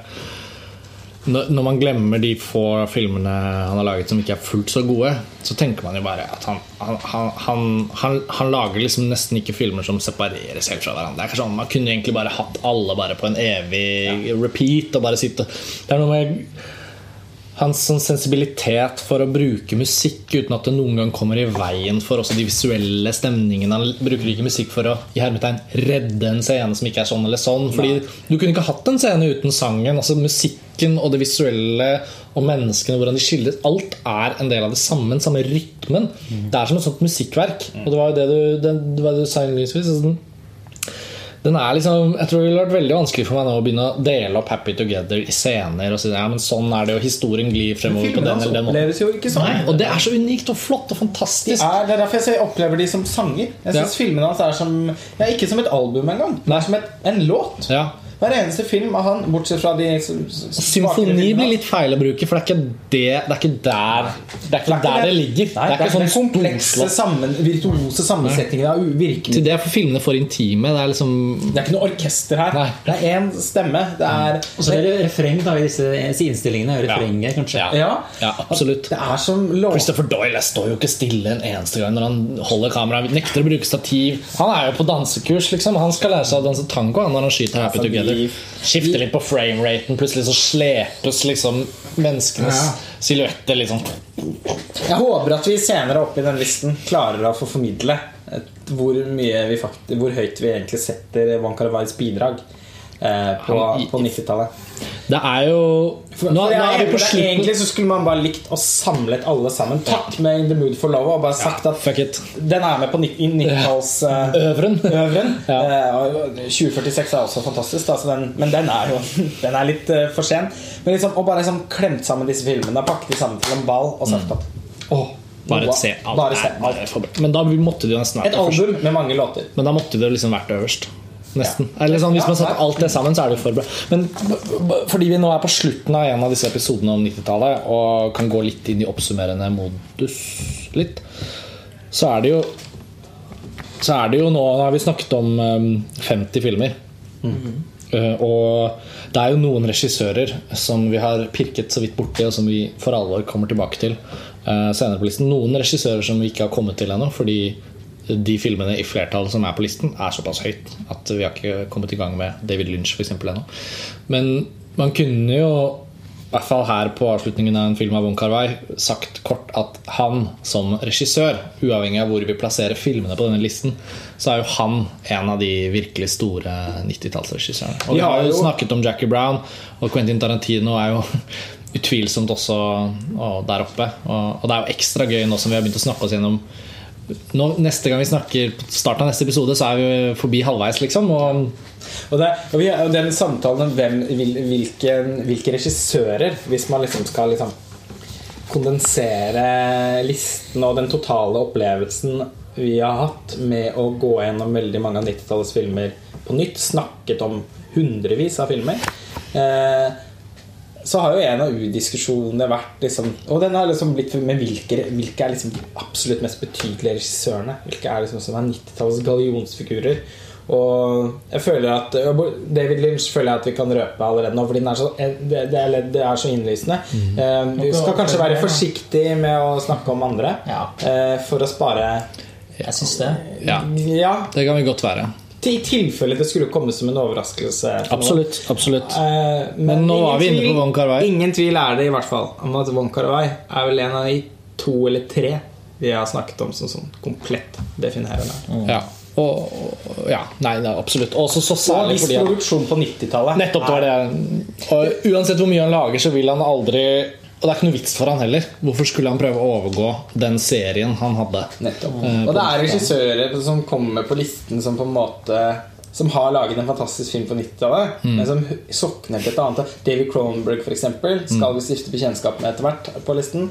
Eh, men det er jo liksom Det vil for alltid være 80-tallet litt, som er, hans, som er tiåret han sokner til. Det var han med på hvor han liksom skap, virkelig, i hvert fall, Selv om han skap, begynte å skape den på 70-tallet, definerte body horror-sjangeren. Det han gjorde med det, det er så total overskridende, egentlig med, eh, med Scanners og Videodrome, og så etter hvert The Fly og Dead Ringers. Alt, så, oh, Ja. eh, eh, Et, et, et morsomt sted å avslutte denne episoden er jo å bare nok en gang si at Kåringen av 80-tallets 100 beste filmer Det skal bli en utfordring. Det blir gøy. Det, Og krevende. ja, det blir så krevende. Eh, 90-tallet har vært fantastisk gøy og jævlig krevende fordi det er eh, mye som skal diskuteres. Men filmene har på en måte i ganske liten grad eh, hermetegn konkurrert med hverandre. Og liksom måtte, liksom, man måtte ta sånn vonde valg. På en måte hvor en Det har ikke blitt så mye blodsutgytelse i toppen, faktisk. Fordi man vi kan, jo bare, vi kan jo bare lufte for lytterne at bare begynn å tenke litt på de beste filmene fra 80-tallet. Og så skjønner dere hvilket helvete vi står overfor den dagen vi bestemmer oss for å sette i gang med Vi skal fremdeles gjennom 50 til. Da. Det skal vi. Og vi skal gro noen, vi skal gro noen, vi skal gro noen grå hår. Vi skal gro noen grå hår før vi rekker å komme dit. Eh, Dette var slutten på episode to av vår podkastgjennomgang av 90-tallets 100 beste filmer. Dette var plass nummer 51. 'Happy Together' av Wong Kar-wai. Tor Joakim Haga, Lars Ole Kristiansen, Karsten Meinick. Takk. Sveinung Vålengen, som akkurat har gått. Martin Sivertsen, som måtte ha en liten pause. Eh, Dette er jo like gøy som det alltid er. Vi avslutter nå. Takk for at dere hører på. Eh, Episode tre, som starter med plass nummer 50, er eh, faktisk ikke så langt rundt hjørnet når dere hører på dette. Men for nå Takk skal dere ha for at dere hører på. Adjø. Adjø. Adjø.